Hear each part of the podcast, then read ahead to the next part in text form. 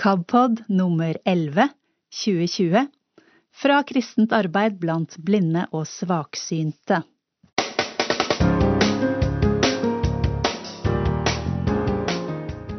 Velkommen til ny KABpod sent i november. Vi skal være med KABs diakon, der to synshemmede damer arrangerte demonstrasjon utenfor Stortinget for å hjelpe flyktningene i Moria. Ikke regn med at jeg kjenner deg på stemmen, skriver Helena Redding i Synlige stemmer. I Tanker om tro handler det om Salme 71. Vi får lov til både å klage og å takke, sier Kjersti Langås Valen. Og i Kurt Ove Mælands Blindebukk får du høre kontrasten i hvordan en politiker og en psykolog snakker om synshemmede i arbeidslivet. KABs generalsekretær Øyvind Woie kommer inn mot slutten med viktig informasjon om hva som skjer i KAB i koronatid. Og helt til slutt kan du få høre innlesningen av det siste magasinet Strek.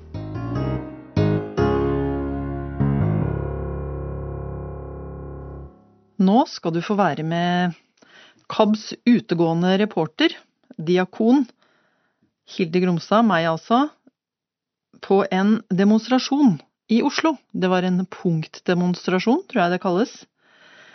På Eidsvolls plass, altså utafor Stortinget, 15. oktober. Da var det begynt å stramme seg til igjen i forhold til korona og restriksjoner, så vi kan ikke si at det var stappfullt der. Men det kom en del folk, og engasjementet var altså funksjonshemmede som engasjerte seg i barn og voksnes situasjon i Moria. Så det var en demonstrasjon for flyktningene der, og funksjonshemmede krever at flere enn 50 flyktninger hentes fra Moria nå. Det var hovedparolen. Det var en del kjente der, og det var hyggelig, og den første jeg fikk snakke litt med, det var Jørgen Foss. Så jeg måtte jo spørre han, hvorfor er du med på dette? I dag så er jeg med på denne markeringen utenfor Eidsvoll fordi at vi står i en utrolig, utrolig vanskelig situasjon i verden. Norge har sagt at man kun vil ta imot 50 flyktninger fra Moria. Det er alt, alt, altfor lite. Og jeg er stolt av å være en del av en funkisbevegelse som sier at dette er ikke nok. Dette her handler om solidaritet på tvers av landegrenser. Dette her handler om solidaritet på tvers av grupper. Og jeg er så glad for at vi i dag står sammen og sier klart ifra at fellesskapet det er for alle, og at vi sammen står opp for solidaritet, og at vi sier at det ikke er greit 50 er ikke nok fra Moria. Som du kommer til å høre etter hvert, så var dette en demonstrasjon på Eidsvolls plass, og her er det mye lyd rundt omkring, og det er trikker som kommer og går, men du får bare ta det med en klype salt, og få med deg hva som blir sagt av de forskjellige som holder appeller. Initiativtakerne for denne demonstrasjonen var Elise Christensen og Kristin Berg. I dag så demonstrerer funksjonshemmede her på Eidsvolls plass.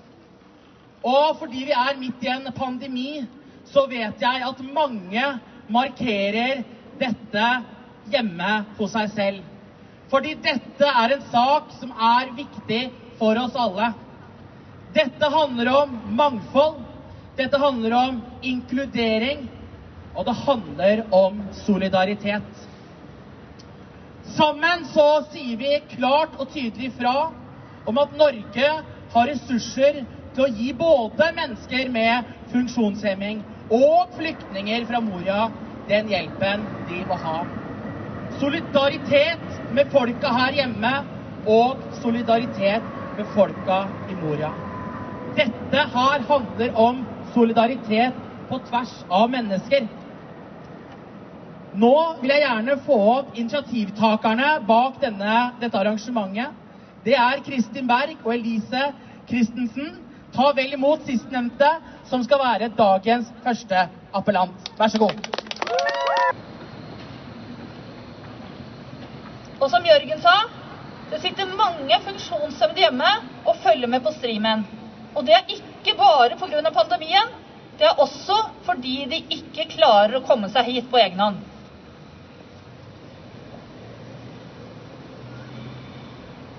Men selv om sånt skjer med funksjonshemmede i Norge, så sier jeg bare hallo. Norge er et av verdens rikeste land. Um, vi har nok penger til å gi det som trenger det, nødvendig assistanse og hjelp. Um, og vi kan ta imot mange flere enn 50 mennesker som lever i den ytterste nødsituasjon og et helt uverdig liv. Vi har, råd, altså, eller, jo, vi har penger til å hjelpe både funksjonshemmede og mennesker fra Moria som lever under helt grusomme forhold. Vi må kunne klare å ha to tanker i hodet på en gang. Solidaritet med de svake her hjemme, og solidaritet med de svakeste i Moria. Vi har råd, vi har plass, vi har kapasitet, og vi har kompetanse. Funksjonshemmede kan på lik linje med andre bidra når flyktningene kommer til Norge. Vi kan være samtalepartnere, sånn at de lærer seg fortere norsk. Vi kan være leksehjelpere. Og noen av oss kan åpne hjemmene våre for en eller flere av flyktningene. Kanskje får noen til og med en ny venn. Gjennom samtaler med menneskene fra Moria kan det bli til nye vennskap, som altså kan bli en vinn-vinn-situasjon. Moria-folkene har for lite mat, vann og klær. I den nye leiren de har flyttet til etter brannen, så er det piggtrådgjerder overalt. Det er telt med opptil 150 mennesker som stuver sammen. De har ikke mulighet til å vaske seg eller dusje der. Toalettene overflømmes. Nå er det regn og vått og kaldt fordi høststormene har kommet. Og det blir flere av dem. Det gjør det hvert år. Ganske mange, faktisk. I leiren er det full oversvømmelse overalt. Det er vann, og det er gjørme, og de kommer inn i teltene. Og mange av teltene har ikke gulv.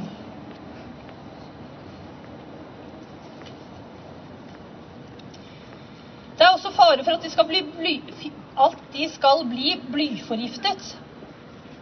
Fordi det er bly i leiren, i bakken i den nye leiren. Spesielt barn kan bli forgiftet av det. Nyfødte babyer og barn, de sover på bakken de har bare en papplatt under seg. Og den bakken er det bly i. Brudd både på grunnleggende menneskerettigheter og Barnekonvensjonen skjer hver eneste dag.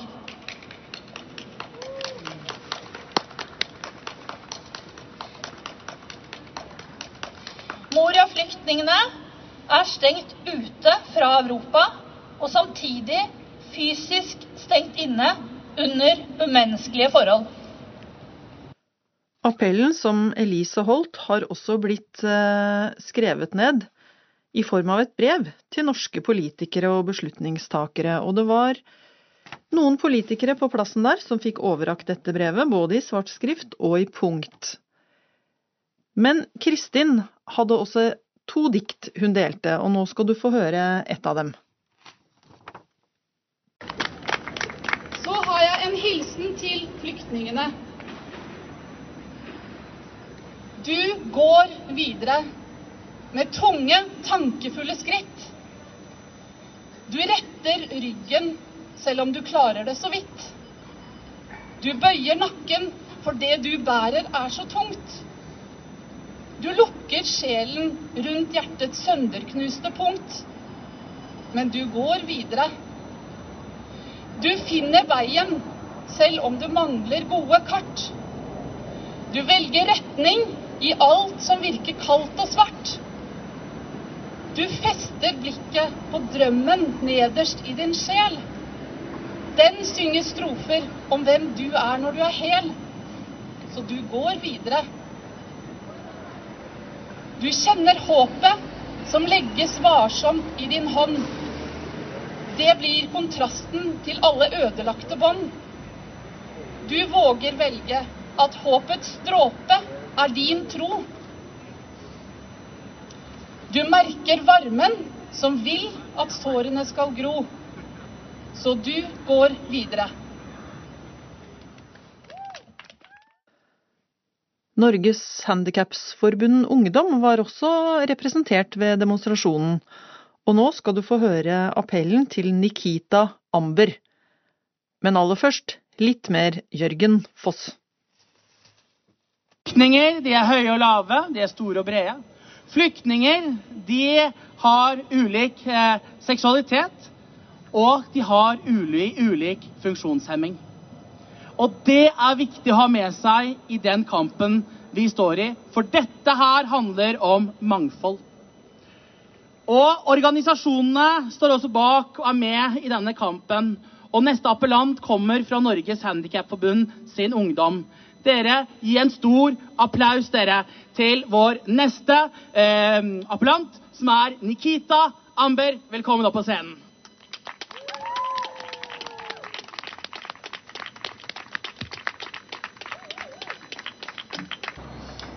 I år har vi nok kjenne på det meste.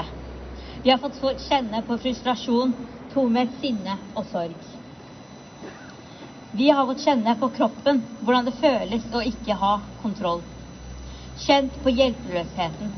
Hvordan det er når vi ikke vet når økonomien vår holder ut en dag til.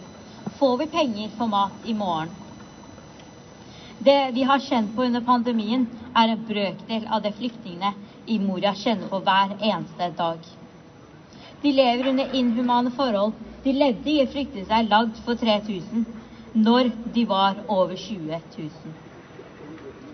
Nå lever de i åpne gater, for vi i Norge valgte ikke ta ut noen før de var på det laveste av det som allerede var veldig lavt. Hjelpearbeidere som jobber der nede, forteller om hvordan forholdene er helt uakseptable. At de, vet, at de ikke vet om flyktningene får informasjon om hvor det er tilgang på mat engang hvordan de lever under inhumane sanitære forhold, hvordan barn i barneskolealder planlegger sin egen selvmord. Når våre grenser ble stengt, ble andres hjem sprengt. Vi har alle det samme behovet, vi er de samme, men hvordan kan vi glemme det? Hvordan kan vi glemme hvordan det føltes når en mann drepte våre barn? Når, vi, når de svømte for livet, når de så sine egne ble drept? Har vi glemt den redselen vi følte når vi ikke visste om vi kunne se dem igjen? Vi skulle alltid kjempe, hatet skulle aldri vinne. Vi sto der med roser i hendene og sa det aldri skulle skje igjen. Har vi glemt? Dette som er en dag i Norge, er en hverdag for dem. Men regjeringen har vel rett. Når vi så ungdommene våre svømmer mot oss, burde vi ha bedt dem om å snu. Slutte å svømme mot oss, for vi skal hjelpe dem der de er.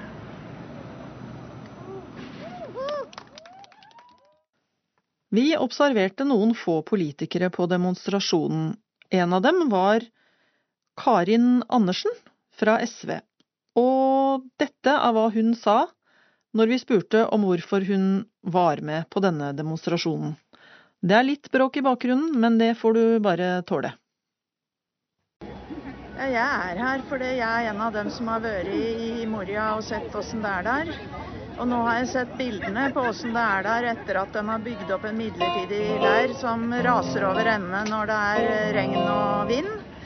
Og det er skammelig at Norge ikke klarer å ta imot mer enn 50, og ikke engang de har man klart å ta til Norge nå.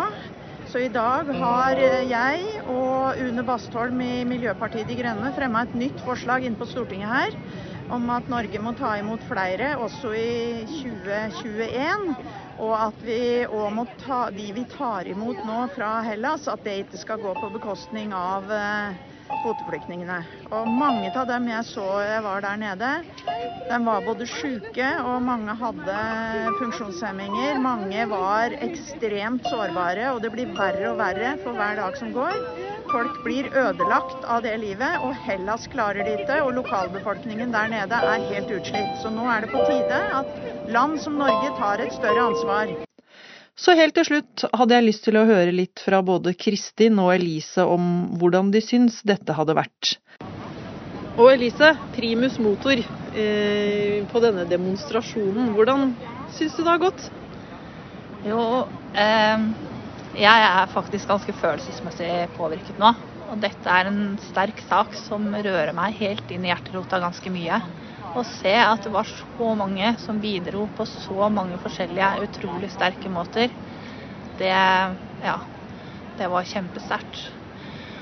Og jeg tenker at hver eneste dråpe er en dråpe i havet eller et skritt på veien til å få politikerne til å snu og skjønne at sånn kan vi ikke holde på i Norge med mennesker i Europa som har det så fælt.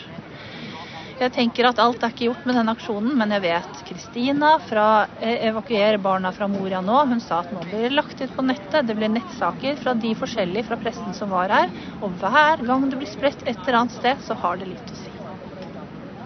Ja.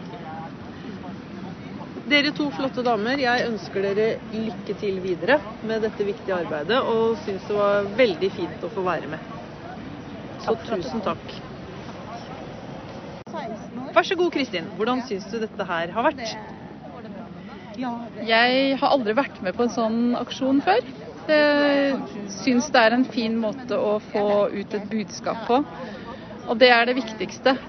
Det er det aller viktigste. Jeg syns alle som bidro og gjorde det på sin måte. Og når det gjelder å påvirke, så er det en sånn tålmodighetsgreie. Så hvis vi har satt i gang noen tanker hos noen politikere som kanskje er litt skeptiske, det er det som kanskje er det viktigste, så er jeg veldig fornøyd. Og det vil vi jo ikke se resultatet av før om en stund, men det er jo denne måten vi kan rope ut at vi dette vil vi ikke godta. Så har vi kanskje da gitt vårt lille bidrag nå. Ja.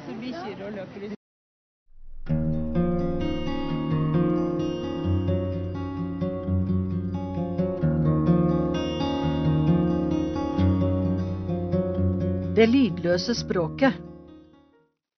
Det er helt håpløst å kjenne igjen folk når de går rundt med munnbind, kommenterte en bekjent av meg etter en tur på et sykehjem hvor munnbind var påbudt.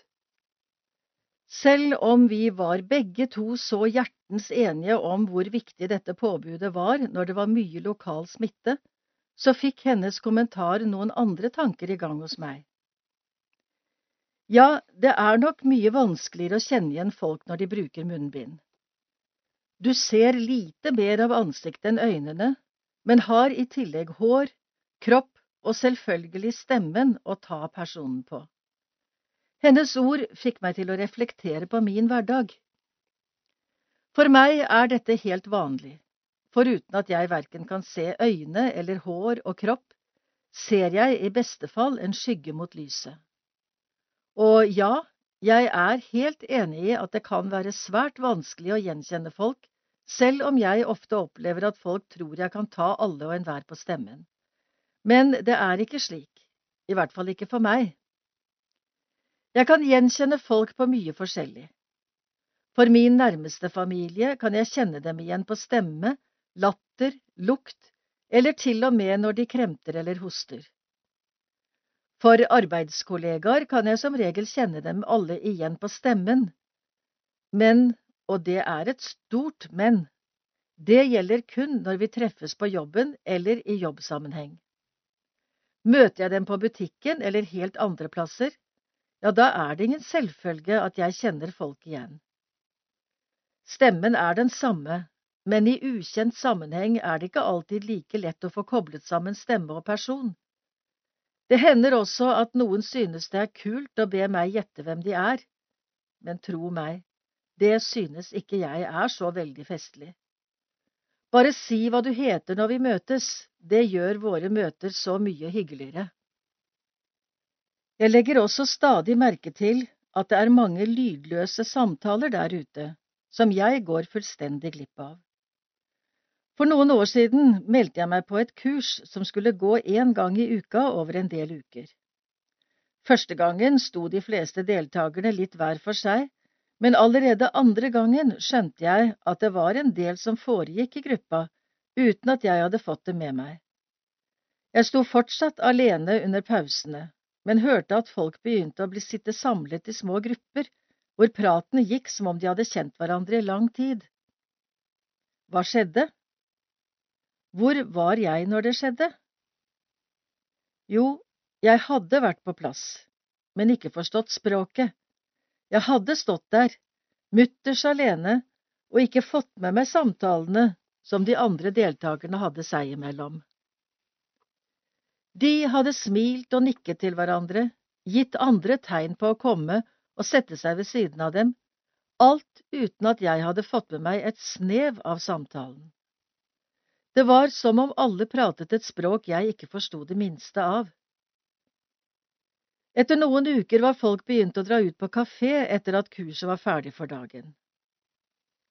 Til slutt følte jeg at jeg hadde to valg. Enten fortsette i min egen boble, eller rett og slett begynne å presse meg litt på. Gå dit folk sto og prata, og forsøke å skyte inn en setning eller to for å bli med i gjengen. Jeg har ofte tenkt tilbake på dette kurset, og ser at det var et slags vendepunkt for meg. Jeg har aldri vært en selskapsløve, og har alltid trives bedre med én-til-én-samtaler eller små gruppesamtaler enn de store samlingene. Ettersom årene går, merker jeg dog at jeg trekker meg mer og mer inn i min egen boble, og at den boblen bare blir mindre og mindre. Jeg trives svært godt sammen med min nærmeste familie, jeg har et par gode venner jeg kan avtale å treffe, men det føles enklest å bare være i eget selskap. Da er det ikke noen samtaler jeg går glipp av. Jeg har valgt å ta utdanning gjennom nett, og har trukket meg tilbake fra mange andre aktiviteter. Jeg synes det er vanskelig å bli med på nye arenaer, og gjør alt jeg kan for å unngå å sette meg selv i slike situasjoner. I hvert fall om jeg ikke har med egen ledsager som kan være et bindeledd for meg. Samtidig er det trist at det har blitt sånn, og jeg føler at jeg har utviklet form for sosial angst. Kirken var et sted jeg søkte tilflukt til før, men også her synes jeg det ofte er vanskelig. Drar jeg alene, tar som regel ingen kontakt, og jeg kan sitte og tenke på hvordan jeg skal få deltatt i nattverden, gått til forbønn eller få tent et lys. Jeg får vanligvis til å gå til nattvær, men har sluttet å forsøke det andre. Det føles trist. Jeg deltar, men jeg deltar ikke fullt ut.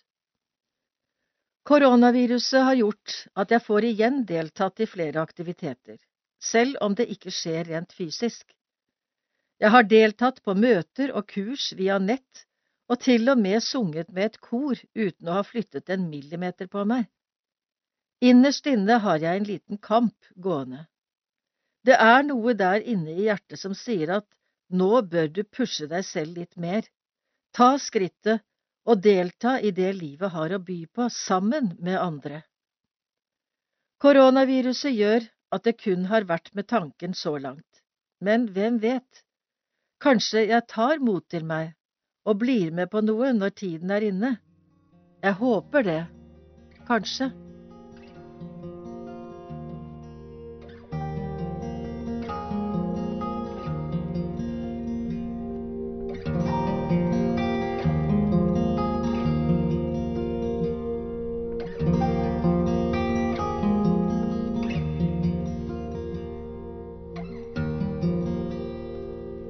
Det lydløse språket er skrevet av Helena Redding, og her lest av Randi Hasselgaard. Nå får vi tanker om tro av Kjersti Langås Valen. Vi innleder med å høre Salme 71 fra Bibelen, vers 1 til 15. Hos deg, Herre, søker jeg tilflukt. La meg aldri bli til skamme. Berg meg og fri meg ut i din rettferd, vend øret til meg og frels meg. Bær meg et vern og en klippe, dit jeg alltid kan komme. Du har sagt at du vil frelse meg. Du er mitt fjell og min borg. Fri meg, Gud, fra lovløses hånd, fra grepet til dem som farer med urett og vold. Du er mitt håp, min Herre og Gud, min trygghet fra jeg var ung. Fra jeg ble født, har jeg støttet meg til deg. Fra mors liv er du min styrke, jeg vil alltid prise deg. Jeg er blitt til et tegn for mange. Du er min tilflukt og mitt vern. Min munn er full av lovsang. Jeg synger om din herlighet dagen lang. Kast meg ikke bort i alderdommens år. Forlat meg ikke når kreftene tar slutt. Fiendene mine snakker om meg. De som står meg til livet, holder råd. De sier, Gud har forlatt ham. Jag ham og grip ham. Det er ingen som berger ham. Vær ikke langt borte fra meg, Gud. Min Gud, skynd deg og hjelp meg. La dem som anklager meg, bli til skamme og gå til grunne. La dem som søker min ulykke, bli dekket av vanære og skam. Men jeg vil alltid vente med håp. Jeg vil legge min lovsang til all lovsang du får. Min munn skal fortelle om din rettferd, dagen lang om din frelse, enda dine gjerninger ikke kan telles. Salme 71 er en individuell klage- og bønnesalme. Det er altså ikke folket som klager og roper til Gud, men én enkeltperson. Og vi tror det er en gammel mann, for han snakker om sin alderdom. Denne salmen er ikke bare en klagesalme, den er også preget av stor jubel og takk og tillit til Gud. Fordi han beskriver hvordan Gud har vært der for ham gjennom hele livet. Og det er det som slår meg når jeg leser denne salmen, når jeg hører den både hvor kontrastfylt den er, hvor kontrastfylt livet er. Med smerte, med redsel, med tillit og jubel. Og dette ordet livsløp. Fordi han er sikker på at Gud har vært der for ham gjennom hele livet. Fra han ble født helt til nå, til hans alderdom. Du er mitt håp, Gud. Min trygghet fra jeg var ung. Fra jeg ble født har jeg støttet meg til deg. Fra mors liv er du min styrke. Gud har vært der og er der, for ham og med ham. Det er han sikker på. Gud er hans håp, hans styrke, hans støtte. Og da har han forstått noe helt essensielt og helt i kjernen av vår forståelse av Gud. Og det er Guds nærvær, som er Hans hellige løfte til oss. Til tross for alle våre følelser av å være helt fortapt, helt alene, helt forlatt, så er Guds hellige løfte at Han vil være der med oss nær oss, hos oss. Jeg blir alltid hos deg. Jeg blir alltid hos deg. Gud er ikke bare hos oss i mors liv, men han er der også da. Han er ikke bare hos de søte, skjønne, uskyldige barna, som ennå ikke vet om hva livets slag vil gi dem. Men han er også hos dem. Gud er ikke bare hos de unge, de sterke, de kjempende, de redde unge, men han er også hos dem. Gud er ikke bare hos de voksne, de som kan og vet og har erfart mye, men fortsatt, forhåpentligvis, har mange år igjen av livsløpet. Men han er også hos dem. Gud er ikke bare hos de gamle, de kloke gamle, de gode gamle, de trøtte gamle. Men han er også hos dem.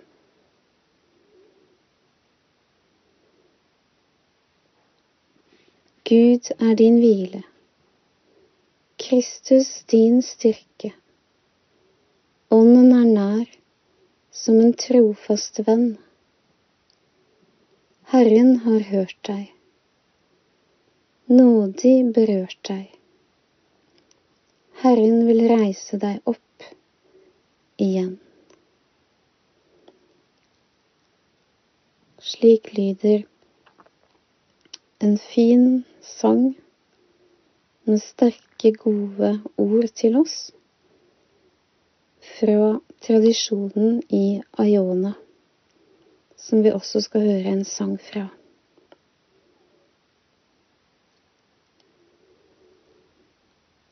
Han som skriver salmen, beskriver en situasjon i angst.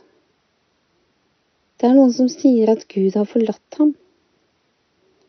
Og hvem er de som kan si noe sånt? Hvem kan påstå om andre at Gud har forlatt dem? Det er å tale løgn om Gud.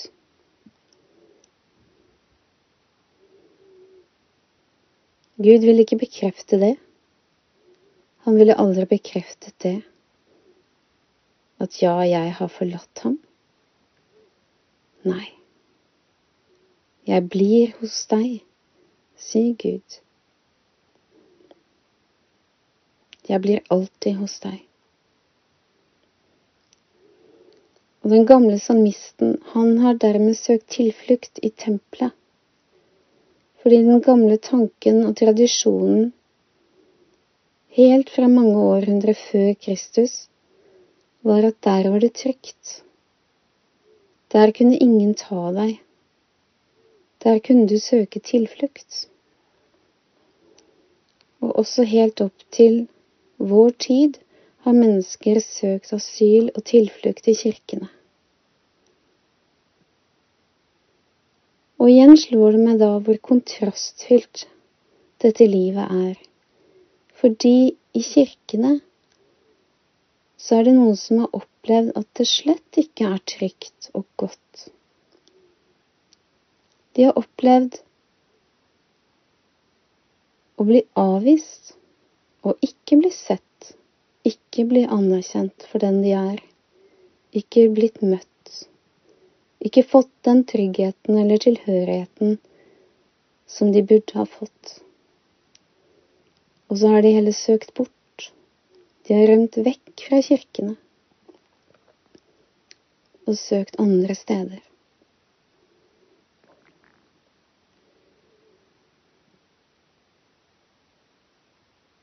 Salmisten skriver også om det å søke tilflukt i fjellene. Det gjorde Jesus av og til, for å få ro. Men Jesus ble ikke i fjellene. Han ble ikke værende der. Han gikk alltid ned igjen. Til menneskene. Til fellesskapet. For det er der han vil være. Hos oss. Med oss.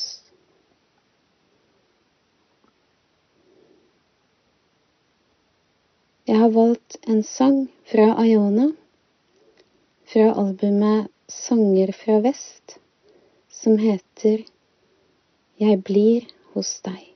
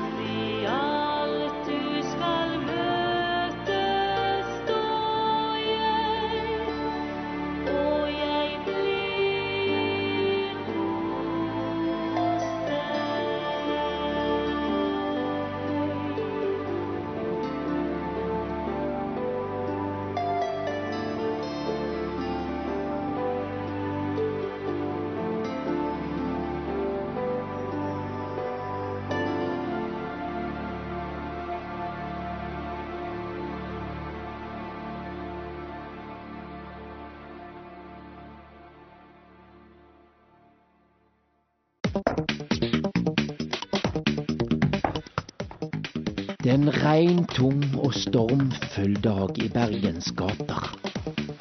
Koronaen har ryddet gaten for mennesker.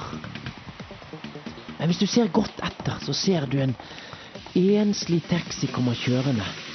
Og inni der sitter en blek, men fattet og, men stresset reporter. Han sitter klar med sitt eh, finslipte revolverintervju beregnet på Norges ferskeste partileder, nemlig Geir Lippestad. Men hvor blir han av? Taxisjåføren og den stressa reporteren løper rundt i Jussbyggets ganger og leiter. Og endelig, der er han! Stakkars reporter, han prøver febrilsk å få kontroll over pusten sin, og han angrer bittert på alle de treningstimene han ikke har tatt. Nå har jeg løpt trappa opp og ned og leita på juridisk fakultet etter Norges ferskeste partileder. Hjelpe meg, altså. Geir Lippestad, dette her er svære greier. Nå skal vi klare å løse resten av verdensproblemene på en halvtime. Ja, jeg håper det. Ja, nå er jeg på juridisk fakultet her i Bergen, og jeg har også løpt rundt og lett hvor jeg skal være. Men vi har funnet frem, og jeg skal snakke om eh, selvfølgelig juss til studentene her, men også om eh, partiet Sentrum og hvorfor vi trenger et nytt parti i Norge. Ja, og jeg har lest litt, og da ser jeg at dere forholder dere til juss og FNs konvensjoner i forhold til Eh, funksjonshemmede osv. Eh, det blir fine ord, men nå må du prøve å få det ned til en stakkars arme asfaltcowboyer. Jeg må forstå, Hvordan skal dere få f.eks. synshemmede i arbeid? Ja, Punkt én så handler det om at vi må eh, sette makt bak reglene, f.eks. om universell utforming. Nå er det eh, fra 1.1.2021 krav om at alle digitale flater skal være universelt utformet for synshemmede. På arbeidsplass òg? På arbeidsplass. Alle digitale flater. Eh, Hva skjer da med de som har blitt ekskludert fra IT-plattformer i de siste årene på arbeidsplass? Nei, altså Nå uh, trer reglene i kraft. Men du ser jo at, at uh, reglene følges, følges, ikke. Det er, jo ikke universelt utformet i dag. Mm. Så vi må sette makt bak reglene. Og du snakker om CRPD, altså dette med uh, FNs menneskerettighetskonvensjon for mennesker med nedsatt funksjonsevne. Det handler om å sette regler bak det å komme seg i jobb, det å stå i skole. Det å sette makt bak diskrimineringsreglene. Så regler er viktig. Eh, så når det gjelder synshemmede, må vi få på plass eh, universell utforming også av digitale flater. Vi må få CRPD inn i norsk lovverk. Og så må vi ha en holdningsendring. Altså, jeg kjenner mange blinde, og du verden, jeg kjenner nesten ingen arbeidstakere som er så gode som de. Jeg jobber selv sammen med blinde, samarbeider med blinde. Det er fantastisk flinke folk. Men lykke til med, med god radiosending, og så skal jeg hente studentene. Ja, dette er verdt å skåle for. Vi synshemmede vi har jo alltid hatt et veldig godt humør, og så hører vi så grådig godt. Og nå er vi jammen meg steikende flinke å jobbe hele gjengen. For ordens skyld, du, så hører du på Blindebukk, en podkast produsert for KAB av Kurt Ove Mæland. Ja, det har vært en stressende dag hittil. Eh, mange vakre og ufarlige ord fra en politiker. Jeg vet ikke om det gir så mye mer håp at vi får et nytt parti som skal prøve å inkludere flere i arbeidslivet. Jeg syns det var mye jeg hadde hørt før. Men etter sånn stress er det kanskje godt å ta seg en tur til psykolog, så jeg eh, oppsøker Kari Halstensen. Jeg. Hun jobber som psykolog på Modum Bad. Hvordan er det å være deg de dagene du sliter og ikke har så kort vei til latteren som du har nå? Mm. Så har du det, da. Er det, er det plass til det i verden, da? Kan du få lov å være her, da? Kan du bli godtatt av deg sjøl når du har det sånn? Det å ha en jobb gjør mye med identiteten vår. Når vi møtes i selskapeligheter, så spør vi ofte hva er det du driver med, istedenfor å spørre om hvem er du. Og dersom du ikke har jobb, da, så mener Halstensen at man må prøve å skape den meningen på annet vis. Ja, finne en plass som jo da går litt Da går du på en sti som går litt utenfor hovedveien for eh, voksne nordmenn, ikke sant. De aller fleste voksne nordmenn har jo en jobb som de går til.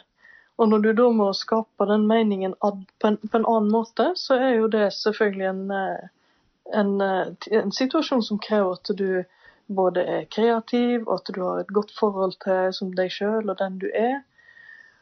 Og på den måten kan finne en annen vei til å oppleve at du er en deltaker i det samfunnet som du lever i.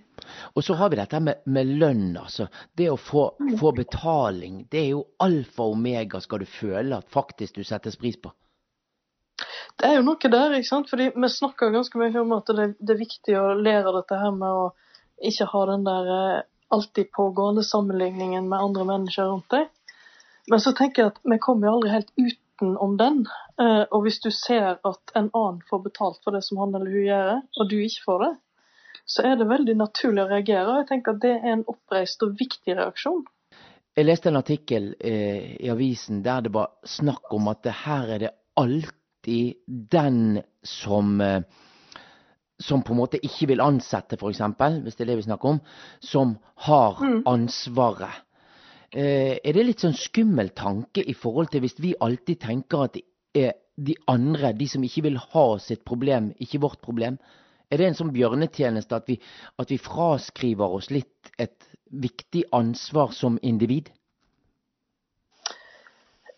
Ja, det kan hende. Altså, vet, her, her er sånn her, her er vi jo alle nettopp individer, ikke sant? Sånn at eh, enkeltindividene må på en måte være hos seg sjøl og se på sin egen situasjon. Men jeg kan absolutt tenke meg en situasjon der det kan være sånn, og der, eh, der du på en måte eh, godtar en situasjon som ikke er god for deg, og, og på en måte gir opp. Eh, og så legger du ansvaret på det på noen andre som gjør det umulig for deg. Uh, og da blir jo livsrommet enda trangere, ikke sant?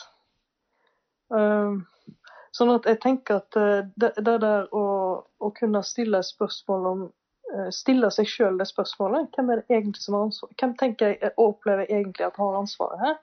Er, er det meg, eller er det arbeidsgiveren, eller er det begge deler? Og hvordan skal vi i så fall fordele det ansvaret? Ja, hva kan jeg gjøre sjøl for at dette skal bli eh, sant? Det er vel viktig. Altså, det, det skaper jo en egenverdi og det å være med og kunne påvirke noe. Og det, blir, det fører jo òg i en del tilfeller til at du blir klar over at jo, men eh, jeg har jo en stemme her, jeg har en mulighet til å påvirke min egen situasjon.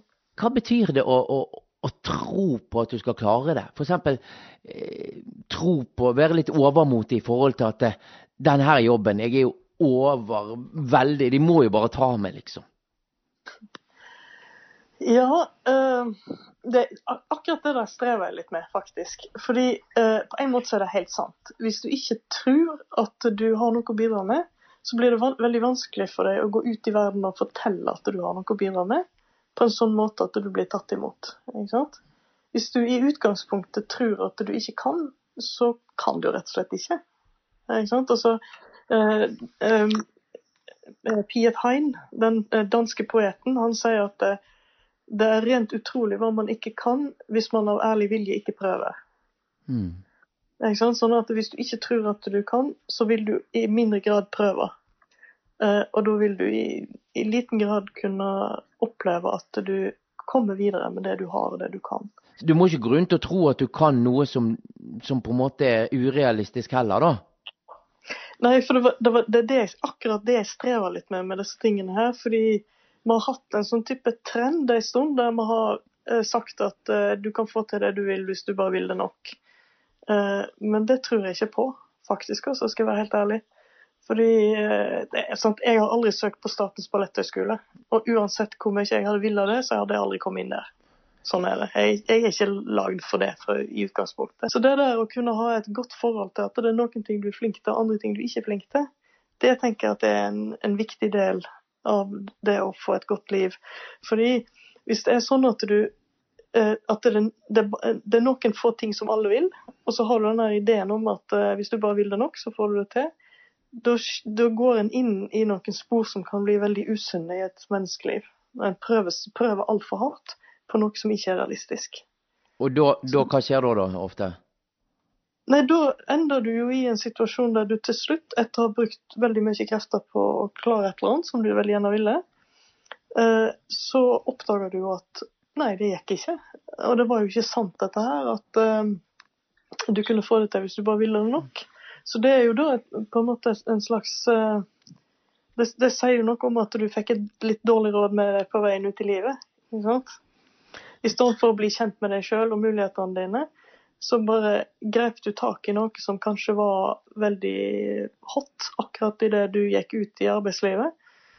Eh, og så viste det seg at det, det passa ikke helt for deg. Så drømmer er ikke viktigere, her. Her må man være realistisk og pragmatisk. Jo, jeg tenker at drømmer er viktige. Det tenker jeg. For det er i drømmene det er der eh, det, det, er jo der kraften ligger. ikke sant? Men hvis du drømmer om noe som leder deg i en retning der du kommer vekk fra den du er som person, og du prøver å være noe annet enn det du er, og du på en måte drømmer om noe som kanskje skal gi deg et, en bedre tilhørighet blant de som du ønsker å, å høre til hos, osv., da er du inne i et litt farlig spor, tenker jeg. Fordi hvis du tenker på forskjellen på eh, å jobbe motivert av at du er elska, og å jobbe for å bli elska.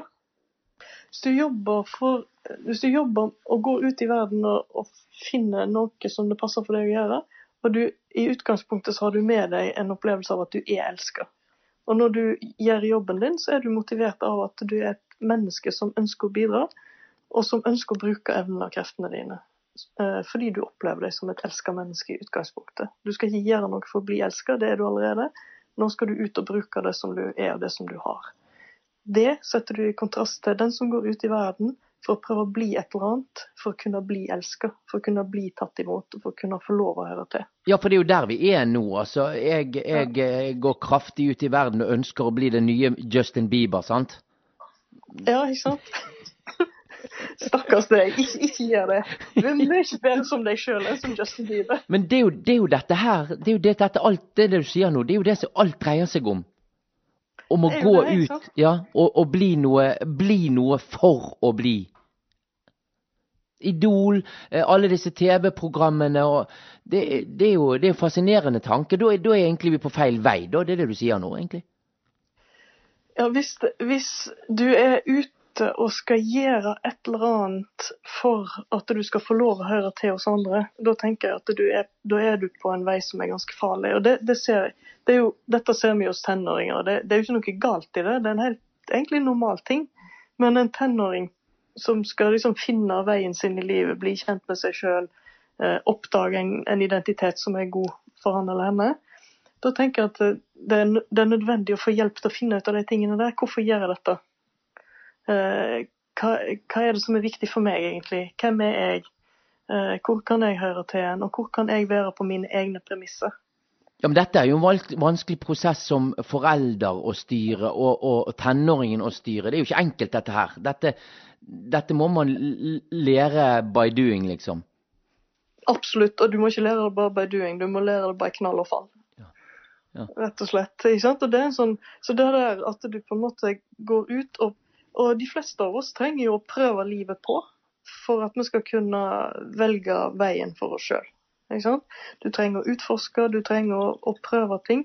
De som lager livet sitt inni hodet sitt altså Tenk deg at du bygger en båt, og den båten er inne i et verksted, ligger på land mens den blir bygd, og så skyver du den ut på sjøen, og så flyter den. Ikke sant? Mm. Du prøver å bygge livet ditt på den måten, så blir det veldig vanskelig du må prøve det på for at du skal kunne kjenne hva som er, hva er bra for meg, egentlig. Hvordan har jeg det når jeg er her? Altså prøve på hva? Du må prøve på de forskjellige tingene som du ønsker å gjøre. ikke sant? Altså, eh, Passer det for meg å gjøre disse tingene her? Det klart, for det, det, er jo alltid sånn at? Eh, skal du ta en utdannelse f.eks., så kommer det jo perioder der som er kjedelige, som er vanskelige, og du blir redd for å ikke få det til osv. Eh, og da vil du kunne kjenne at nei, skal jeg holde på med dette? Altså Det var flere stasjoner i løpet av psykologstudiet der jeg tenkte at nei, dette får jeg bare ikke til. Men så kom det noen signaler om at jo, men eh, ikke sant. Eh, jeg hørte at det var andre i klassen som hadde det sånn. Og så kjente jeg at jo, men jeg liker jo dette her, og det, det lærer jeg interessant. La, la, meg fortsette å prøve. Og så når, når jeg skulle begynne på praksisdelen, så var jeg jo veldig usikker på om jeg om jeg ville få det til, og om jeg ville like det. Og det kunne jeg jo ikke vedta på forhånd, selv om da hadde jeg jo lest teori i to og et halvt år før jeg, før jeg begynte på den delen som er praktisk. Men du, eh, da jeg var uh, ung, så gjorde jeg alt som alle andre som så gjorde, da. Jeg kjørte uh, moped med, med nabojentene bakpå, hoppet fra de fjellknausene som de andre gjorde og sånt. Jeg tenkte ikke at jeg var blind. Jeg skjøv det ikke vekk. Men mm. alt var så naturlig. sant? Altså, Det var en del av meg. Og så kom jeg på et studie og hadde en travel tid og skulle ha eksamen. Og dagen før eksamen så kom hovedleveren bort til meg og sa du må ikke tro at du noensinne får noe jobb siden du er blind. og da, gikk, da ble jeg jo fortvila og alt dette her. Men det er litt interessant dette, for det, det var jo sant. Det var jo veldig vanskelig å få, få arbeid når man ikke så. Og Mm. noen skulle sagt Altså, det der har jeg tenkt litt på. Jeg hadde det veldig gøy, men burde på en måte noen problematisert dette at jeg ikke så før, og faktisk gi meg For det var jo et veldig kraftig mageplask.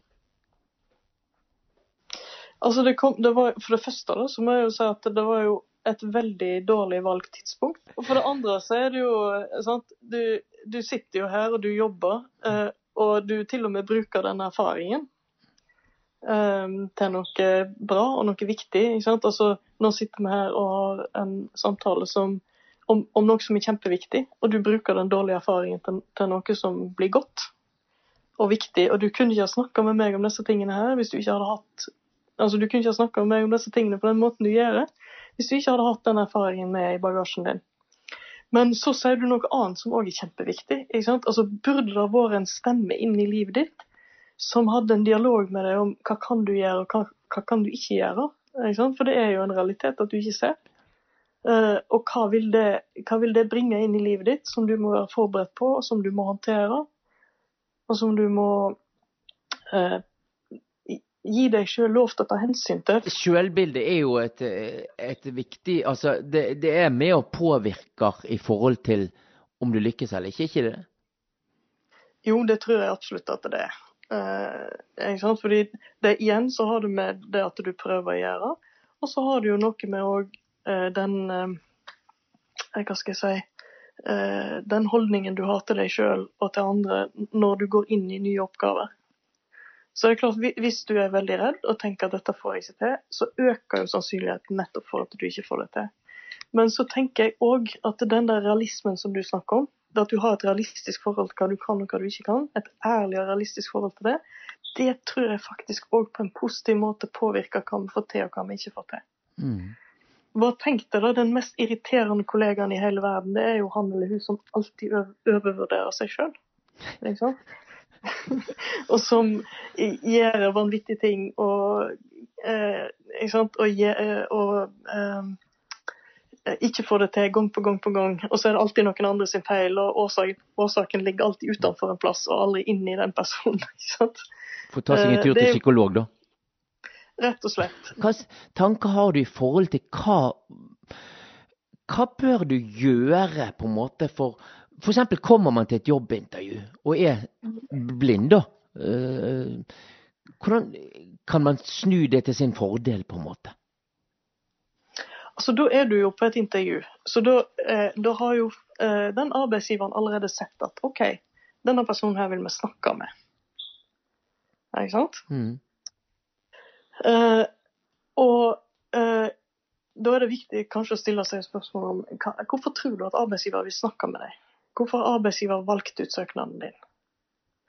Hva er det som er viktig at du på en måte understreker og klarer å bekrefte overfor den potensielle arbeidsgiveren? ikke sant? Eh, og så er det jo eh, kanskje viktig å tenke gjennom eh, hva, hva betyr det eh, at, eh, at en person ikke ser i akkurat denne arbeidssituasjonen her. Ikke sant? Og det er sånn, I fjor så var jeg med og lagde en podkast for eh, kristent arbeid blant blinde. Og jeg har veldig lite erfaring med å være sammen med folk som ikke ser. Så det var en sånn rev revolusjonsopplevelse for meg. Jeg, jeg lærte ufattelig mye nytt på veldig, veldig kort tid. Um, og de som jeg var sammen med og lagde den podkasten, de var veldig rause med å eh, lære meg noe om hva det vil si å ikke se.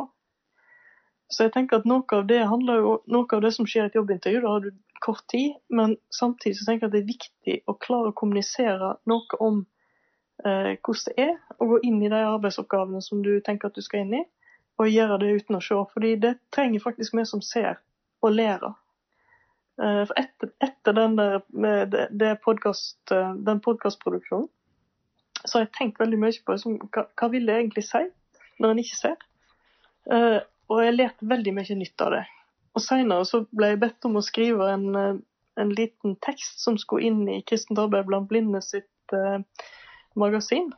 Og det var en sånn Jeg satt i noen timer og reflekterte over hvordan det er å ikke se. Og det var en veldig sånn, lærerik prosess. Så den der åpenheten inn i altså hvordan erfarer du det, hvordan er det for deg når du skal gjennomføre disse oppgavene her uten å se? Og for deg er jo det en selvfølge. ikke sant? Altså, Sånn har du hatt det alltid. Uh, men det er en, del ting her som en kanskje må tenke gjennom at det kan være trygghetsskapende å lære vekk til den du snakker med. Hva har du lært da i forhold til det å ikke se? Nei, for eksempel da, uh, så lærte jeg noe om at uh, altså jeg, ble veldig sånn nysgjerrig på hvordan forestiller du deg verden rundt deg hvis du ikke ser? Fordi jeg har jo alltid sett verden rundt meg, og alle mine forestillinger er lagd ut ifra det. Men så møtte jeg mennesker som ikke har sett, men som hadde en veldig spennende forestillingsverden. Uten, uten å ha den eh, tilgangen til, til, å se verden rundt seg. Det var utrolig interessant. Eh, og så lærte jeg òg noe om dette her med sant, denne jobben med å klare å kommunisere med mennesker rundt deg som eh, tar inn verden i en kanal som du ikke har tilgang til. Det er jo ei Sånn rent menneskelig så er det ei tøff og viktig oppgave. Og det, det tenker jeg at det der eh, det med å ikke ha tilgang på det samme som de andre rundt deg, og likevel klare å forholde deg, kommunisere, bygge relasjoner, det ble jeg veldig nysgjerrig på. Det jeg kan si, er at uh, Eh, jeg syns at altså, den samtalen vi har hatt nå, har vært veldig spennende. og veldig sånn, Jeg har likt det veldig godt. Og det tror jeg er fordi eh, vi har snakket om helt sånne menneskelige ting. Altså, Jeg har gjort det, og du har gjort det. Uh, og det tenker jeg at det er så viktig å kunne ha gode forventninger til det. Altså Hvis du går ut i verden og er det mennesket du er, uh, så, tilbyr du, så tilbyr du verden det som bare du kan være. Og det har en, en helt unik verdi. At vi fins i verden som mennesker, og alle sammen så har vi noe som er helt likt. som er? Alle mennesker uh, er som alle andre. Og alle mennesker er som noen andre. Du har noen du har mer felles med. Og så er det òg sånn at alle, alle mennesker er som ingen andre. Så du er som alle andre, som noen andre og som ingen andre. Og det er en realitet for oss alle sammen. Og hvis du går ut i verden og er som alle andre på noen helt grunnleggende ting, og så er du som noen andre, altså du har en mulighet til å gå ut og søke et fellesskap som er godt for akkurat deg. Og så er det òg viktig å være klar over at det, det fins bare én Kurt, og det fins bare én Kari. Uh, og det liksom sånn, det å kunne ha en selvfølelse som er knytta til det, det tenker jeg at er en viktig, viktig verdi for oss alle sammen. Du har hørt på Blindebukk, en podkast produsert for KAB av Kurt Ove Mæland. Tusen hjertelig takk for at du brukte tid på akkurat denne podkasten. Og du, husk Det er rent utrolig hva man ikke kan hvis man av ærlig vilje ikke prøver.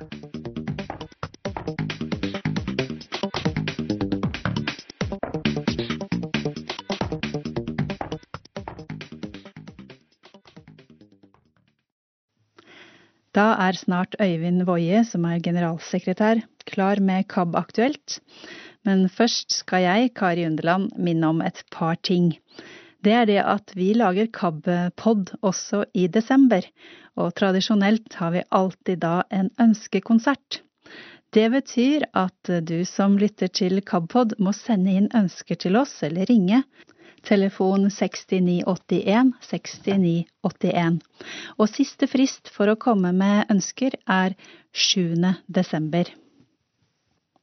Og så vil jeg minne om at eh, KAB har lest inn bibelleseplanen. Den er klar og kan eh, lastes opp fra lydbiblioteket. Hei, det er Øyvind Woie, fremdeles generalsekretær i KAB, en organisasjon der det skjer mange spennende ting og litt triste ting, men det skal jeg komme tilbake til. Jeg har fem viktige ting denne gangen, og til slutt noe veldig viktig. Punkt nummer én. Nå er Det nye testamentet på nynorsk klart. Det er lest inn av Helga Samset, og det er laget en flott produksjon med meget god lyd og veldig god innlesning. Dette har vi gjort i samarbeid med et studio i Oslo, og mange på KAB har også bidratt underveis. Jeg syns du skal eh, kjøpe denne bibelen hvis du er nynorskbruker. Da får du et uh, Nye testamente som er på ditt mål. Og så syns jeg hvis du ikke er nynorskbruker, at du kanskje skal vurdere å faktisk kjøpe dette. Fordi det er på en måte en litt annen måte å få formidla teksten på. Og med Helga Samset, som er en dyktig forteller, så åpner det seg litt nye perspektiver og nyanser som du kanskje ikke har sett tidligere. Denne bibelen på nynorsk den kan du få som eh, Daisy-CD, eller Daisy-fil, på et SD-kort. Du kan også få den som MP3 eller såkalt audio-CD, dvs. Si altså at det kan spilles av på vanlige CD-spillere.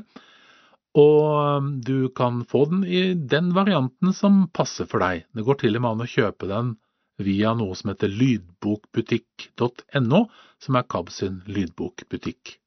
Hvis du skal kjøpe dette Nye testamentet, så koster det i utgangspunktet 399 kroner. Da får du en såkalt HD-versjon med ekstra god lydkvalitet. Du kan også velge å kjøpe den eh, i eh, en litt lavere versjon. Da koster den 299 kroner. Den eh, lavere versjonen er litt lettere å legge inn på mobiltelefoner eller å transportere rundt omkring, og lydkvaliteten er ikke så god. Dersom du er medlem av KAB, eller melder deg inn i KAB, så får du Det nye testamentet på nynorsk for 150 kroner. En klar medlemsfordel. Så tenk litt på det. Ta kontakt med oss 69 81 69 81 eller kabalfakrøllkab.no så kan du bestille Det nye testamentet på nynorsk. Så gjelder det det som er litt trist. Vi har vært nødt til å avlyse noen arrangementer. Vi måtte dessverre avlyse Faglig forum, som er et eh, opplegg der eh, folk som er synshemma, som jobber i kirka og er prester f.eks., møtes for å snakke om eh, faglige ting knytta til funksjonshemming og teologi. Det måtte vi avlyse. Og så måtte vi avlyse Kortreist i Sandefjord. Det har vi flytta fram til 26. og 27. februar. Dette er jo en samling for folk som bor i Vestfold-området. Vi har også vært nødt til å avlyse Kortreist i Stavanger, som var planlagt den 15. til 16. januar. Vi kommer tilbake med dato for dette arrangementet. Inntil videre så står de andre kortreistarrangementene oppe, men vi må hele tida tenke gjennom hvordan dette er i forhold til koronasituasjonen. Det er jo dette med smitte og det å ikke være nær hverandre og ikke overføre smitte som påvirker dette valget vårt. Så følg med og heng med på informasjonen, så får du vite når det dukker opp et kortreist i nærheten av deg. Så er det punkt nummer tre, som gjelder medlemskap. Nå nærmer året seg slutten, og da må du passe på at du har betalt ditt medlemskap. Et medlemskap i KAB koster 125 kroner. Det som er så veldig fint med det, er at når du blir medlem og betaler 125 kroner, kan du f.eks. kjøpe Nytestamentet på nynorsk billig, men først og fremst så bidrar du til å vise at KAB er en organisasjon som du vil skal fortsette å leve. I tillegg så bidrar du til at KAB får offentlig støtte, og vi får flere tusen kroner per medlemskap, og det betyr at det er ganske viktig for å sørge for at KAB fortsatt har mulighet til å eksistere. Så meld deg inn i KAB hvis ikke du allerede er medlem, eller ta kontakt med oss for å sjekke om du har betalt regninga di, eller bare betal regninga hvis du vet at den ligger et eller annet sted. Så har vi kommet fram til punkt nummer fire, og det handler om 2021. Vi sitter nå og lager budsjetter for KAB, og tenker da på hva skal vi gjøre i 2021? Landsstyret skal møtes og drøfte dette, og noe av det de skal snakke om, som er de litt store tinga, det handler om at vi nok skal satse mer på likepersonsarbeid. Det betyr å invitere til kurs, invitere dere til å være med som likepersoner. Og en likeperson, ja, det er altså en som er synshemma, en som kan være med å fortelle om KAB, en som kan være med å dele kunnskap om hvordan det er å leve som synshemma, i det hele tatt være engasjert i organisasjonen din. Det andre som blir viktig i 2021, det er å jobbe med å gjøre biblioteket vårt enda mer kjent for nye lesere og lesegrupper. Vi har tatt noen tak der i høst, og opplever at vi får enda flere lånere som har lyst til å være KAB-lånere i biblioteket.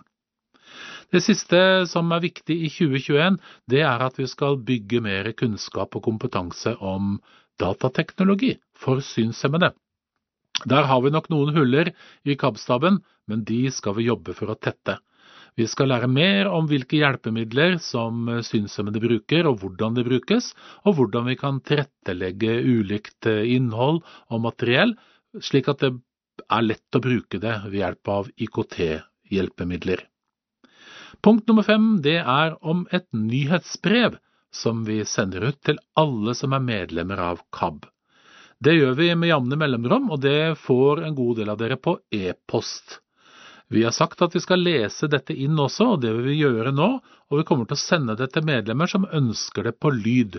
Så hvis du vil ha nyhetsbrevet fra KAB som forteller om nytt og det som skjer i KAB, på lyd, så gi beskjed til oss her i KAB.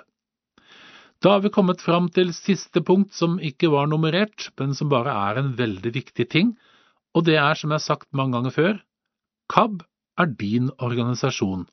Du kan påvirke hva vi skal jobbe med. Du må si hva du mener er viktig at KAB gjør for deg der du er i livet. Vil du ha flere bøker? Vil du ha mer hjemmebesøk? Vil du ha hjelp til å komme deg til kirka? Vil du ha hjelp til å bli kjent med folk i kirka? Trenger du bistand for å være med på ulike møter og aktiviteter? Er det et menighetsblad du har lyst til å lese? Er det noe helt annet? Så vær så snill og ta kontakt. Send en SMS eller ring til meg på 420801, eller send en e-post til meg. Den er Oyvind, O-Y-V-I-N-D, punktum kab.no. Da håper jeg at vi hører fra deg, og at du får et KAB som du setter pris på. Strek nummer fire i 2020 Produsert av KAB, Kristent arbeid for blinde og svaksynte. Lest inn av Eleire Groven, Redaktør er Asle Finseth. Signert Og plutselig Grønn medvind av Asle Finseth.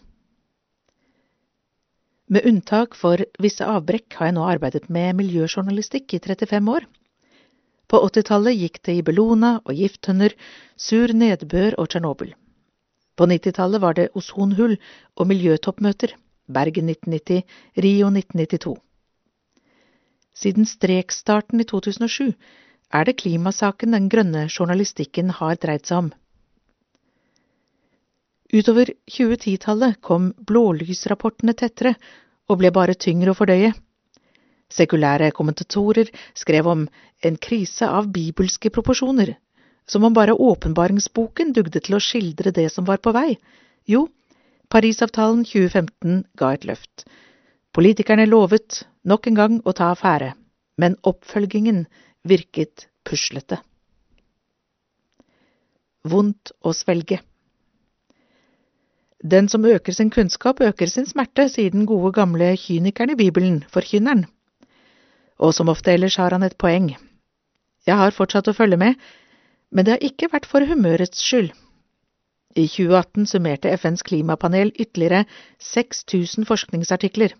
Vi har tolv år på oss, knekk CO2-kurven, dra utslippene ned med 50% innen 2030 og fortsett kuren i 20 år til. Bare slik kan 1,5-gradersmålet nås og risikoen for dødelige vippepunkter holdes i sjakk. Jeg forstår godt at man kvier seg for å øke sin kunnskap om sånt.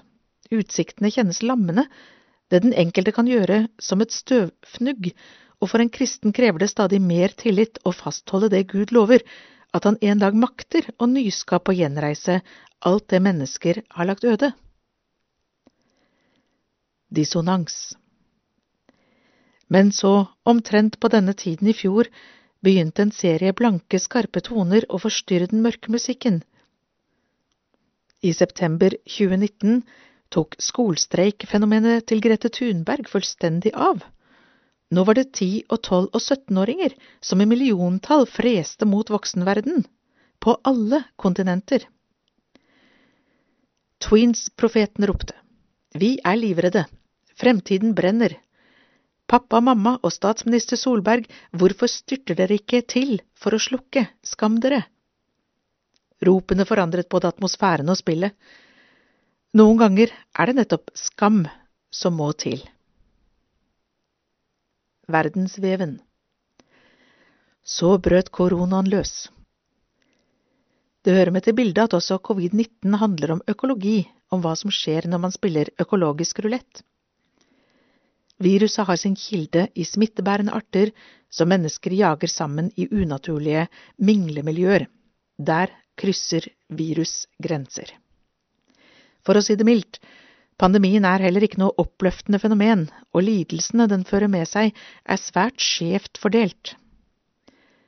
Men smittebølgen har knesatt en del realiteter som moderne individualister har lett for å avfeie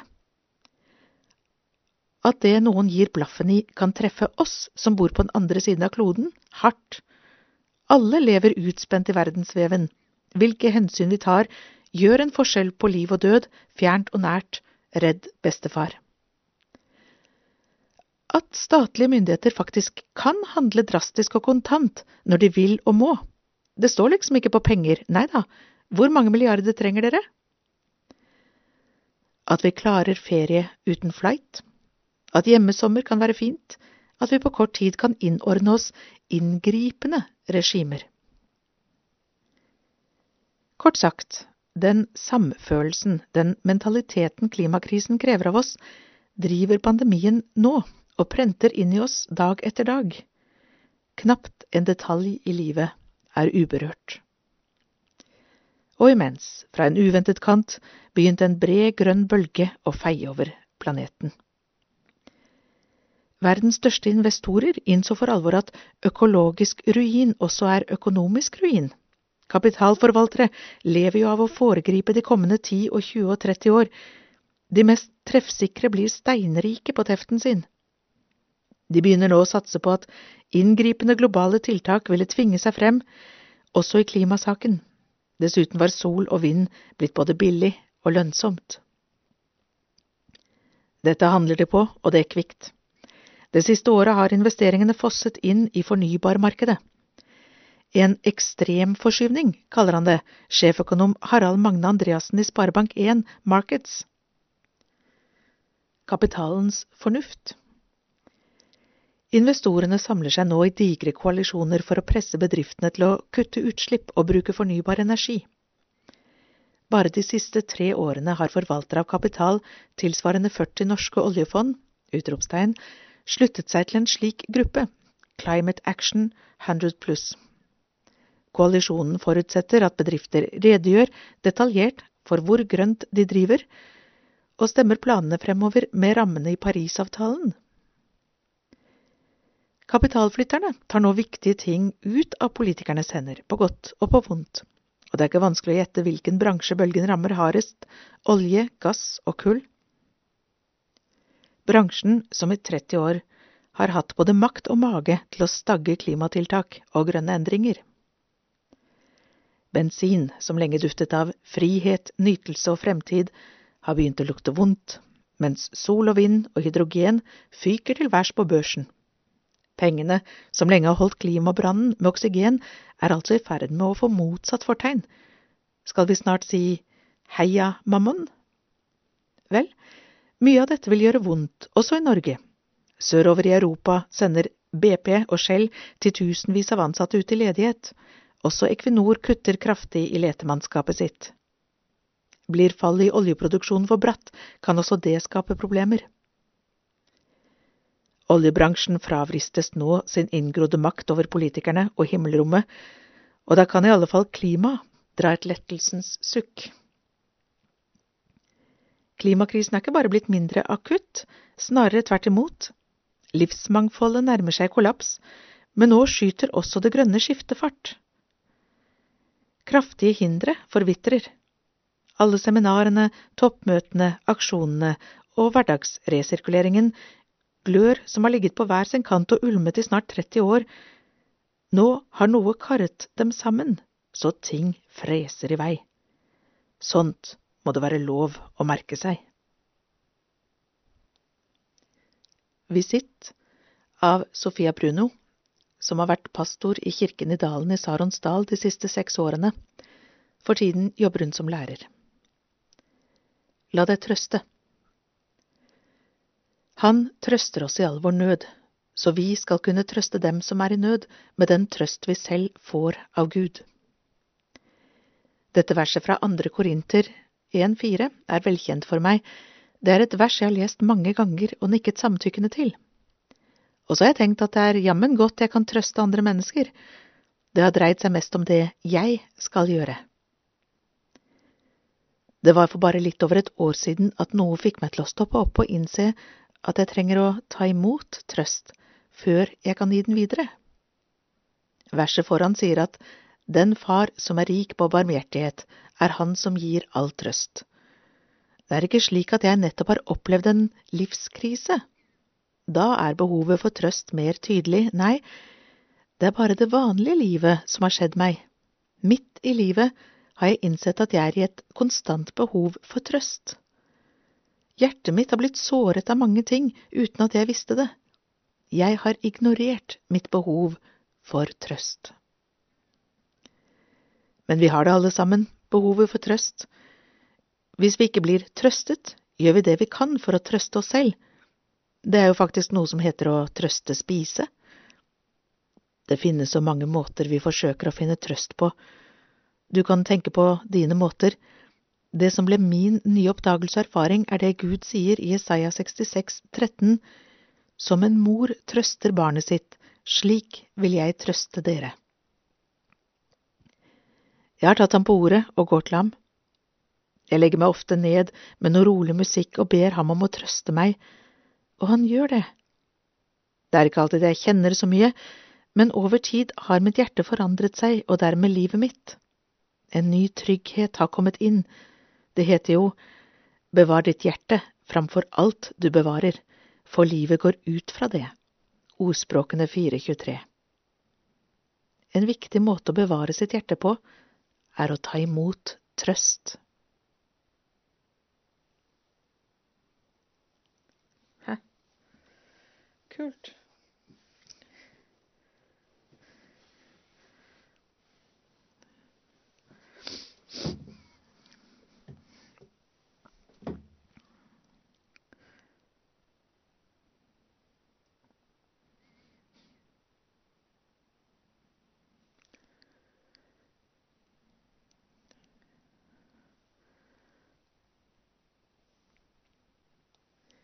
Respons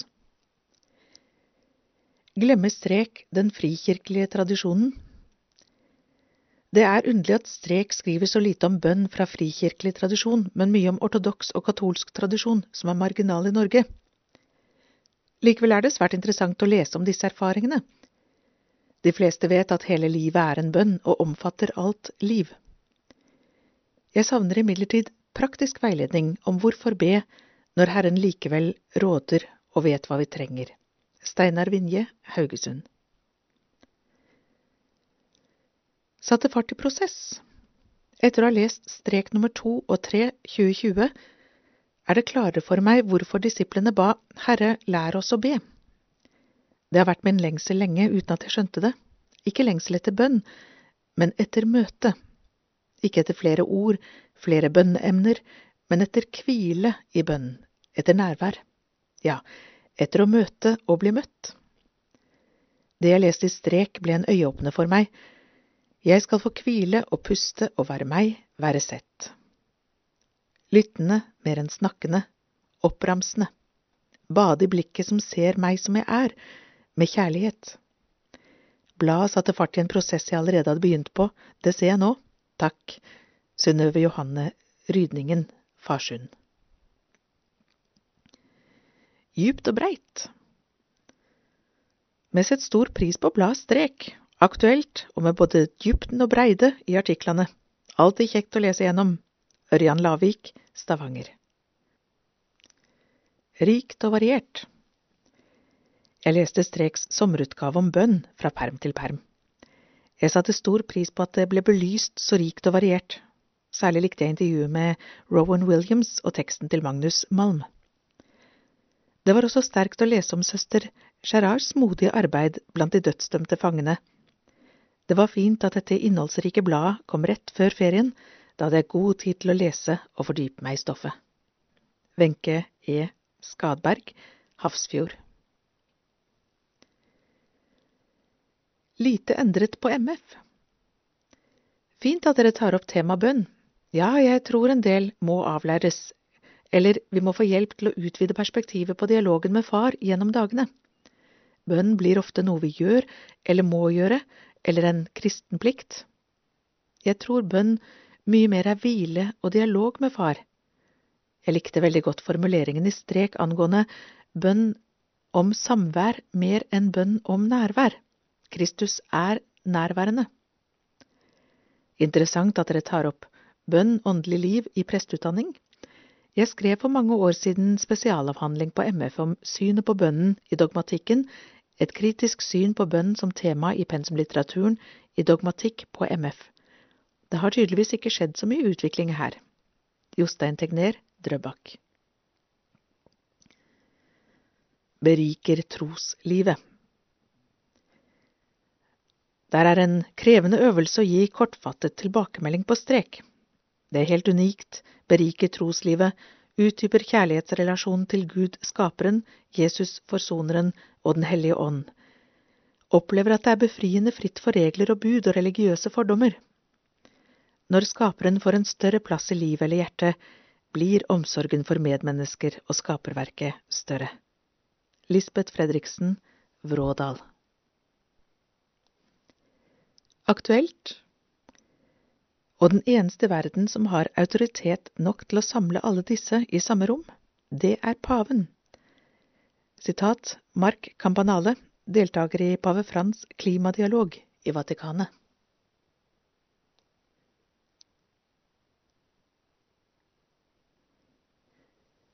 Da paven og oljebaronene barket sammen i Vatikanet av Asle Finseth. I all stillhet samlet pave Frans i 2018 og 2019 toppsjefene for verdens olje- og finansindustrier i Vatikanet til alvorsprat om klima. Den lukkede dialogen foregikk over fire døgn, dypt inne i Vatikanhagene, pavens eget Eden. Hva skjedde der? Her følger Streks unike inside-fortelling fra The Vatican Dialogues. Vi har fått en rekke av deltakerne til å fortelle om konfrontasjonene, sannhetsøyeblikkene og lagbyggingen. Ifølge arrangørene er strek det eneste medium i verden som har gjort den øvelsen. Det hele kulminerte den 15. juni 2019. For nyhetsredaksjoner flest rundt om i verden kom pressemeldingen ut av det blå. Kunngjøringer fra en lukket samling av all verdens olje- og finansbaroner i Vatikanet nå føk nyheten verden over.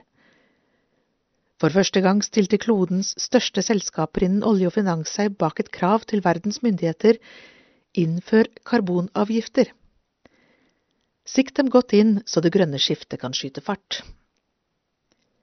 For første gang samlet de seg om å støtte et nytt åpenhetsregime i klimasaken, de såkalte TCFD-reglene. Investorer og media måtte sikres detaljert og standardisert innsyn i fotavtrykket bedrifter setter på klima. Slik blir det lettere å velge og vrake. Begge erklæringene avsluttes med en verbal fanfare. Det står ikke til å nekte. Jordkloden utgjør ett enkelt system, og menneskeheten ett hele. Klimautfordringen fordrer helt nye nivåer av samarbeid og forpliktelse, legger de til. Den utfordringen omfavner vi. Tungvektere På arkene følger nå en parade av signaturer som kunne få finansjournalister til å måpe. Darren Woods, toppsjefen i Exxon Mobil, verdens største børsnoterte oljeselskap, årlig lønn og vederlag 160 millioner kroner. 2019-tall samlet verdi i norske kroner av lønn og andre vederlag, tall hentet fra økonominettsteder som Reuters, ft.com, exipay.com etc. Chevron-toppen Michael K. Worth, årsvederlag 285 millioner kroner. Shell-bossen Ben Van Borden, 196 millioner kroner, tett fulgt av sjefene i Total, ConocoPhillips, Occidental Petroleum, Repsol og mange flere. For ikke å glemme Eldar Setre, mannen med olja, toppleder i Equinor, 15 millioner kroner. Navnene på de mektigste finanstoppene i verden står der også. Mortimer J. Buckley i Vanguard 264 millioner kroner. BlackRocks nestleder Barbara Novick, lønnsnivå ikke kjent, som stilte i stedet for sin sjef Larry Fink, 220 millioner kroner. Han deltok bare i 2018. Nedover arkene ruller det på med titalls andre navn av lignende vektklasse, inkludert globale topper innen livsforsikring og pensjonsforvaltning. Bare de tre tyngste finanstoppene på listen rådde i 2019 over verdier større enn, ja, Kinas bruttonasjonalprodukt samme år. Kollektivt vil disse lederne trolig påvirke jordens fremtid kraftigere enn noen andre i verden, skriver arrangørene i pressemeldingen. Og den eneste verden som har autoritet nok til å samle alle disse i samme rom, det er paven, sier Mark Campanale, gründer av Carbon Tracker og en av verdens fremste eksperter innen fornybar omstilling til strek. Livvakter og privatjet Men det var litt over klokken åtte den 8. juni 2018 det begynte. En kortesje på seks minivans med sotete ruter svinger inn foran overdådige Cavalieri Hotel i Roma, kjent for sin restaurant med tre Michelin-stjerner og suiter til både 10 000 og 100 000 kroner natten. Vippene klatret om bord, noen omgitt av sine faste bodyguards, medbrakt i privatjet over Atlanteren. Sjåførene tråklet seg gjennom morgenrushet, og det er ingen spøk i den evige eksosens stad, frem mot Peruginoporten. Den utgjør en trang passasje i de høye, forbydende steinmurene som i århundrer har voktet pavens hovedbase. I munnbussene satt også tre fra vertskapet og kjente nervene sitre. Vi visste jo altfor godt hvilke demonstrantmagneter de er, disse globale oljetoppene, minnes Carolyn Wu, pensjonerte Khan ved det katolske Notre-Dame-universitetet i USA, og en nøkkelperson bak dialogene. Et baluba av demonstrasjoner ville jammen ikke gitt oss noen god start, sier hun lattermildt over videolink fra byen South Bend i Indiana. Men på vei mot porten var ingen bannere å se. Ingen megafoner bjeffet fra gatehjørnene. Gjestene var blitt lovet dyp diskresjon, og den var tydeligvis intakt. Pavens nytelseshage. Så bar de gjennom sikkerhetssjekk og skanning. Herfra og innover i hagene må man ha en særlig klarering for å bevege seg. For dette er pavestandens egen usjenerte oase. Vatikanhagen er en luksuriøs nytelseshage med røtter i renessansen og dekker halve Vatikanstatens areal. Den er omgitt av et par kilometer med steinmurer, noen av dem fra 1200-tallet. Et femtitall gartnere er engasjert for å holde den bugnende skjønnheten i hevd. I bibelske trær-avdelingen ranker Libanon-sedrene seg. Her står fiken, morbær og granatepletrær. Her vokser også Jerusalem-torner, dem Kristi tornekrone trolig ble flettet av. Og så er det delene av hagen som høstes, appelsin- og sitronlundene, eller bedene med et mylder av urter, til nytte i de pavlige kjøkken, eller som medisin. Galileishallen. Jo lenger inn de kom, jo mer fortapte bystøyen fra Roma seg. Det ble stille. Snart ble flokken geleidet dit den skulle, innover i Casina Pio den fjerde, patricierpalasset fra 1560-tallet som har fått navn etter pave Pius den fjerde. i det staselige bygget. Veggmaleriene her regnes blant 1500-tallets vakreste, holder det pavelige vitenskapsakademiet til, omgitt av små piazzaer, portaler og mosaikker, av fontener og dammer med døsende skilpadder. Et godt stykke bak troner en silhuett som ikke er til å ta feil av, Peterskirken. Litt av et sted, sier professor Hans Joachim Schellnhuber, en av verdens fremste klimaforskere og deltaker i The Vatican Dialogues. Casino Pio den fjerde ånder av tidløshet, av filosofi, av tankens fordypning, sier han til strek på videolink fra Potsdam i Tyskland. I følget som tok plass i kasinaen, var også lille Norge tungt representert. I tillegg til Equinor-sjef Setre, den mektigste mannen i norsk næringsliv, deltok også Yngve Slyngstad, daværende sjef i oljefondet, med fondets 10 000 milliarder kroner i ryggen. Salen der de nå benket seg, var stedet der inkvisisjonen, støttet av jesuitter, i 1633 forkynte sin fordømmelse over Galileo Galilei. Kanskje ikke et godt varsel. Pave Frans er også jesuitt. Men når man innbys til audiens av Hans hellighet og et eksklusivt symposium i hans nærmiljø, er det kanskje bare å takke ja?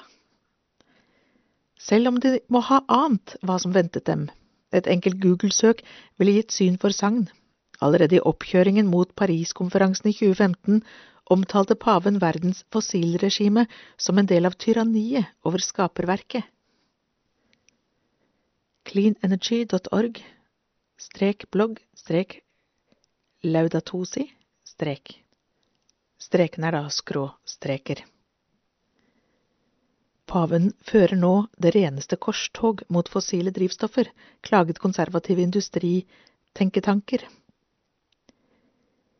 Åpenbart takker man altså ja, selv hvor mye enkelte av dem som Exxon har å skrifte, for systematisk å ha villedet publikum og politikere om klimafarene, og det mot bedre vitende gjennom 20–30 år. I så fall, nå hadde de satt seg selv på flyet til Roma, til to døgn med energidialog, løs snipp og eksistensielt alvor. Åpningen var raus og varm. Kardinal Peter Turkson, den formelle verten for møtet, ønsket velkommen. Ganeseren Peter Turkson leder Vatikanets avdeling for menneskets helhetlige utvikling. Så ledet han forsamlingen i bønn.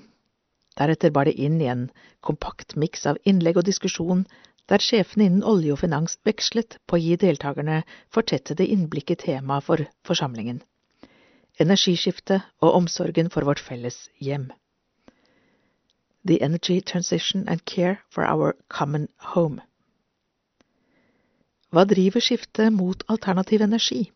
Hva vil det kaste om på? Hva er opp- og nedsidene? Dundret i vei. Men neste dag, da det bar inn på pavens teppe i det apostoliske palass, fikk de høre det. Paven null kroner i lønn, men fri kost og losji, viste til at en spiral av katastrofale klimaendringer forestår om ikke utslipp strupes. Han dundret i vei mot opportunistiske og kyniske forsøk på å vinne nærsynte småseiere i kampen. Gjør man det, lemper man bare tunge kostnader og skader over på fremtidige generasjoner. Særlig bekymret var paven over den fortsatte letingen etter nye fossilreserver, nettopp det bossene innbitt kjempet for å få fortsette med, på felter over hele kloden, som i Barentshavet eller farvannene utenfor Brasil og USAs østkyst. Parisavtalen, påpekte Frans, er klar i sin oppfordring. Det meste av reservene må forbli i bakken. Ja visst trenger verdens fattige tilgang på mer energi, så de kan sikre seg verdige levekår, Anslagsvis en milliard mennesker har ikke engang tilgang på strøm, understreket paven. Han takket også oljebransjen for effektivisering og økt bevissthet rundt risikoene ved klimaendringene. Men, smalt det så fra overhodet for verdens 1,3 milliarder katolikker, vi må bare ikke dekke verdens energitørst på måter som avvikler sivilisasjonen. Her er det et utropstegn som er med i manuset han leste fra, og som ble lagt ut på nett da møtet var over. Det er verdens fattigste som da vil bære de verste lidelsene, la han til. Så ble han gradvis mildere, mer inviterende i språket. Han appellerte direkte til dere, mine brødre og søstre, som nå sto overfor den største muligheten til lederskap gjennom alle tider. Som en coach før kickoff skildret han en utfordring som påkalte deres djerveste drømmer og ideer, en oppgave som kunne gjøre en varig forskjell for fremtidige generasjoner, for økosystemene og deres mylder av liv. Kallet lød Bli med, som the core, som kjernetropper i et globalt skifte. Så var det inn for landing. Vi har ingen tid å miste. Vi mottok jorden fra skaperens hånd, som en hjemlig hage, forkynte han. La oss ikke gi den videre til fremtidige generasjoner som en ødemark. Deretter lyste han velsignelsen over findressene og draktene der de satt på ødslige stolrekker i det digre lokalet, og måtte den allmektige Gud gi hver enkelt av dere stor besluttsomhet og stort mot i arbeidet med å tjene vårt felles hjem. Men for de fleste av oljens eminenser lød talen aldeles ikke som noen velsignelse, kanskje heller en bannbulle. Allerede på spaserturen tilbake til kasinaen blusset det i sinne og oppgitthet. Det mange av oss hørte var en kraftig fordømmelse, sier Eldar Setre til strek på videolink fra Equinor-hovedkvarteret i Stavanger. Om all oljeleting skulle avsluttes straks, var jo bransjen doomed. Fortapt. Hva hadde vi da her å gjøre? Nei, dette inviterte ikke særlig til dialog, sukker han. Setre, og mange med ham, mente paven tok feil, at det ikke ligger noen slik oppfordring i Parisavtalen. Tilbake ved lunsjbuffeen i Galileo-salen fikk kardinal Turkson utvetydig beskjed. Man var kraftig provosert. Nå var gode råd dyre. Etter lunsj var det bare drøye to timer til avslutning og avreise. Ja, der var vi så nær kollaps, sier Carolyn Wu og snakker om hvordan stresset og adrenalinet kokte i henne. Men over lunsjen la vi en plan, og i økten etter klarte kardinal Turkson å sikre at partene lyttet seg inn på hverandre igjen. Han løftet kort og godt dialogen tilbake på sporet. Da de brøt opp, var det mange, også av oljetoppene, som sa vi kommer tilbake neste år, denne samtalen må vi fortsette. Noe hadde altså skjedd. Da de 20 deltakerne var vel hjemme, ble det raskt klart at samtlige ville tilbake i 2019. Eneste unntak var Larry Fink i BlackRock, som ikke fikk ryddet et konsernstyremøte av veien. Professor Leo Burke, en kollega av Carolyn Wu fra Notre-Dame-universitetet og en av drivkreftene bak dialogene, forteller hvor lettet han ble. De sa Vi har aldri sånne møter som dette. Et miljø der vi til og med kan være sårbare, forteller han over en hakkete videolink fra øya Naitaumba i Fiji, der han er på meditasjonsopphold hos en åndelig mester. Andre sa vi vet jo hvordan man drifter et stort selskap, men vi aner virkelig ikke hvordan man drifter en løsning på klimakrisen. En tredje toppsjef sendte Burke et gammeldags brev. I hele min forretningskarriere, og den er lang, har jeg aldri opplevd maken til møte. Av en så, ja, åndelig natur. Det har virkelig sendt meg i tenkeboksen. Burke sier det er ikke tvil om at paven var den store magneten, det som avgjorde saken for de hypertravle sjefene. Men likevel, hvordan lirke så mange om bord? Det var en god del jobb med de første, tunge navnene, men da de var på plass, var det litt som ryktet om den hotte festen i et high school-miljø. Nesten alle som fikk sjansen, kom. Medarrangør Carolyn Wu tar det fra en annen kant. Ja, de fleste, også toppfolk innen olje og finans, vil heller være en del av løsningen enn av problemet. Klimasaken er en kamp mot klokka. Ledere må nå åpne seg for langt kraftigere og raskere endringer enn det vi har sett de siste tiårene. Det er egentlig en omvendelse som kreves for å bruke pavens språk. Men i konsernhverdagen står det igjen skrustikk av krav fra aksjonærer, ansatte og media. Nå fikk de være avsides, sammen over tid, i denne fantastiske hagen. De kunne løfte blikket. Det var et sånt møte vi og paven ville skape, Og det tror jeg vi lyktes med, smiler hun fornøyd. Utover høsten 2018 begynte ryktet å gå, i gullkantede nettverk. Uten at offisielle vertskapet, Vatikanet og Notre-Dame-universitetet i USA gjorde noe for saken, meldte et lass av nye toppsjefer at de ville være med i dansen.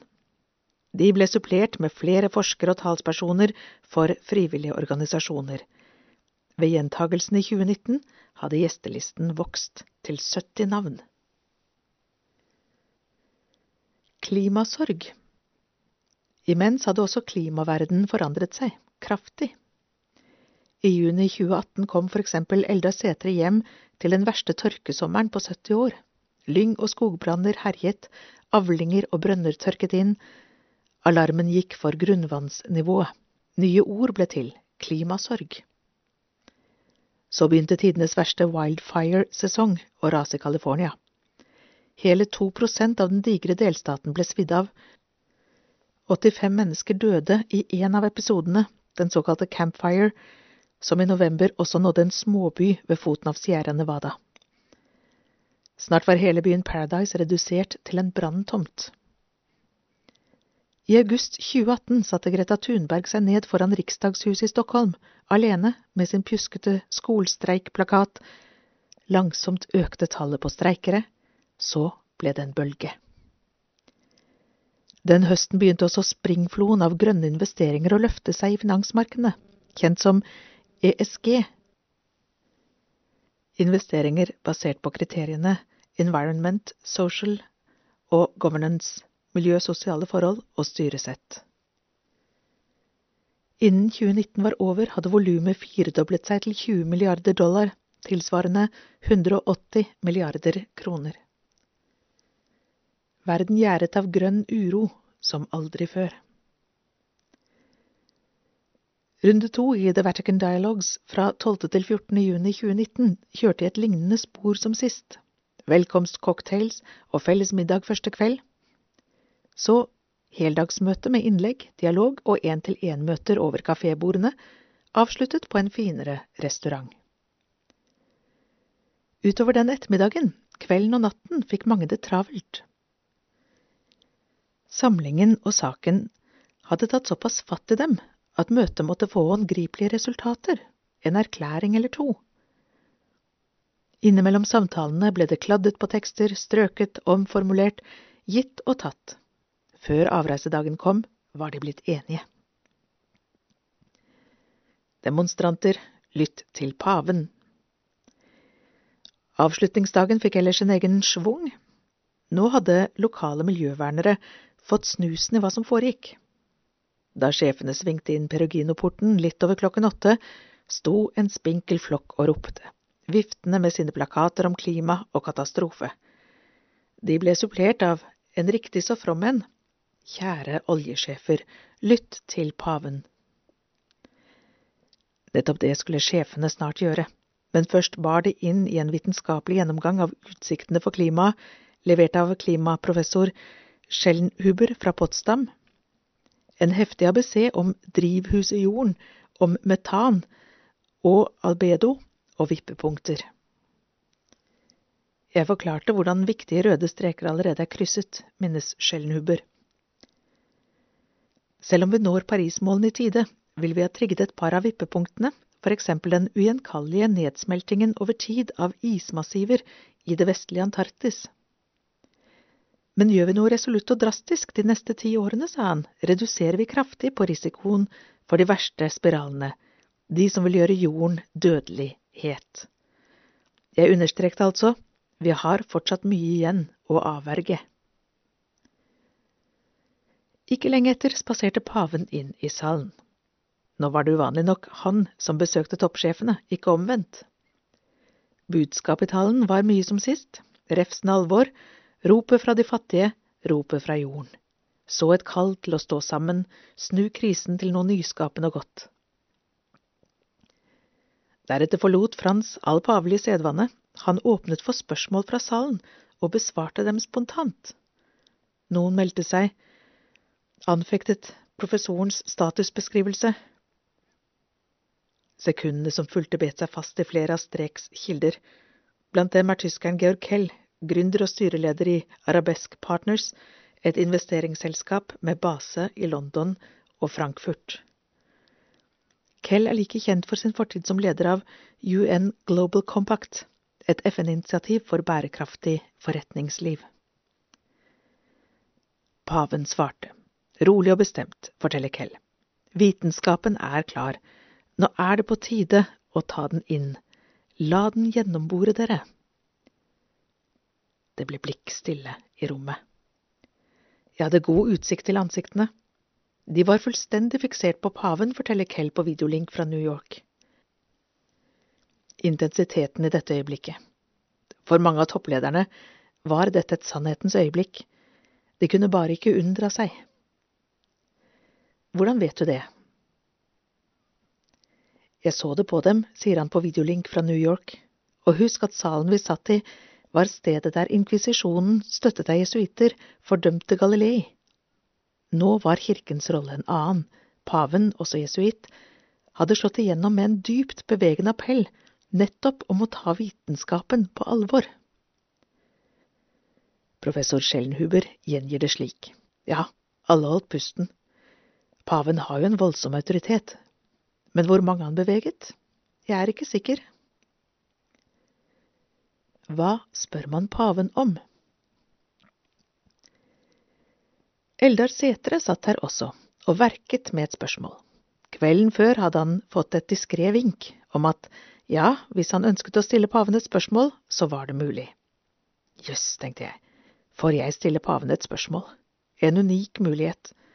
Hva spør man om da? Det ble et bekymret spørsmål. Han husker ikke ordlyden, men det handler om hvor krasse konfrontasjonene med visse miljøgrupper var blitt. Setere fryktet at de ubehagelige virkemidlene kunne utarte til vold. Paven svarte lenge og grundig. Ikke oppgi dialogen med miljøbevegelsen, understreket han. Jeg så heller for meg at du rakte opp handa og innvendte, slik Equinor ofte ellers gjør, at Equinor-oljen er bra for klimaet fordi produksjonen avgir litt mindre CO2 under selve produksjonen enn gjennomsnittet i bransjen, mens 80–90% av utslippene oppstår når oljen brennes? Nei, hm. jeg var ikke inne på det argumentet, men det poenget der er faktisk viktig. Det er jo stor forskjell på å bry seg om også disse utslippene og ikke gjøre det, er det ikke det, da? Fornekterne kapitulerte. Innen avreisen samme dag var erklæringene klare til underskrift. For første gang stilte olje- og finansfyrstene seg samlet bak en bønn om at verden måtte karbonbeskattes. De bandt seg også til et regime for åpenhet rundt klimaeffekten av det meste de foretar seg. Disse erklæringene er viktige nok, sier klimanestoren Hans Joachim Schellenhuber, men noe langt mer radikalt skjer mellom linjene. Husk hvem som faktisk satte navnetrekkene sine her. Toppene i aktører som Exxon. De har i flere tiår bevisst finansiert tenketanker og forskere for å benekte problemet, selv om deres egne forskere fortalte dem hvor reelt det er. Nå skriver altså oljeindustrien, disse klimakrisens fyrbøtere, under på tekster som legger klimapanelets rapport og Parisavtalen til grunn. De binder seg til virkemidler, altså hvordan målene skal nås. I det øyeblikket har du definitivt også slukt analysen, realitetene, sier Schellnubber til strek. Kort sagt, 30 års krig er over. Klimafornekterne kapitulerte. Før gullfuglene fløy fra Vatikanhagen, grep de sine penner og signerte. Ved hjemkomsten til Norge i juni 2019 var det som om Eldar Sætre trengte å ta brodden av det han hadde vært med på, selv om karbonavgifter og karbonåpenhet er gammelt nytt for Equinor. Jeg kan love at vi ikke får avlat, spøkte han overfor Dagens Næringsliv, men en dialog har vi fått. Den globale katolske kirke er en viktig instans å være på talefot med, la han til. Den når ut til enkeltmennesker på en annen måte enn vi kanskje gjør. Global spredning. Si det, I alle fall har paven siden utnevnelsen i 2013 brukt sin pondus for alt den er verdt, også for den grønne sak. Encyklikaen Laudato si, lovet være du 2015, ble noe som lignet folkelesning verden over. Tittelen knytter an til solsangen av pavens navnebror, Frans av Assisi, og er en fortettet gjennomgang av teologien rundt skapelse, fall, forbrukerkultur, fattigdom, klimaødeleggelser og fullendelse, spekket med sitater fra tidligere paver, vitenskapelige funn og dagsaktuell statistikk. Og mens kirkeledere, miljøbevegelsen, store deler av næringslivet og lysegrønnere politikere har durt på med sitt, kom nå Thunberg-generasjonen for alvor på banen. Det ballet på seg da rundt 10- og 12- og 17-åringer, voksne og eldre, sluttet seg til. Høsten 2019 gikk sju millioner mennesker i den samme bølgen av demonstrasjoner, fordelt på tusenvis av ulike steder over fem kontinenter. Så steg nye askeskyer mot himmelen. Branner av bibelske proporsjoner spredde fortvilelse og død i Australia, California og Amazonas. Opinionen forskjøv seg raskere, ble mer polarisert. Også skeptikerne ble det fyr i, eksempel i det norske Facebook-fenomenet Folkeopprøret mot klimahysteriet.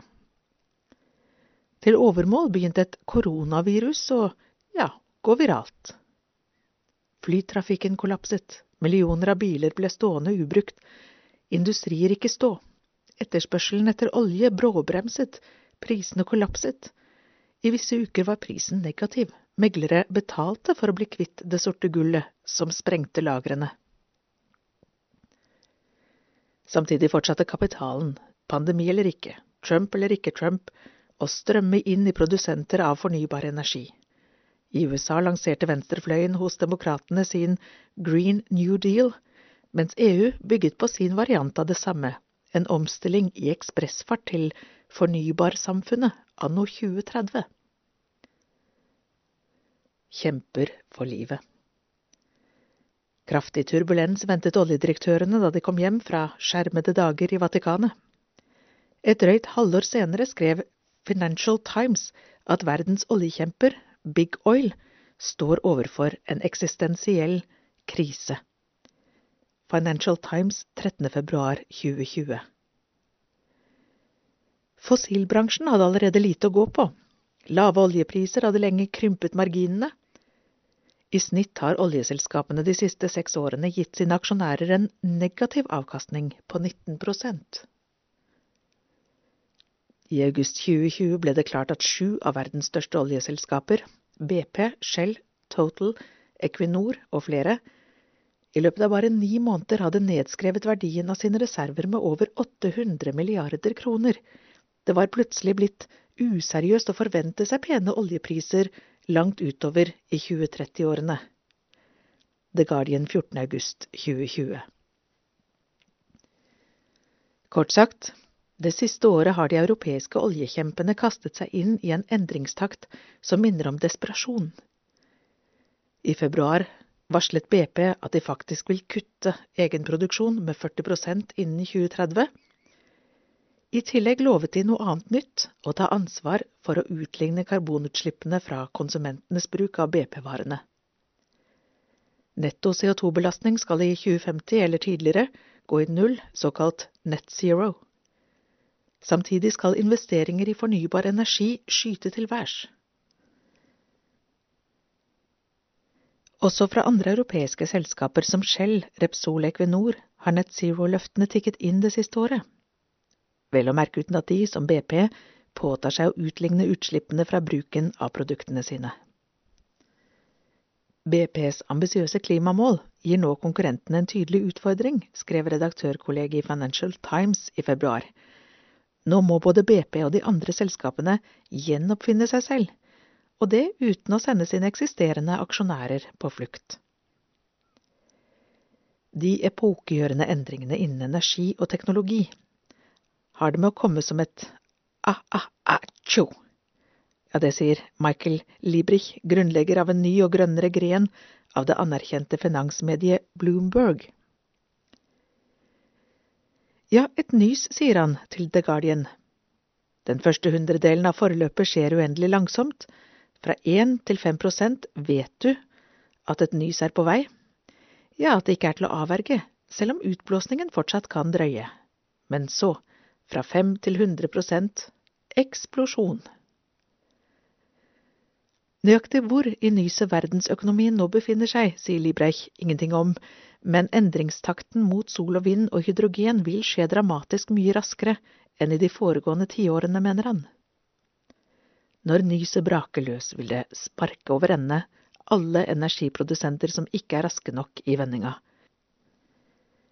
Og det uavhengig av hva politikerne sier og gjør, mener Libreich, som riktignok trolig har en egeninteresse i at profetien skal gå i oppfyllelse. Også i The Vatican Dialogues var investorene en drivende kraft. I Galileo-salen satt finansverdens aller mektigste. De lyttet intenst og sendte angivelig et merkbart press i retning sine trofaste og lukrative melkekuer innen olje og gass. Ikke minst kjente man vekten fra The Big Three, BlackRock, Vanguard og State Street, som på vegne av sine kunder i 2019 forvaltet verdier tilsvarende 17 oljefond. De tre selskapenes Assets Under Management, verdiene de forvalter, utgjorde i 2019 til sammen 17 billioner dollar. Til sammenligning havnet Folkerepublikken Kinas bruttonasjonalprodukt på rundt 14 000 milliarder dollar samme år. De hadde for så vidt også mye å rydde i eget hus. Ifølge en kartlegging The Guardian publiserte i oktober 2019, bestyrte de på vegne av kundene sine reserver på 10 milliarder fat med olje, 63 milliarder kubikkfot gass og sist, og miljømessig verst, 3,5 milliarder tonn med kull. Til sammenligning, Norge pumper årlig opp to millioner fat olje. I perioden fra 2016 og utover hadde de tre økt sin beholdning av slike reserver med rundt 35 Nå satt de der med sine billioner usynlig blafrende over hodene, Tim J. Buckley i Vanguard, Ronald O'Hanley i State Street og Barbara Novick i BlackRock. Paven pekte dem ikke ut, men heller ikke overfor dem var påtalen særlig kamuflert. I beg your pardon, sa han ifølge manuset fra 2019, men jeg må gjenta og understreke det. Våre barn og barnebarn må slippe å betale prisen for vår uansvarlighet. Det må ha gnisset dem i ørene. Ifølge samme artikkel i The Guardian hadde de tre store blant annet gjort følgende de siste fem årene. På generalforsamlingene i de tusenvis av fossilrelaterte fondene og selskapene der de representerer sine kunder, hadde de stemt nei til 80% av alle forslag om klimavennlige endringer. Slike endringer må de ha kalkulert ville være bad for business. Bekjennelsen og kapitalen Ja, kommer det lavmeldt fra Eldar Setre via linken fra Stavanger. Det er ikke alltid samsvar mellom hva de forteller oss i olje og gass, og hvor de putter pengene sine. Samtidig er samtalene med den kompakte flokten av finance executives noe av det vektigste seteret har med seg fra dialogene. Det sier sitt at Vanguard og BlackRock er inne som henholdsvis femte og sjette største aksjonær i Equinor på en liste som domineres av den norske stat med sine massive 67% av aksjene. For meg er sånt fundamentalt. Å sitte der og høre på investormiljøet, hva de er opptatt av, hvor de er på vei. De har sine ønsker, forventninger om hva vi bør gjøre, sier han, uten å spesifisere dette nærmere overfor strek. Klima topp prioritet. Og det var ikke bare setere som hadde grunn til å spisse ørene. BlackRock og Vanguard, pluss det norske oljefondet, var da inne blant de tre største aksjonærene i så vel Exxon og BP som Shell. For Carolyn Wu er ikke meldingen fra investormiljøene under dialogene særlig vanskelig å sammenfatte. La meg ta det i tre punkter. 1. at klimaendringene nå står øverst på deres agenda. Det er ingen sekundær sak. 2. de vil at fossilindustrien åpent og systematisk skal informere om hva den bidrar med for å løse problemet, altså hva er målene, hvordan ser reisene ut, hvordan måler dere fremgangen? Og for det tredje, de ville forsikre industrien om hjelp med det grønne skiftet, heller enn å dumpe den. De spør, sier hun, hvordan kan vi bistå dere med å bygge ned barrierene, det som hindrer omleggingen? Setre på sin kant legger til, på typisk nøkternt vis, jeg vil nok si det sånn at det jeg hørte fra investorene, har vært med på å forme de ambisjonene for endring vi i Equinor har satt oss. Skill dere. Og hvor kommer det grønne trykket mot kapitalkongene fra? Bildet er selvsagt ikke enkelt eller lineært, men også The Big Three og deres kolleger på Wall Street har lenge kjent klimatrykket øke. Også de har fått grønnere kunder og en mye hissigere opinion å forholde seg til, og fremfor alt, rent økonomiske kalkyler taler for at det energiskiftet byr på, er gull, ikke bare grønne skoger.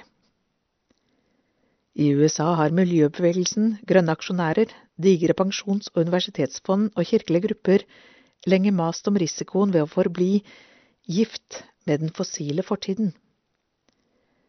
Blant de profilerte aktørene er de 9000 nonnene i The Sisters of Mercy of the Americas. Annen omtale i denne utgaven av Strek om dette.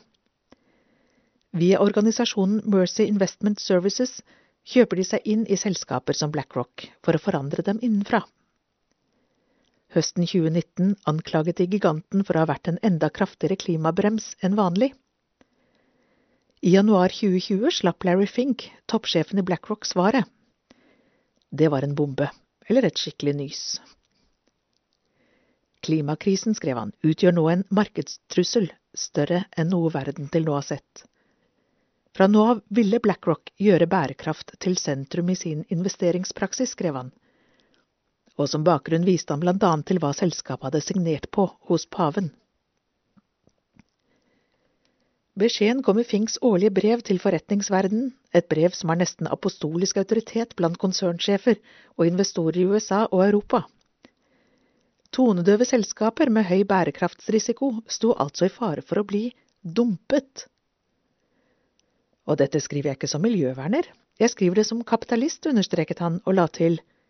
I over åtte år har jeg gjort langsiktighet til en isme. Ingenting inkarnerer langsiktighet som klimaendringene. Han la til, vi står på terskelen til en fundamental omlegging av alt som heter finans. Larry Finks letter to CEOs BlackRock kom 14. januar 2020. Miljøbevegelsen hyllet det som et gjennombrudd. Et vannskille. Nå lovet de å følge omvendelsen i hermetegn med argusøyne ville bekjennelsen bli omsatt i handling? Så langt er bildet sammensatt. At BlackRock tar saken på alvor, bekreftes av en lettere rystet analysetekst i finansmagasinet Forbes i april i år.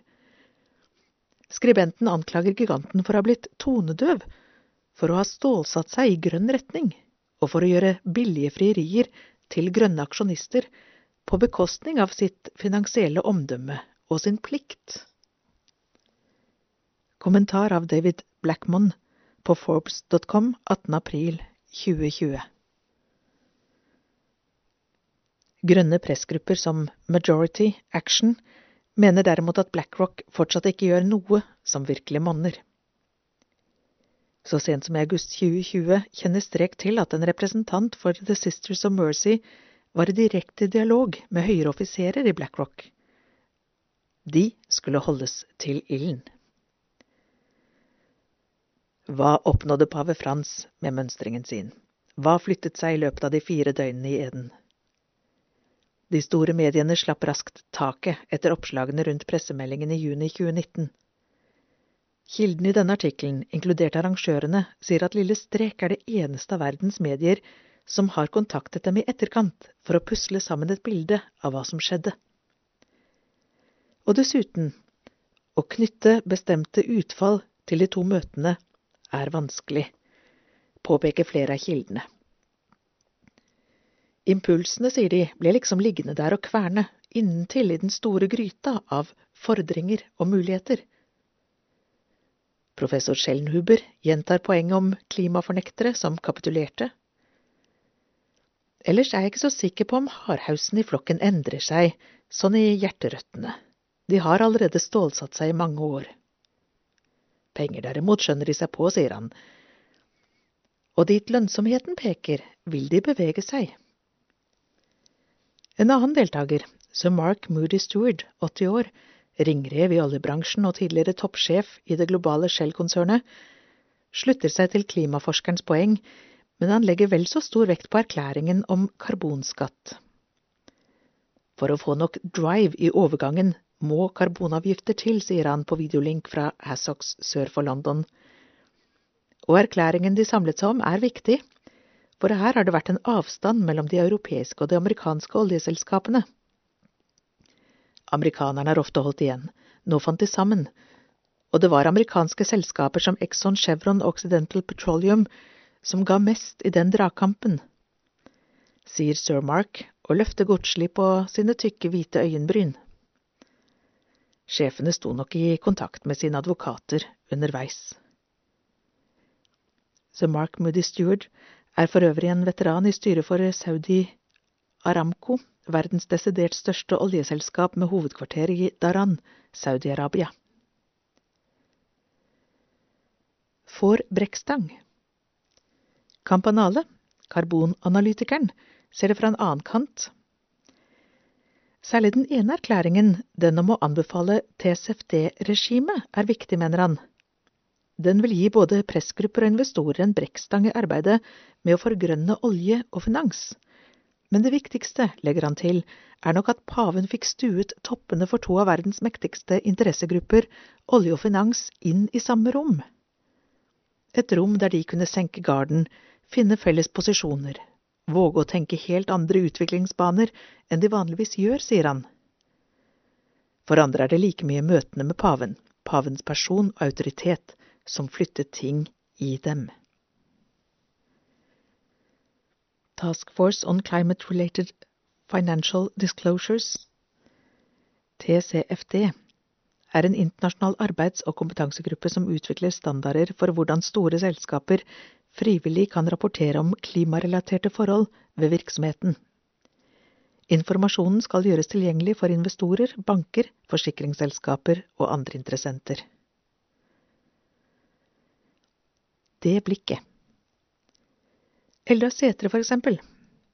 Under fratredelsesintervjuet med Dagens Næringsliv i september, Sætre blir pensjonist 1. november, beskrev han møtene med paven som høydepunkt i sin 40 år lange oljekarriere.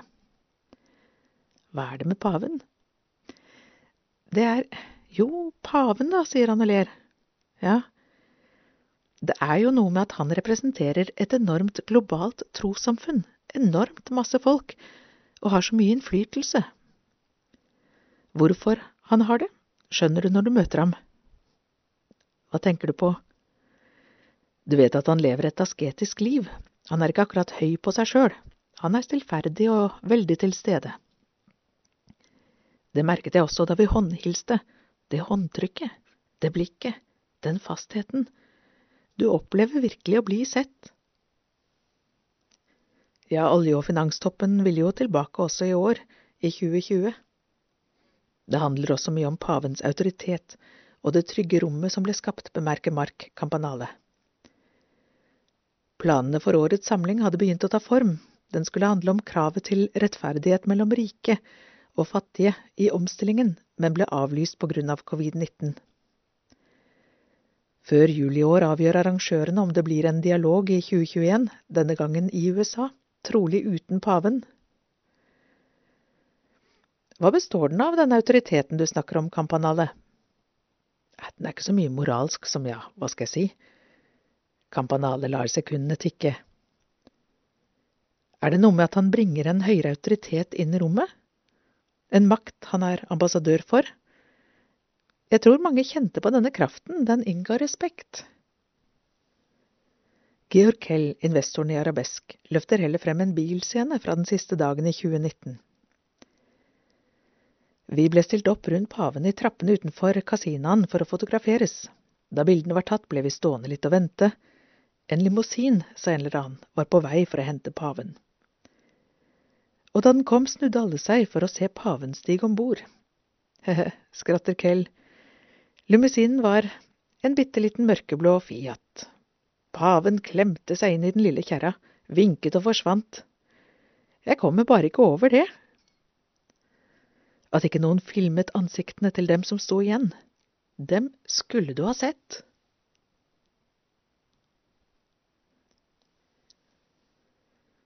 Utviklingen i Davos-toppenes bekymringskart 2007 til 2020 Hva uroer den globale eliten innen politikk og business mest når de ser inn i fremtiden? World Economic Forum, WEF, arrangerer de årlige Davos-konferansene for toppsjiktet i global politikk og næringsliv. Siden 2007 har de årlig bedt et tusentall ledere om å arrangere hvilke typer global risiko som mest sannsynlig vil ramme land og industrier og gi betydelige negative utslag i de kommende ti årene. Resultatet er bekymringskartet Global Risk Perception Survey, GRPS. Bekymringene er rangert fra førsteplass til femteplass. Det første tiåret er det økonomiske blått, geopolitiske oransje og sosiale risiki rødt som dominerer, men de tre siste årene har bekymringer for klima og miljø grønt tatt over. I 2020 kaprer disse alle de fem øverste plassene. Så altså 2007 fra 1 til 5. Sammenbrudd i infrastruktur, kroniske sykdommer, prissjokk på olje, problemer i Kinas økonomi og eksplosiv prisøkning. 2008 eksplosiv prisøkning, uro i Midtøsten, stater som kollapser blir failed states, prissjokk på olje og kroniske sykdommer. 2009 Kollaps i prisene på aktiva, svekket fart i Kinas økonomi, kroniske sykdommer, kløfter i styresett rundt om i verden og fremvekst av antiglobalisering. 2010 Kollaps i prisene på aktiva, svekket fart i Kinas økonomi, kroniske sykdommer, krise i skattesystemer og kløfter i styresett rundt om i verden. 2011 stormer og sykloner, flommer, korrupsjon, tap av artsmangfold og klimaendringer. 2012 inntektsulikhet, ubalanse i offentlige budsjetter, utslipp av drivhusgasser, hackerangrep og kriser innen vannforsyning. 2013 inntektsulikhet, ubalanse i offentlige inntekter, utslipp av drivhusgasser, kriser innen vannforsyning og eldrebølgen.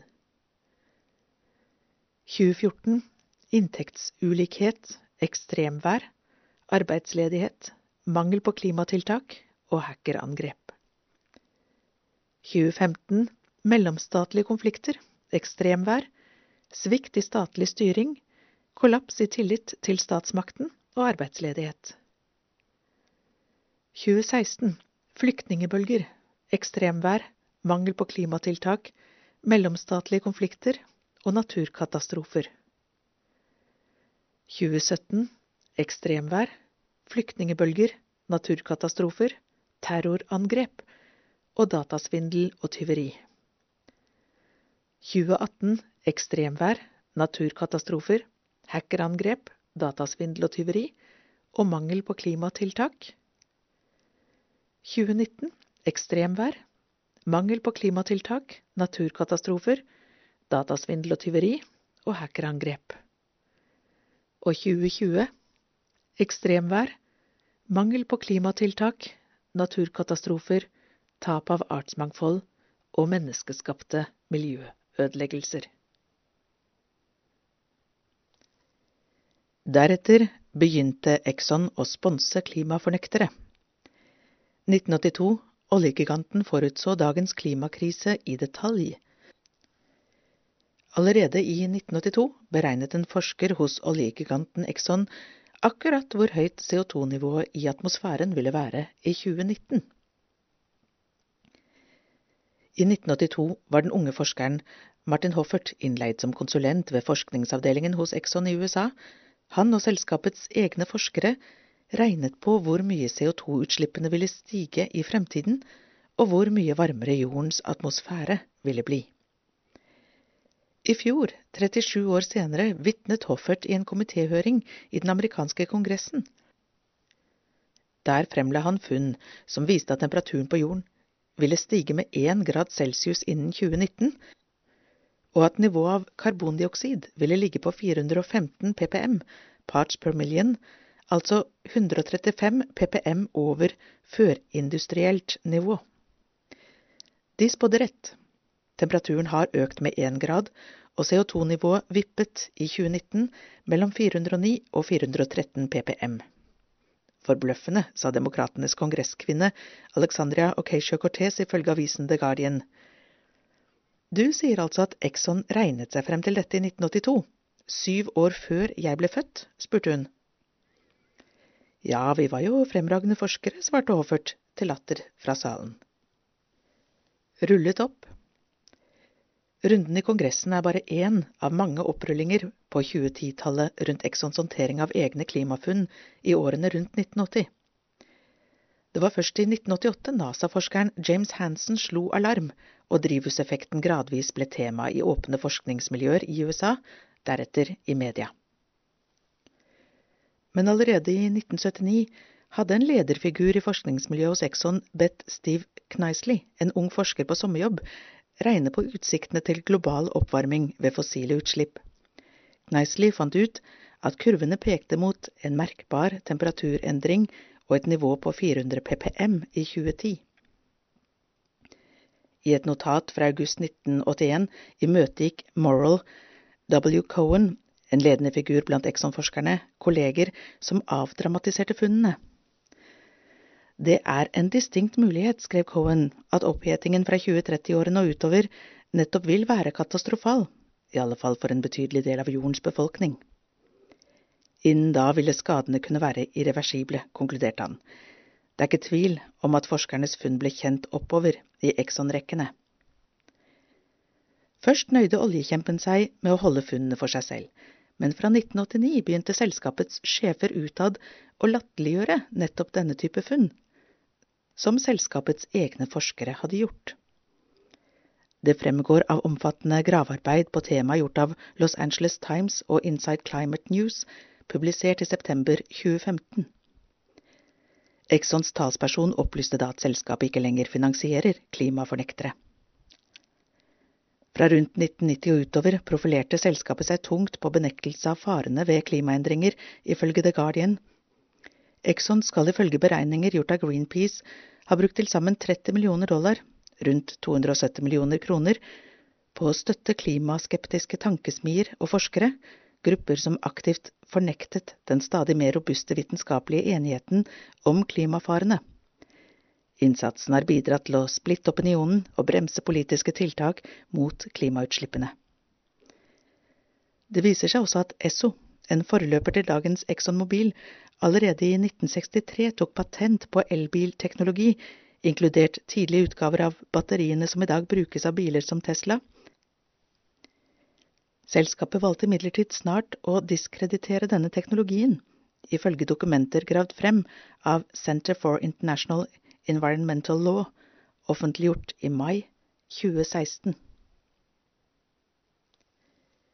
Vi la ting til rette, men ånden gjorde jobben. Da ideen om dialogene kom, kjentes den spinnvill. Men også noe sånt kan Den hellige ånd gripe fatt i, mener Carolyn Wu, primus motor bak Vatikan-dialogene. Wu sitter hjemme i stuen i Indiana, USA, med lav høstsol inn vinduene. Hun tenker tilbake. Det var vinteren 2016–2017 at hun og kollegaen Leo Burke ved businessutdannelsen på Notre-Dame-universitetet begynte å leke med ideen. Ingen skurker. De to var fortvilet over alarmrapporten om klima og hvor lite trøkk det var i omleggingen til fornybarsamfunnet. Noen burde, tenkte de, stue de globale tungvekterne innen olje og finans inn i samme rom. Over minst et par dager, for å tenke løsninger. Det måtte skje i en fortrolig ramme og på et nøytralt sted, og ingen skulle være forhåndsdømt som skurker. Flokken burde så suppleres med toppfolk innen klimaforskning og miljøbevegelse. Så skulle de lukke døren. Hvem i hele den vide verden kan få til noe sånt? å få en sånn gjeng til å sette av tre døgn, inkludert reise? De er altfor travle, for presset, for rike, for alt mulig, sa Leo Burke, ifølge Wu. Det måtte være paven, sa hun. Som katolikk med bakgrunn som leder i en katolsk nødhjelpsorganisasjon hadde Carolyn Wu kontakter i Vatikanet. Etter en del strev fikk hun fremmet ideen for kardinal Peter Turkson, leder av avdelingen for integrert menneskelig utvikling. Han engasjerte seg, løftet forslaget opp på høyeste hold. Paven sa ja, og ønsket en aktiv rolle i dialogene. Da to samlinger var vel overstått i juni 2019, var Burke og Wu helt i ekstase. Den første samlingen var jo nær kollaps, påpeker hun, men da gruppen forserte det hinderet, ble samhørigheten og forpliktelsen bare sterkere. Jeg er overbevist om at det var Den hellige ånds verk, sier Wu. Hun mener de to initiativtakerne bare ga Den hellige ånd et slags opplegg til Smash. Gjennomslaget, de fine fruktene av samlingen, de er åndens verk og fortjeneste. Men vi får plukke og smake dem. Det er fantastisk, sier hun.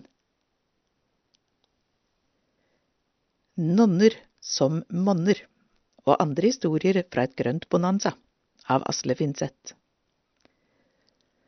Sol, vind, hydrogen. Plutselig sto verden midt i et gullrush rundt energibærere som kan avverge klimakollaps. En ekstrem forskyvning, sier Harald Magnus Andreassen, sjeføkonom i sparebanken Markets, om det som har skjedd det siste året. Hva driver verket? I juni lanserte en flokk grånende nonner sitt nye milliardfond for grønne investeringer i New York. Lanseringen er blant de mange overraskelsene i skredet av initiativer som i dag sender penger på grønne veier kloden over. De som i dag har kapital å investere, belønner fornybar energi, men fordømmer olje og gass, skrev finansredaktør Terje Erikstad i Dagens Næringsliv i september.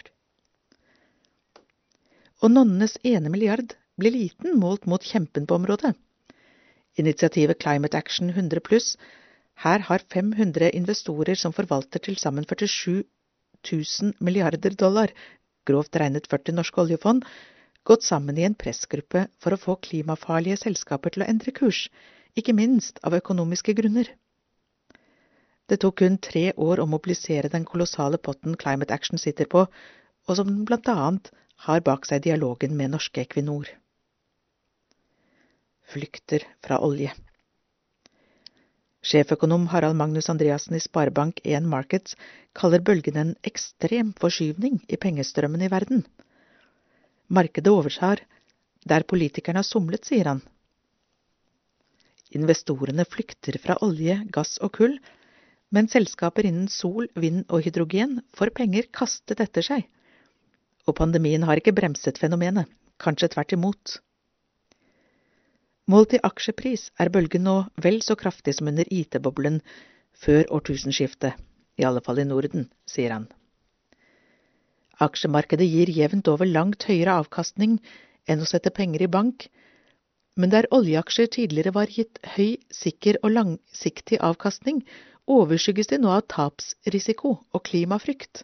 De er rett og slett blitt upopulære, sier Andreassen. Investorene vet at fossilindustrien er døende.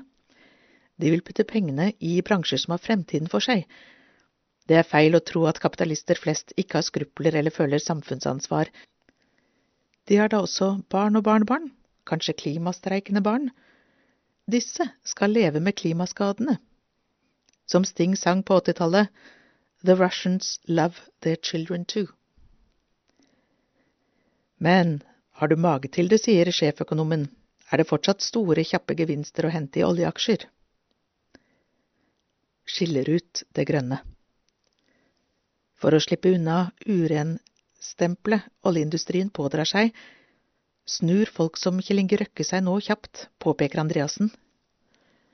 Røkke eier Aker Solutions, et etablert og oljedominert selskap. I august skilte han ut delen av Aker som jobber med fangst av CO2-utslipp i et eget selskap, Aker Carbon Capture. Siden da har aksjene hos nykommeren vært en rakett. På bare to måneder økte prisen med 1,7 kroner til over 10 kroner per aksje 6. oktober 2020. Også Akers andre grønne baby, Aker Offshore Wind Holding, har hatt en eventyrlig oppgang, 240% på børsen siden i sommer. Ullen tenkning. Men også den grønne given har sine skavanker. Mange selskaper fristes til å gjøre seg grønnere enn de i realiteten er, de driver med såkalt greenwashing. Pålitelige og standardiserte indikatorer er mangelvare, påpeker magasinet The Economist i sin vurdering av fenomenet. Magasinet mener bølgen preges av ullen tenkning og av investorer med overdreven tro på sin makt til å kutte utslipp. Globale fondsforvaltere kan ikke øve direkte press på statlige kinesiske kullkraftverk eller oljeprodusenter i Midtøsten, heter det i en lederartikkel fra juni. Ja, mange grønne investorer kommer til å gå på en smell, sier Harald Magne Andreassen. Slik gikk det jo også under IT-boblen for 20 år siden, men uansett vil virkningene av den voldsomme satsingen holde seg lenge, påpeker han. Mange i den nye skaren av grønne investorer satser defensivt, eksempel at pengene ikke skal investeres i olje eller kull. Andre er mer offensive. De vil investere i løsninger og satse på såkalt impact investing nonner og kapitalister. Et eksempel på det siste er flokken bak det nye Climate Solution Funds. De er ledere for til sammen 3500 dominikanersøstre i USA, fordelt på 16 ulike grener eller kongregasjoner. Kapitalen de nå satser, kommer fra mange bekker små. Inntekter nonnene har fra sine aktiviteter, som hoper seg opp fordi de lever under fattigdomsløftet gaver gitt til deres klostre og institusjoner, pluss fondsmidler de har spart opp til helsehjelp og pensjon. Vi bringer våre penger til finansmarkedet for å bekjempe klimakrisen, heter det i pressemeldingen fra lanseringen i sommer. Vi er dypt bekymret for krenkelsen av Guds skaperverk og for menneskene som lider under klimaendringene, skrev de.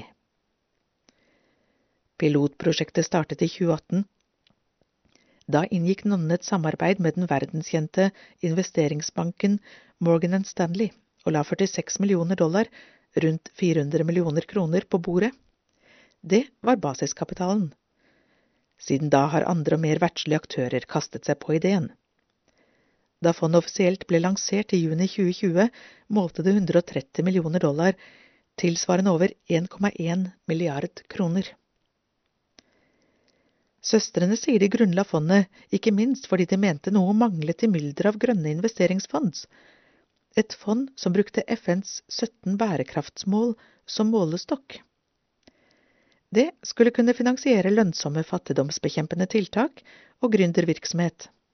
Ikke minst til fordel for kvinner i sør og andre som rammes særlig hardt av ekstremvær og klimaskader. Nå arbeider søstrene og partnerne i Morgan Stanley med å identifisere selskaper som gir maksimal måloppnåelse for hver dollar.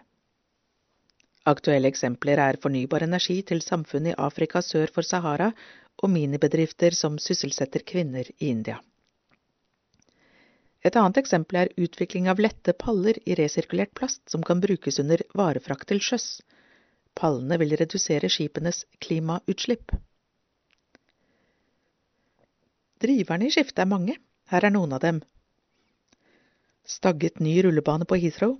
I februar parkerte lagmannsretten i London den britiske regjeringens planer om en ny tredje rullebane på Heathrow. Regjeringen hadde ikke klart å vise at utbyggingen kunne skje uten at Storbritannia bryter sine forpliktelser i Parisavtalen. Dermed har Parisavtalen for første gang fått rettslig gjennomslag og formørket utsiktene for flyindustrien. Norske elbiler global gevinst. Norges politiske storsatsing på elbiler har utløst et bonanza i Norge, der 10% av bilparken nå går på strøm. En av følgene er et globalt prisras på 90% for litiumbatterier, motoren i slike biler. Dette prisraset senker terskelen for elbilkjøp over hele verden. Konsulentselskapet DNV GL har regnet ut at den norske politikken vil spare klimaet for 400 millioner tonn CO2 i perioden 2010 til 2050. Det er ti ganger mer enn Norges samlede årlige utslipp av CO2.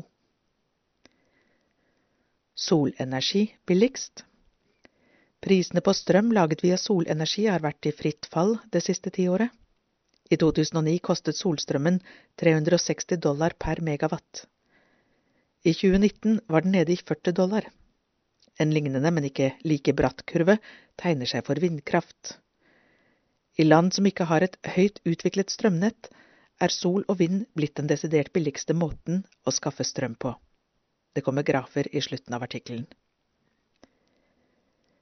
Høyst lønnsomt. Hver dollar investert i fornybar energi vil i tiårene fremover kaste av seg tre til åtte dollar, hevdet The International Renewable Energy Agency i en rapport lansert i april i år. Den har sammenlignet et business as usual-scenario fram mot år 2050 med et scenario to, der investeringene i fornybar energi akselereres kraftig og all fossil energi fases ut. Det globale BNP, summen av verdens varer og tjenester per år, vil styrke seg med rundt 100 000 milliarder dollar sammenlignet med det første scenarioet. Antallet nye jobber som skapes, vil være fire ganger så høy under scenario to, heter det. Hydrogen er hot. Gassen hydrogen skapes ved å splitte bestanddelene i vann, hydrogen og oksygen. Splitten krever mye energi, men kan utføres med eksempel solenergi.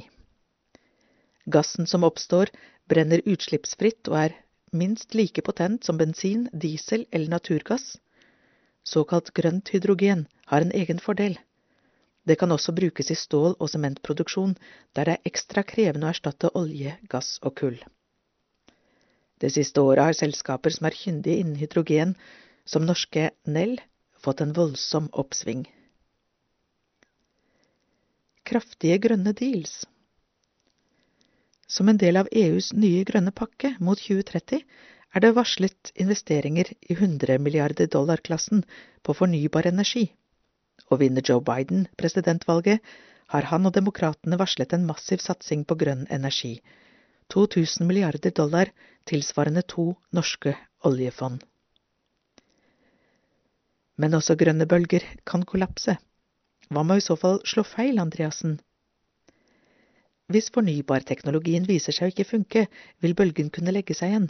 Den vil også kunne dale hvis politikerne ikke følger opp med reguleringer, for eksempel karbonavgifter. Og til syvende og sist, hvis klimavitenskapen viser seg å være helt feil. Men en kollaps har nå alt i alt mange odds mot seg, sier Andreassen. Grafer. Først Oslo Børs, kapital hentet inn av selskaper innen fornybar, skråstrek ESG. Aksen oppover. Den viser NOK i milliarder kroner. For 2013 litt under 1. For 2014 litt lavere. For 2015 litt over 1. For 2016 litt lavere. For 2017 ganske nøyaktig 1. 2018 litt over 1. 2019 litt over 4. Og 2020 ut august over 6. Neste graf energikilder i kraftproduksjon sammenligning av pris. Aksen opp viser dollar per megawattime, MWH. Og da er det solceller som ligger litt under 50. Vindkraft ligger fra litt under 50 til litt over 50. Gasskraft, grunnkostnad, ligger fra 50 og litt oppover. Kull ligger over 50 og opp mot 150. Kjernekraft ligger fra omtrent 100 og til litt over 150. Gasskraft, forbrukstopper, ligger fra mellom 150 til litt over 150. Og diesel ligger på litt over 150 og opp mot 250. Kilde Lazard Capital LCOE V13 Neste graf investeringer trukket ut av olje-, gass- og kullselskaper.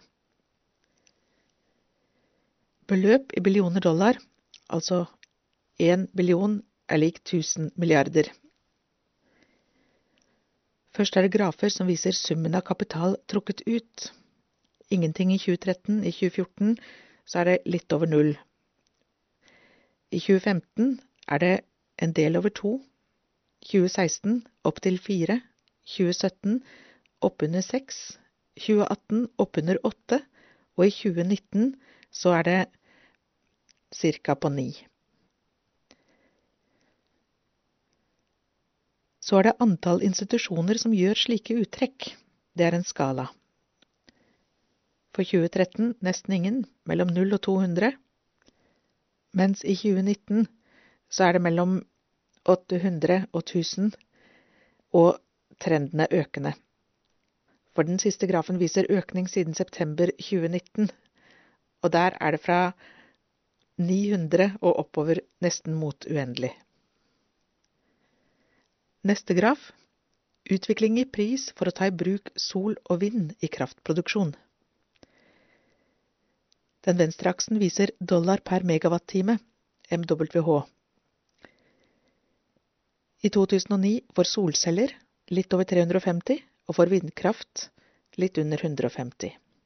I 2010 for solceller 250, for vindkraft omtrent det samme, mellom 100 og 150. For 2011 solceller litt over 150, for vindkraft mellom 50 og 100. I 2012 for solceller mellom 100 og 150, og for vindkraft ned mot 50. For 2013 solceller opp mot 100, for vindkraft mellom 50 og 100. For 2014 solceller mellom 50 og 100, vindkraft litt over 50.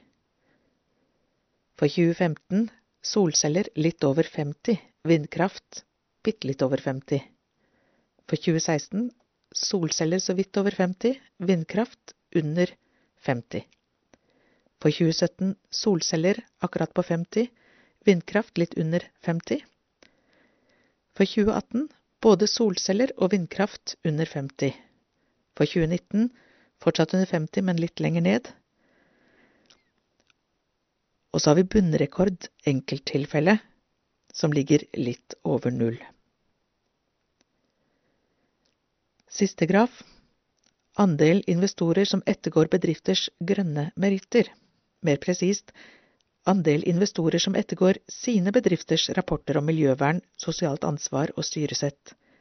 Tallene er hentet fra en kartlegging av Ernst og Young som de nylig gjorde blant 300 investorer. I 2018 32% sier ja, vi ettergår vanligvis slike rapporter strukturert og metodisk.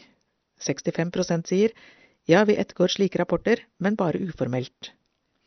Og en liten prosent sier vi ettergår i liten grad eller aldri slike rapporter. Det står ikke noe tall på den prosenten. Og for 2020 73% sier ja, vi ettergår vanligvis slike rapporter strukturert og metodisk. 25% sier ja, vi ettergår slike rapporter, men bare uformelt. Og en liten ukjent prosent vi ettergår i liten grad eller aldri slike rapporter. Ikke noen eh, lenkegjeng, akkurat, av Asle Finseth. Kanskje er det en ny type grønne krigere, finansfolkene i Karn Kapital? De holder bransjeriktig til i lokaler like ved Oslo tingrett.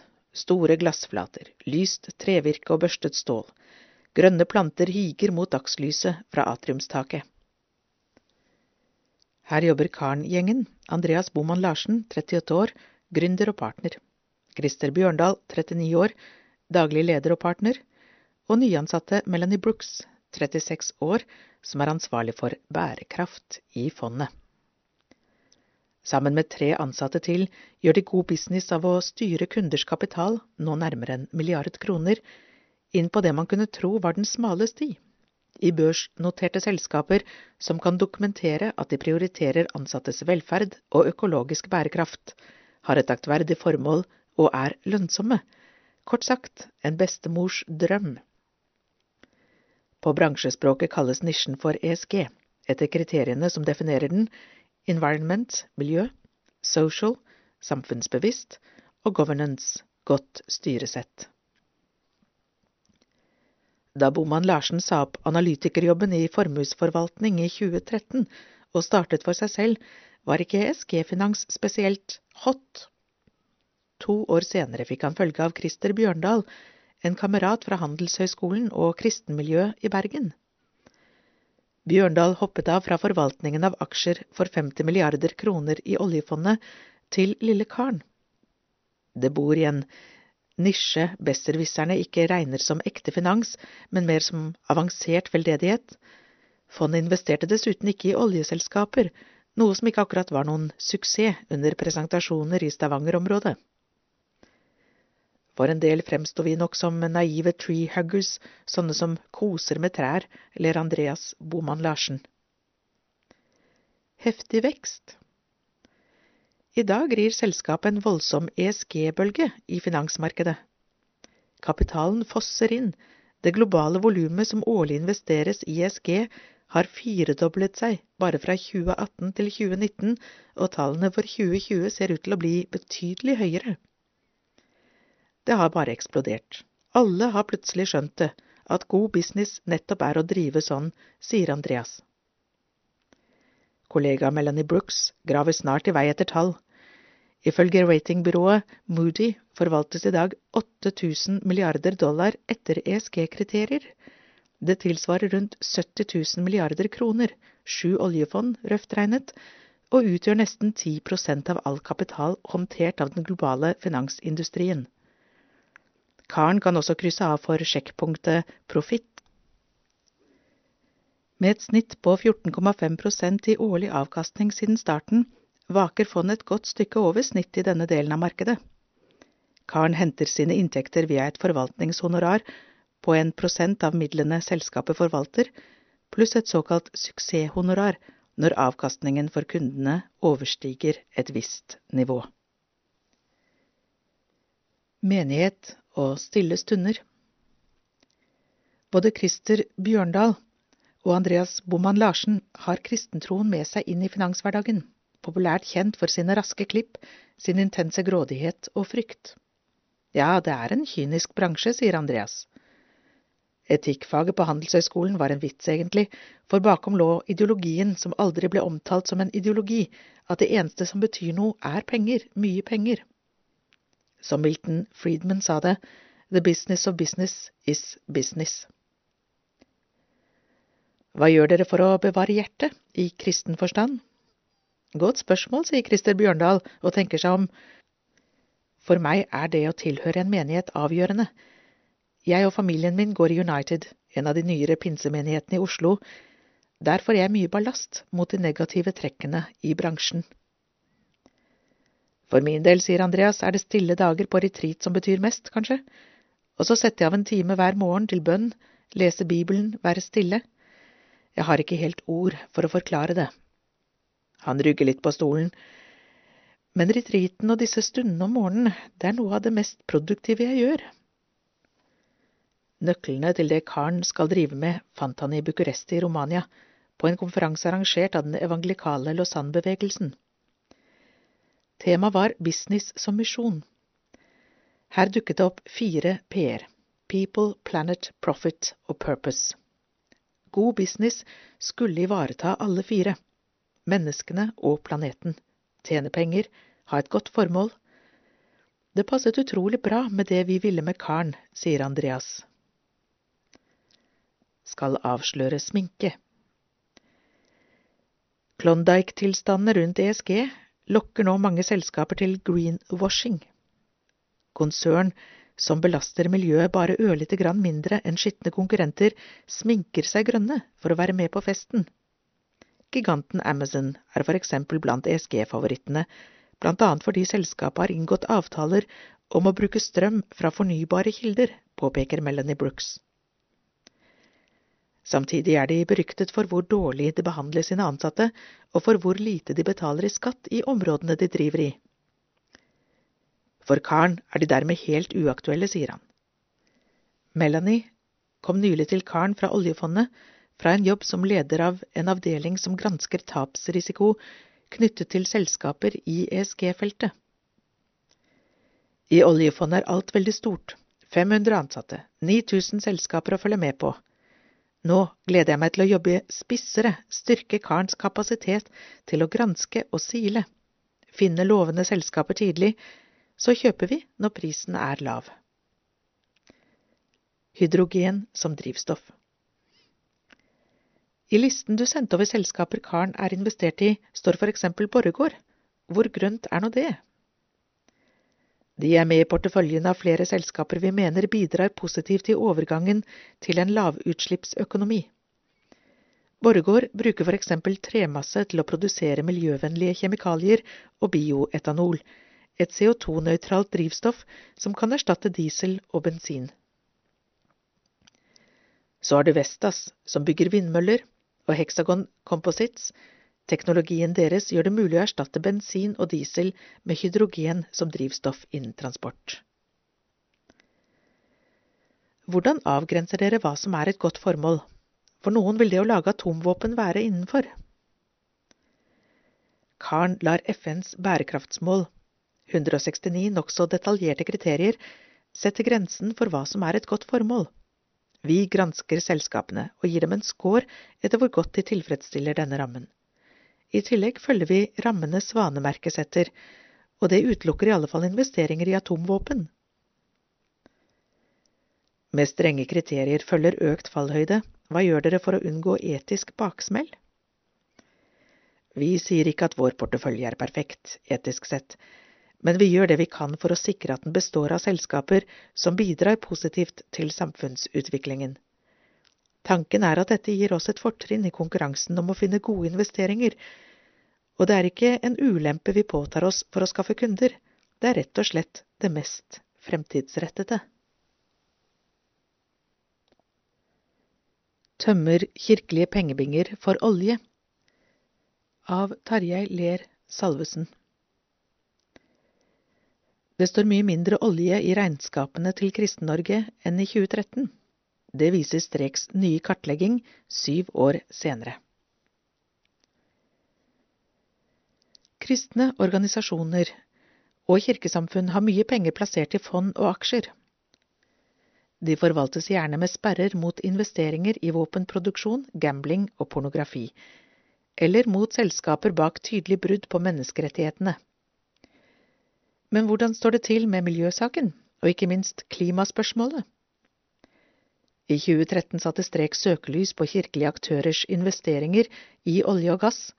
Den gangen viste det seg at mange av dem hadde aksjer i olje- og gassproduksjon, og det samtidig som de hadde sluttet seg til hovedkravene i Klimavalg 2013, blant dem at Norge må få ned tempoet i olje- og gassutvinningen.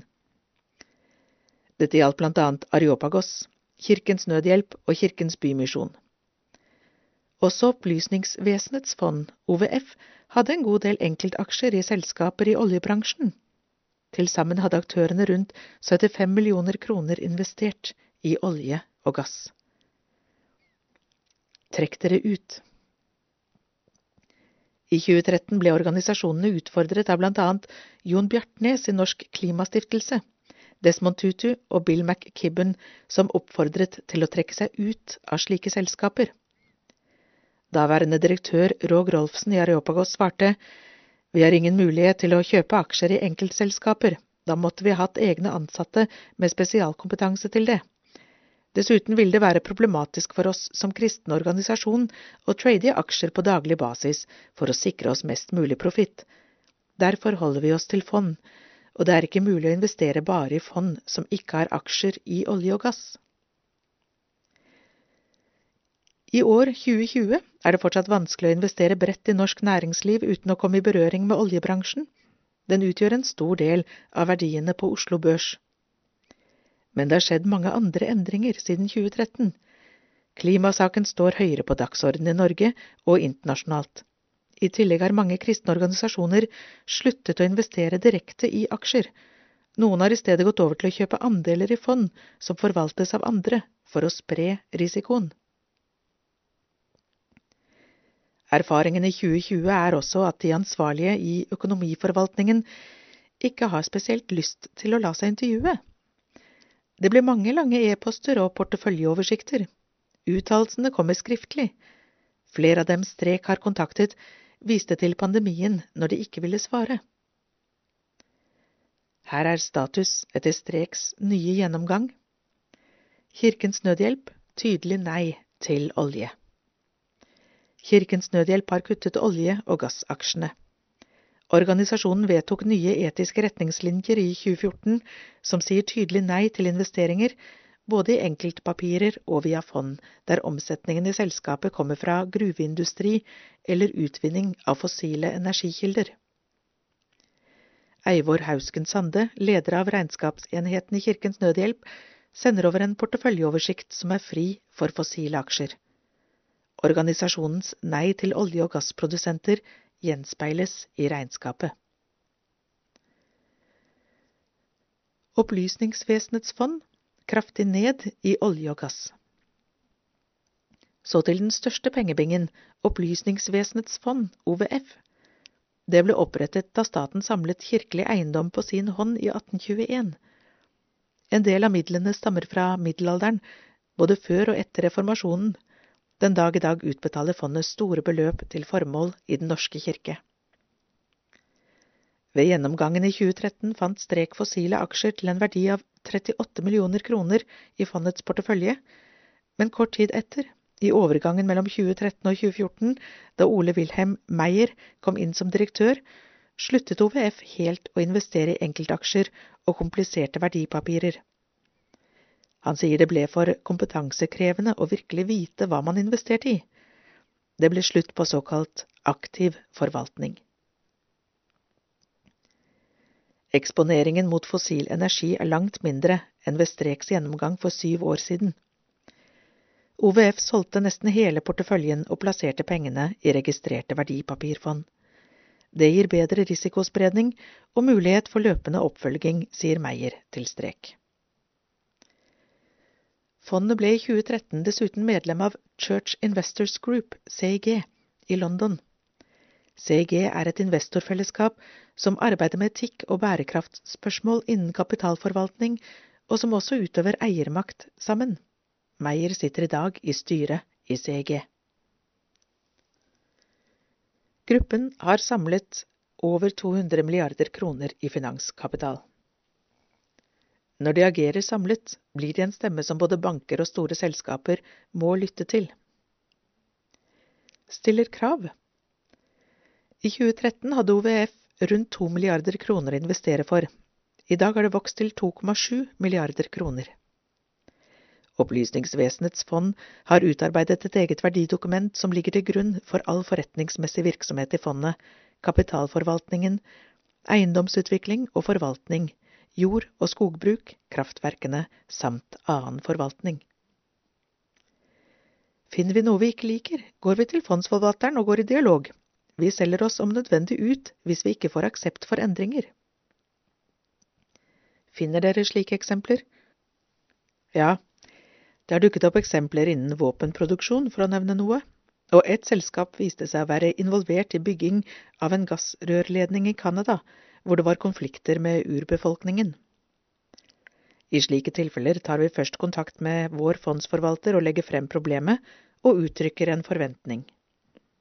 Hvis ikke de vil fjerne dette selskapet fra fondet, vil vi selge oss ut av hele fondet. Hvordan møter finansbransjen slike verdibaserte henvendelser fra dere som investorer?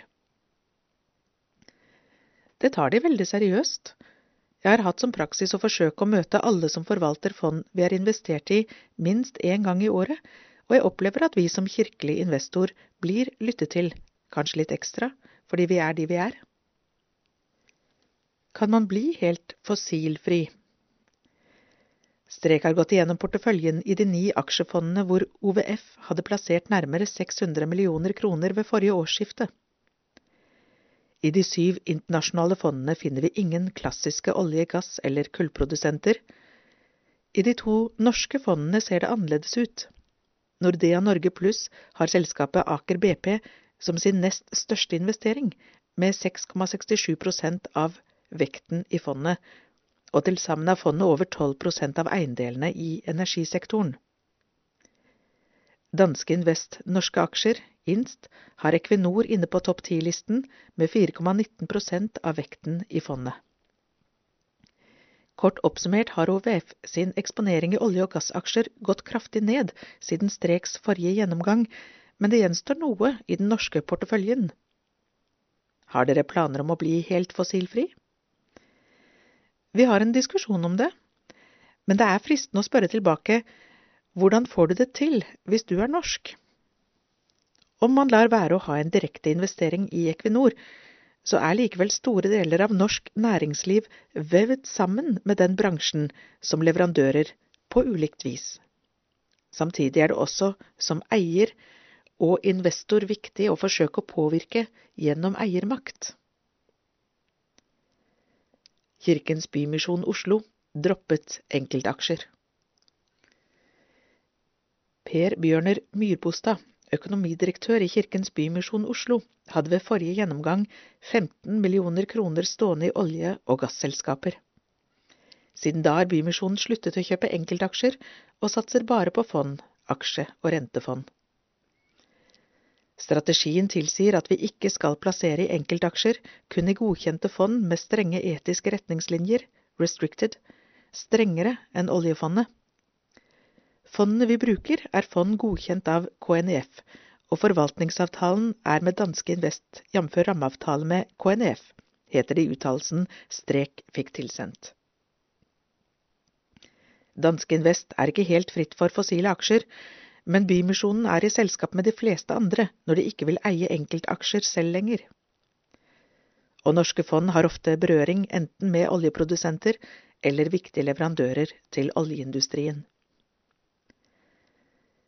Areopagos under 2% Vi finner Areopagos sine regnskaper i Brønnøysundregistrene og leser at stiftelsen ved forrige årsskifte hadde investeringer for 198 millioner kroner i sin finansportefølje. Strek har ikke gått detaljert igjennom alle fondsinvesteringene, som er spredt på en rekke norske og utenlandske fond, men en titt på porteføljen til Arctic Norwegian Value Creation viser en eksponering på 8,8% i olje- og gassutvinning. Nordea Norge Verdi har 6,6% av sine investeringer i olje og gass, og Alfred Berg Aktiv har 11% av sin portefølje i fossile energikilder. Helt slutt på fossile aksjer er det altså ikke hos Areopagos, men de internasjonale fondene også her har en annen profil. Vi kontakter konstituert direktør Lars Mollerup Dein, som etter en sjekk kan fortelle at Areopagos samlede eksponering mot produsenter av olje og gass er nede i mellom 1 og 2 prosent. Det er en vesentlig endring fra 2013, hvor Strek fant omtrent 10 prosent av Areopagos sine aksjer i olje- og gassprodusenter.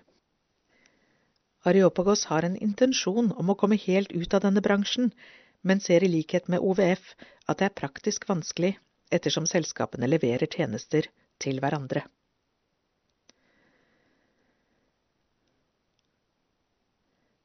Så hvordan ligger din bank an? Hva gjør banken med pengene den tiden de forvalter dem for kundene sine? Skytes de inn i oljeproduksjon eller solkraft? Havner de i skatteparadiser? I selskaper som bryter menneskerettighetene? Framtiden i våre hender og Forbrukerrådet lager årlig en etisk ranking av norske banker ut fra et sett bestemte kriterier. De kontrollerer den enkelte bank innenfor 14 ulike temaområder som favner 271 ulike sjekkpunkter og fire virksomhetsområder, og har deretter utarbeidet scoringer for hver bank. Jo høyere score, jo bedre retningslinjer har bankene når det gjelder samfunnsansvar, etikk og bærekraft. En god policy er ofte en betingelse for god praksis, men ingen garanti. Gjennom egne tema- og case-studier vil Etisk bankguide sjekke hvorvidt bankenes retningslinjer følges opp i praksis. Slik så karakterboken ut per november 2019. Les mer om kriterier, vekting og oppfølging på etiskbankguide.no. Her kommer et skjema. Skåringer innenfor tematiske områder. Det er brukt fargekode for skåringsintervaller. 80-100% er grønn, 60-79% er gul, 40-59% er oransje. 20 til 39% er rød, og 0 til 19% er lilla, så da leser jeg fargene. Når det gjelder Kulturabank, så er de grønne på alt, både klimaendringer, korrupsjon, likestilling, menneskerettigheter, arbeidstakerrettigheter, naturvern og biologisk mangfold, skatteunndragelser, våpen, jordbruk, skogbruk, gruvedrift, olje og gass, energiproduksjon, åpenhet og ansvar. Når det gjelder Storebrand, så er det gul på klimaendringer, grønn på korrupsjon, gul på likestilling, grønn på menneskerettigheter, arbeidstakerrettigheter, naturvern og biologisk mangfold. De er oransje på skatteunndragelser, gule på våpen, men grønne på jordbruk, skogbruk, gruvedrift, mens olje og gass og energiproduksjon er gul, og åpenhet og ansvar er grønn. KLP er gul på klimaendringer, grønn på korrupsjon, gul på likestilling, grønn på menneskerettigheter og arbeidstakerrettigheter. Så er det gule på naturvern og biologisk mangfold, skatteunndragelser og våpen. Oransje på jordbruk, gul på skogbruk, gruvedrift, olje og gass og energiproduksjon. Og grønne på åpenhet og ansvar. DNB er oransje på klimaendringer, gul på korrupsjon, grønn på likestilling, menneskerettigheter, arbeidstakerrettigheter og naturvern og biologisk mangfold. Så er det gule på skatteunndragelser, våpen, jordbruk, skogbruk, gruvedrift og olje og gass, oransje på energiproduksjon og gul på åpenhet og ansvar. Sparebanken Vest gul på klimaendringer, grønn på korrupsjon, gul på likestilling, grønn på menneskerettigheter og arbeidstakerrettigheter, gul på naturvern og biologisk mangfold og skatteunndragelser, grønn på våpen, gul på jordbruk, skogbruk, gruvedrift, olje og gass, energiproduksjon, og rød på åpenhet og ansvar. Sparebank1 SR-Bank oransje på klimaendringer, grønn på korrupsjon, gul på likestilling, grønn på menneskerettigheter, gul på arbeidstakerrettigheter, grønn på naturvern og biologisk mangfold, gul på skatteunndragelser, grønn på våpen, jordbruk og skogbruk, oransje på gruvedrift, olje og gass, gul på energiproduksjon og oransje på åpenhet og ansvar. Sandnes Sparebank oransje på klimaendringer, grønn på korrupsjon, oransje på likestilling og menneskerettigheter, gul på arbeidstakerrettigheter og naturvern og biologisk mangfold, grønn på skatteunndragelser og våpen, gul på jordbruk, skogbruk og gruvedrift, grønn på olje og gass, gul på energiproduksjon oransje på åpenhet og ansvar. Sparebank1 Østlandet Den er gul på klimaendringer, grønn på korrupsjon, gul på likestilling, menneskerettigheter, arbeidstakerrettigheter, naturvern og biologisk mangfold, grønn på skatteunndragelser, oransje på våpen, gul på jordbruk og skogbruk, rød på gruvedrift, oransje på olje og gass og energiproduksjon og gul på åpenhet og ansvar. S-banken oransje på klimaendringer, grønn på korrupsjon, oransje på likestilling, gul på menneskerettigheter, grønn på arbeidstakerrettigheter, gul på naturvern og biologisk mangfold og skatteunndragelser, grønn på våpen, oransje på jordbruk og skogbruk, gul på gruvedrift og olje og gass, oransje på energiproduksjon, åpenhet og ansvar. Sparebank1 Nord-Norge Oransje på klimaendringer, gul på korrupsjon, oransje på likestilling, gul på menneskerettigheter og arbeidstakerrettigheter, oransje på naturvern og biologisk mangfold, grønn på skatteunndragelser, oransje på våpen og jordbruk, rød på skogbruk, oransje på gruvedrift og olje og gass, og gul på energiproduksjon, åpenhet og ansvar. Sparebank1 SMN oransje på klimaendringer, gul på korrupsjon, oransje på likestilling, gul på menneskerettigheter, grønn på arbeidstakerrettigheter, oransje på naturvern og biologisk mangfold, gul på skatteunndragelser, grønn på våpen, oransje på jordbruk, rød på skogbruk. Og oransje på gruvedrift, olje og gass, energiproduksjon, åpenhet og ansvar. Danske Bank, den er oransje på klimaendringer, grønn på korrupsjon, rød på likestilling, gul på menneskerettigheter, grønn på arbeidstakerrettigheter, oransje på naturvern og biologisk mangfold, rød på skatteunndragelser, oransje på våpen, gul på jordbruk og oransje på skogbruk, gruvedrift, olje og gass, energiproduksjon og åpenhet og ansvar.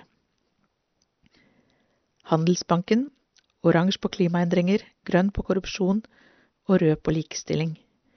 Gul på menneskerettigheter, arbeidstakerrettigheter, naturvern og biologisk mangfold, rød på skatteunndragelser, oransje på våpen, jordbruk, skogbruk, gruvedrift, olje og gass, energiproduksjon, og gul på åpenhet og ansvar.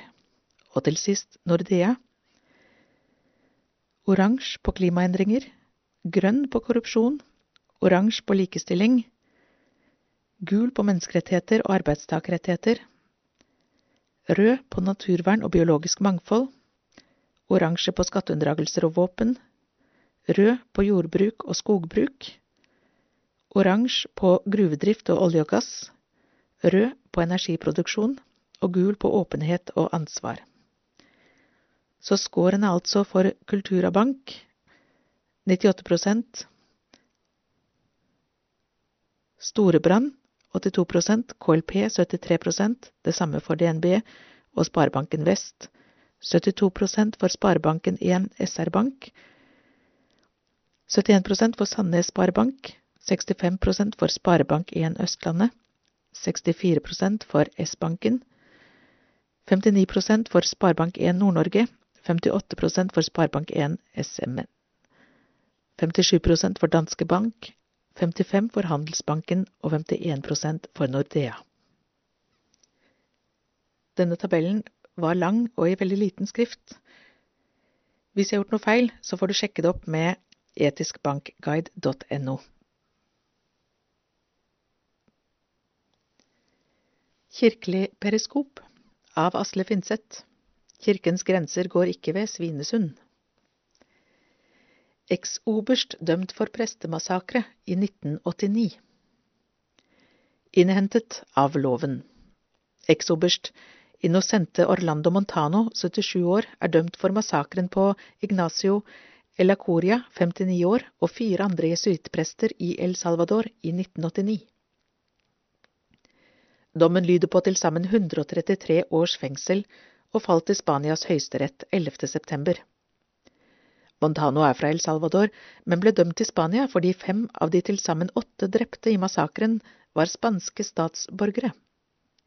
Raidet ble gjennomført den 16. november 1989 av en såkalt dødsskvadron som Montano ifølge dommen var med i, og hadde Elacoria som hovedmål. Jesuittpresten var rektor ved Central American University, UCA, i San Salvador, og en frontfigur i forsøkene på å skape fred i borgerkrigen. Den varte i tolv år og kostet 75 000 mennesker livet. Dommerne fant det bevist at Montano spilte en avgjørende rolle i både planleggingen og gjennomføringen av drapene. De sa de regnet Montano som skyldig også i drapet på tre andre ved Central American University, UCA, i det samme raidet. Den salvadorianske jesuitpresten Joaquin Lopez y Lopez, 71 år, kokken Julia El Baramos, 42 år, og hennes datter Celina, 15 år. Men disse kunne Montano ikke dømmes for i Spania, fordi det brøt med premissene for at han ble utlevert fra USA tjenersannheten. Dagens stab ved UCA i El Salvador uttalte samme ettermiddag at dommen utgjorde en fremragende tjeneste for sannheten. Rektor Andrø Oliva sa også at regjeringen fortsetter å sabotere etterforskningen av andre antatt medskyldige i massakren. Eksoberst Montano har tjent som viseminister for statlig sikkerhet i El Salvador, og har erkjent at han var en del av La Tandona, en gruppe korrupte offiserer som brukte alle midler for å hindre fredssamtalene på slutten av 1980-tallet. Under borgerkrigen ble katolske prester jevnlig beskyldt for å stå i ledtog med den venstreorienterte geriljaen FMLN. Massakren er en av de mest beryktede episodene i den tolv år lange borgerkrigen. Den virket også mot sin hensikt. Massiv internasjonal fordømmelse bidro til at USA kuttet det meste av sin støtte til militærjuntaen i El Salvador. Kilde The Tablet, The Guardian, BBC. Fengselsprest i arresten etter klimademonstrasjon. Den tidligere fengselspresten Stephen Nunn var blant de arresterte etter klimaaksjoner i regi av Extinction Rebellion i Storbritannia i september. Da celledøra smalt igjen bak meg, ble jeg en smule skremt. Det var første gang jeg var inne i en celle uten nøkler, sier Nunn til den anglikanske ukeavisen Church Times. Å sitte fengslet i ni døgn i et stengt koronaregime opplevdes forstemmende og nedverdigende, sier Nønn, som forteller at han var innelåst på cella 23 timer i døgnet. Men mange medfanger forsto hva det er vi holder på med, og ropte ut sin støtte da jeg ble løslatt, sier han. Kilde The Tablet. Erkebiskop angriper covid-19 med urter. Kamerun en katolsk erkebiskop i Kamerun hevder at urtemedisinen hans helbreder ofre for covid-19.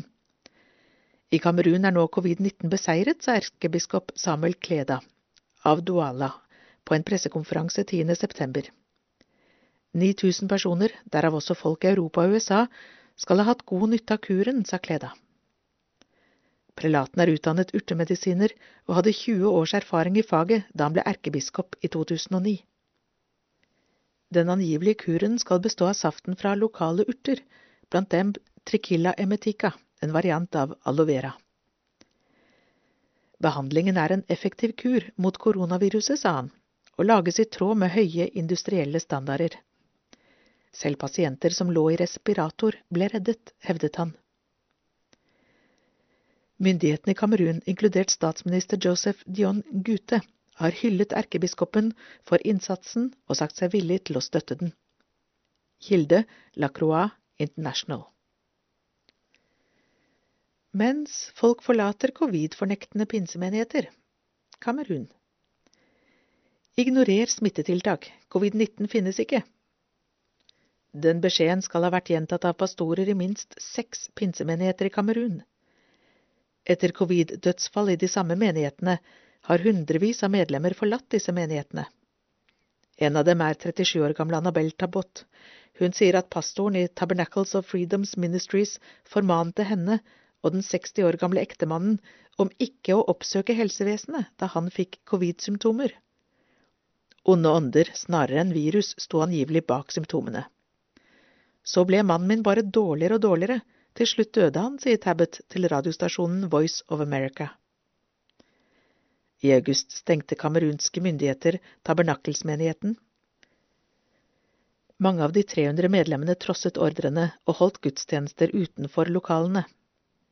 I alt har 270 kristne forlatt til sammen seks covid-fornektende pinsemenigheter i landet. Kilde Voice of America. Tante Ulrikkes vei i München av Brian McNeil. Oversettelse Asle Finseth. Brian McNeil er katolsk sogneprest i München. Han har doktorgrad i teologi fra Cambridge-universitetet og har tidligere virket som prest i Norge. De muslimske hovedpersonene i norske Tante Ulrikkes vei kunne like gjerne vært mine døpte sognebarn her i München. En venn i Norge anbefalte meg å lese debutromanen til Zejan Shakar fra 2018. Tante Ulrikkes vei er blitt et salgsfenomen og kommer sikkert til å bli oversatt til en del andre språk. Det som interesserte meg som prest, er den religiøse situasjonen til Shakars hovedskikkelser. Mo og Jamal er to unge mennesker som vokser opp uten noen gang å ha hatt kontakt med kristendommen som levende religion. De vet om en kirkebygning på Stovner, og sangene til Frelsesarmeen nevnes, men alt dette ligger langt utenfor horisonten til deres liv, de har sikkert ikke noe imot evangeliet, men det er ikke noe som angår dem. Bekreftet troen. Kanskje ville leseren innvende at Mo og Jamal er jo muslimer, ikke så rart at de ikke har noen kontakt med kristendommen. Til det må jeg bare si at jeg kjenner mange som Mo og Jamal i min bydel her i München. De fleste er døpt. Mange av dem som ble døpt i min menighet, har fått førstekommunion, de har gått til nattverd for første gang, og mange hadde luthersk eller katolsk konfirmasjon der de bekreftet sin tro på Jesus. Men i deres daglige liv spiller den levende Jesus Kristus overhodet ingen rolle. De har sikkert ikke noe imot evangeliet, men det er ikke noe som angår dem. De er vennlige unge mennesker.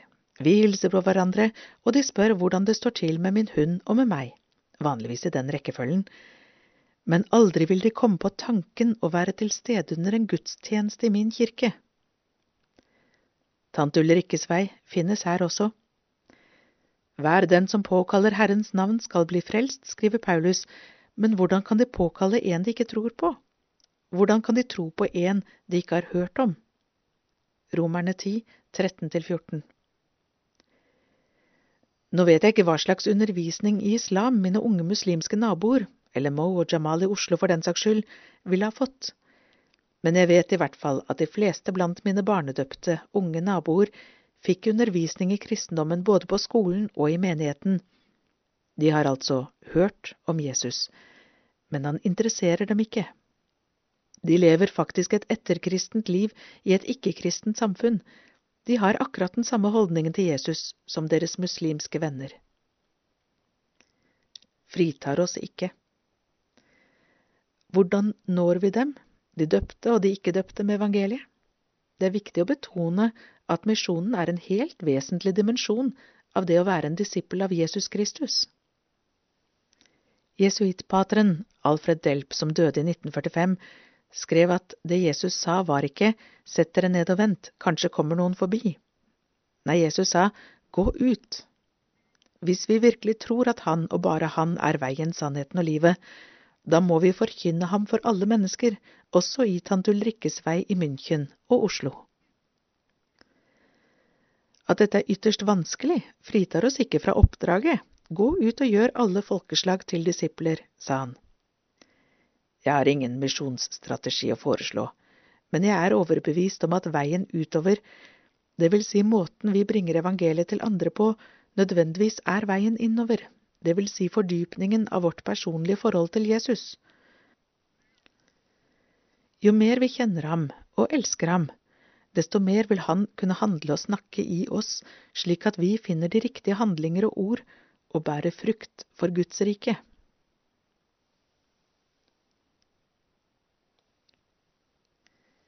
Det meste kan bli grønt. Er det grønne skiftet et halvtomt glass eller et halvt fullt? Slå følge med Streks ti sider lange parade. Munker varmer seg på underjordisk vis. Tekst Mattis Våland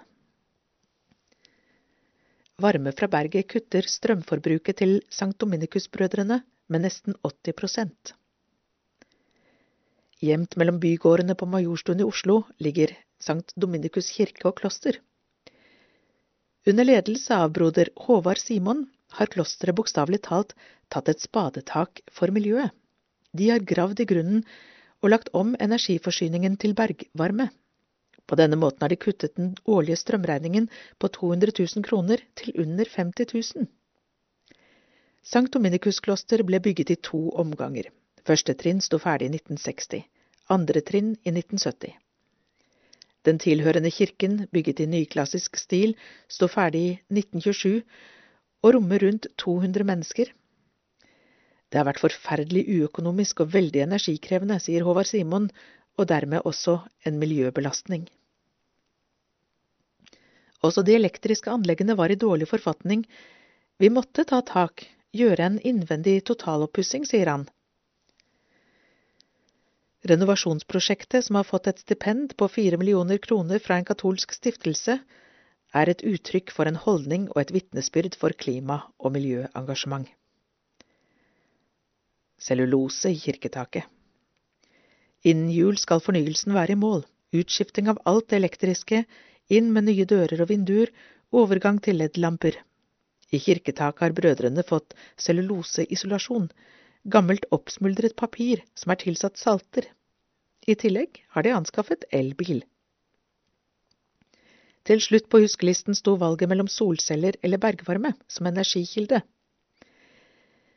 Den energikilden som virkelig er energiøkonomiserende, er bergvarme. Den fungerer 24-7 og er helt rå, sier Håvard Simon ivrig. Kort forklart handler bergvarme om å hente energi ut av grunnen ved å bore seg ned i grunnfjellet og lage brønner. Klosteret har nå to. Hver av dem er 360 meter dype. I disse brønnene blir det ført ned en spritblanding på 35% som suger til seg den naturlige bergvarmen. Slik blir den rundt fire til fem grader varmere enn på bakkenivå. Tilbake fra undergrunnen settes væsken under trykk i en varmepumpe. Pumpen utvinner energi fra den oppvarmede væsken og bruker den til å varme opp vann som går i radiatorer i kirken og klosteret. Prislappen på selve bergvarmen er 3,4 millioner kroner. Det vil ta rundt 20–25 år å tjene igjen kostnadene, men økonomisk er dette likevel en stor lettelse for oss. Bærekraft, også å bære andre. Håvard Simon mener det er viktig at hver enkelt fokuserer på å gjøre det en selv kan for miljøet. Vi må ikke bli handlingslammet av alt vi ikke kan. Han trekker frem pave Frans encyklika Laudato Si som en inspirasjonskilde. Pave Frans snakker om miljø, økologi og sosial bærekraft for verdens fattige om hverandre. Bærekraft betyr at man også holder andre oppe, ikke bare miljøet, sier han. Paven påpeker at det finnes miljøforurensning også i det estetiske. Også den påvirker oss. Fornyelsen av klosteret handler om energikonservering.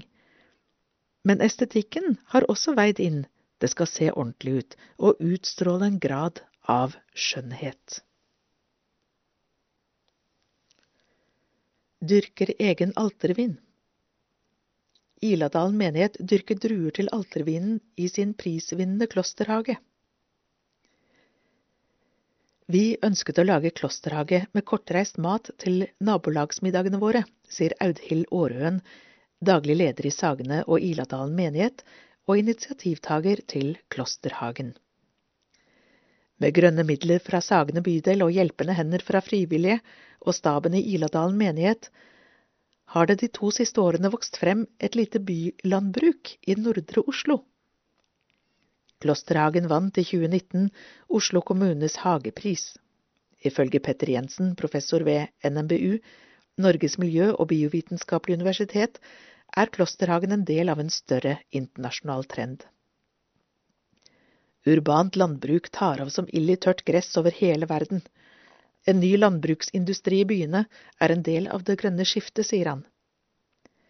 Aarøen forteller at de ansatte og frivillige har dyrket mat som kan gi gode supper og måltider.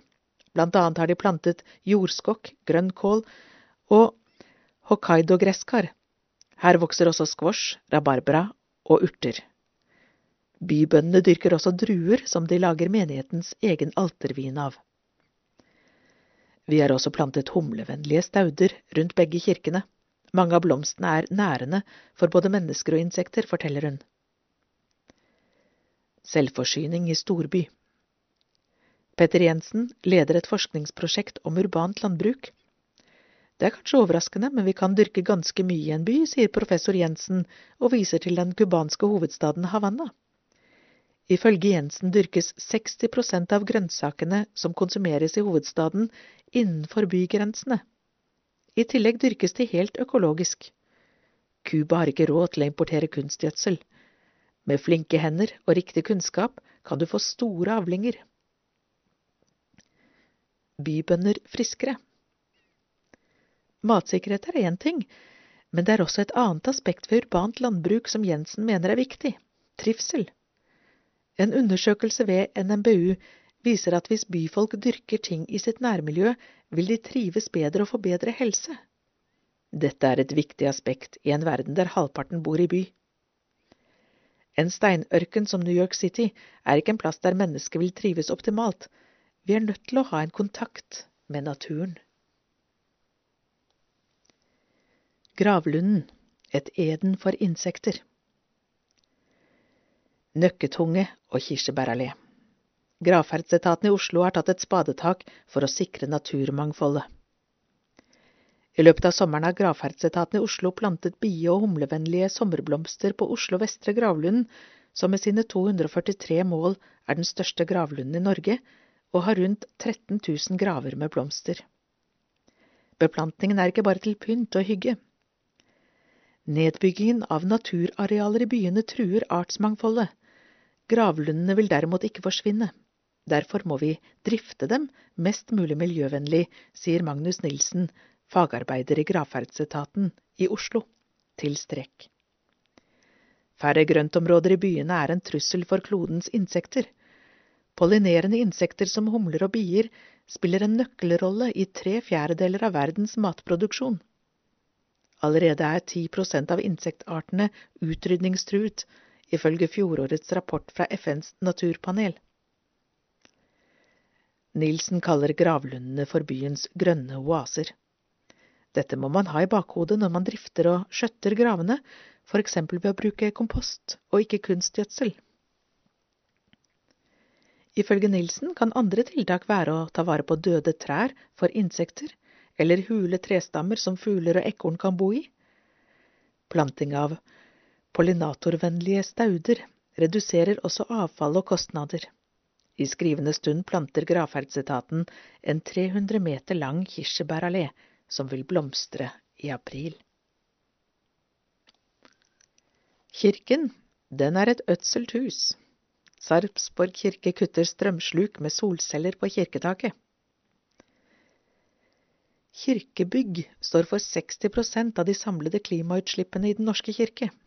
Kirker bruker voldsomt mye strøm til oppvarming.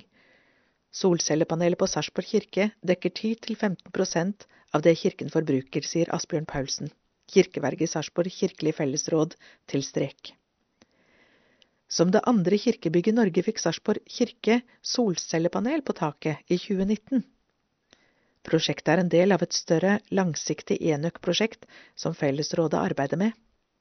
Neste steg er ifølge Paulsen å finne oppvarmingsmåter som er mer effektive enn solceller. Han nevner løsninger som jordvarme og varmepumper.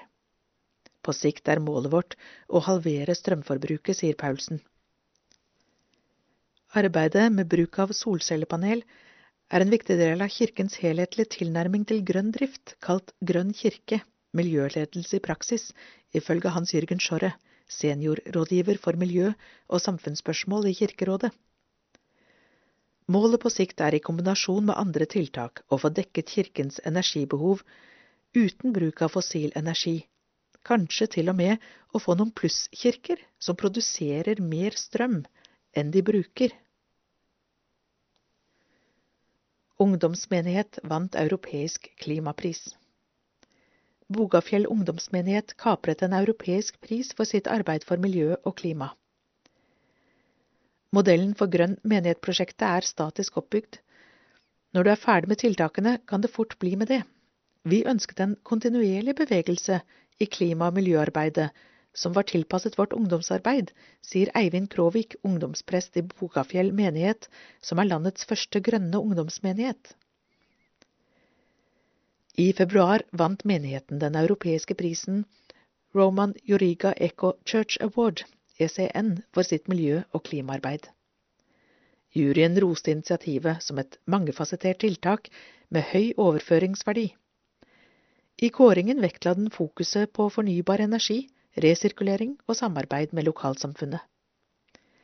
Tiltakene startet kort tid etter tørkesommeren 2018, blant annet med en kjøkkenhage med jord fra kompostert avfall.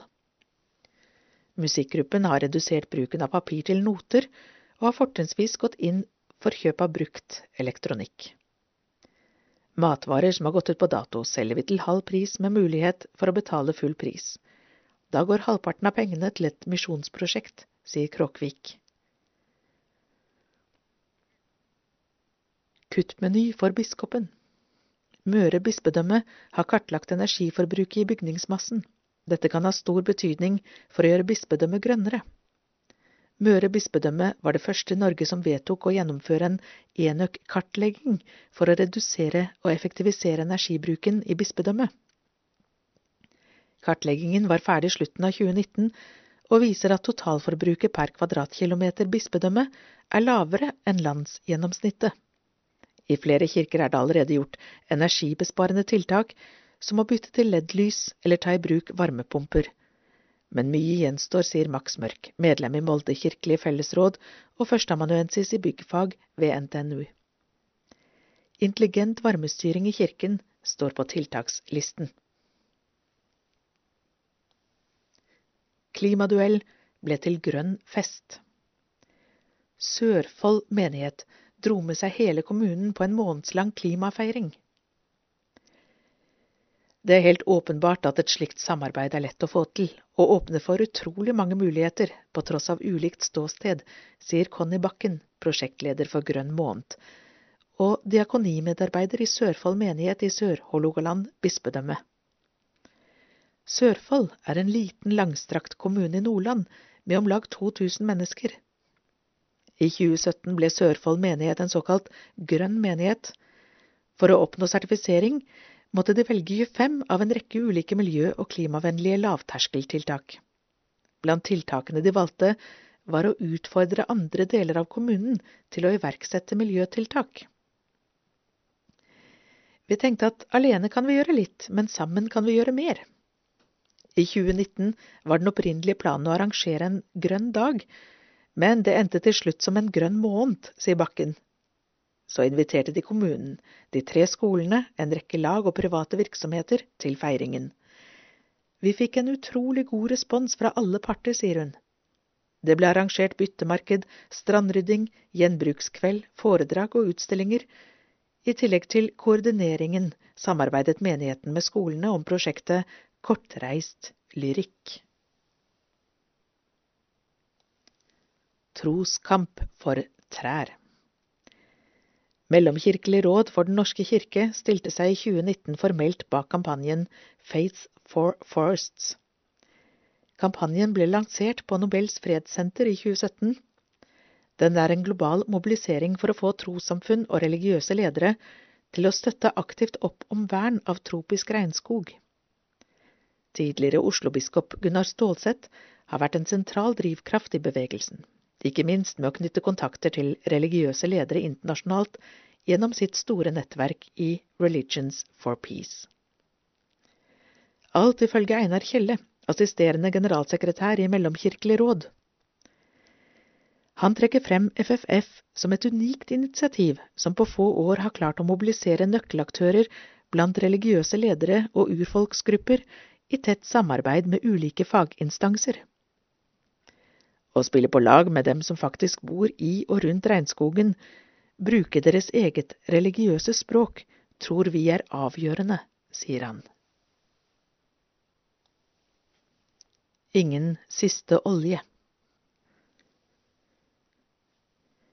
Det viktigste grønne enkelttiltaket Bergen kirkelige fellesråd de siste årene er mindre bruk av fossilt brensel i kremasjonsprosessen, skrev Vårt Land i fjor sommer.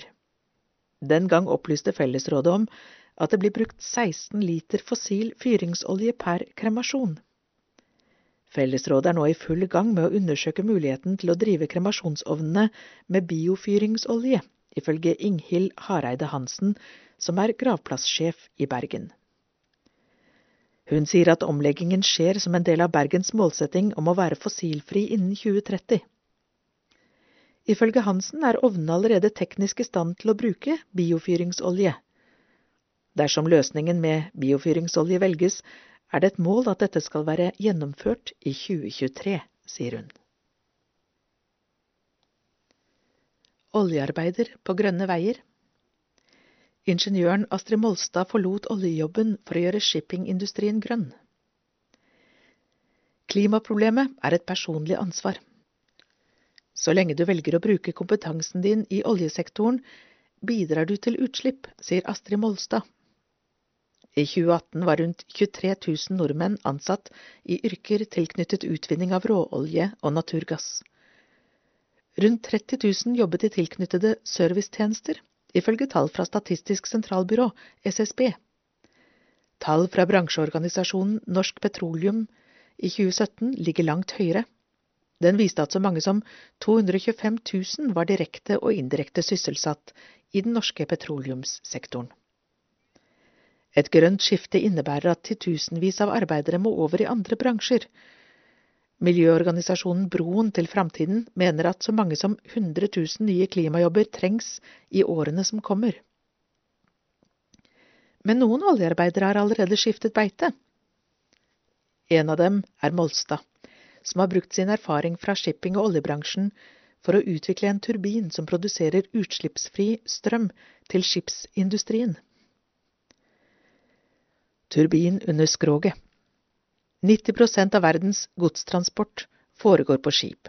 Ifølge International Maritime Association sto skipsindustrien for 2,2% av verdens samlede utslipp i 2014. Uten tiltak vil tallet fordoble seg innen 2050. Molstad er utdannet innen marinteknikk ved NTNU og har jobbet for rederiet Westfall Larsen i Bergen. I 2010 fikk hun seg jobb i Olja i Rogaland. Ni år senere forlot hun oljebransjen og startet for seg selv. Jeg har lenge tenkt på hvordan man kunne skape utslippsfri godstransport.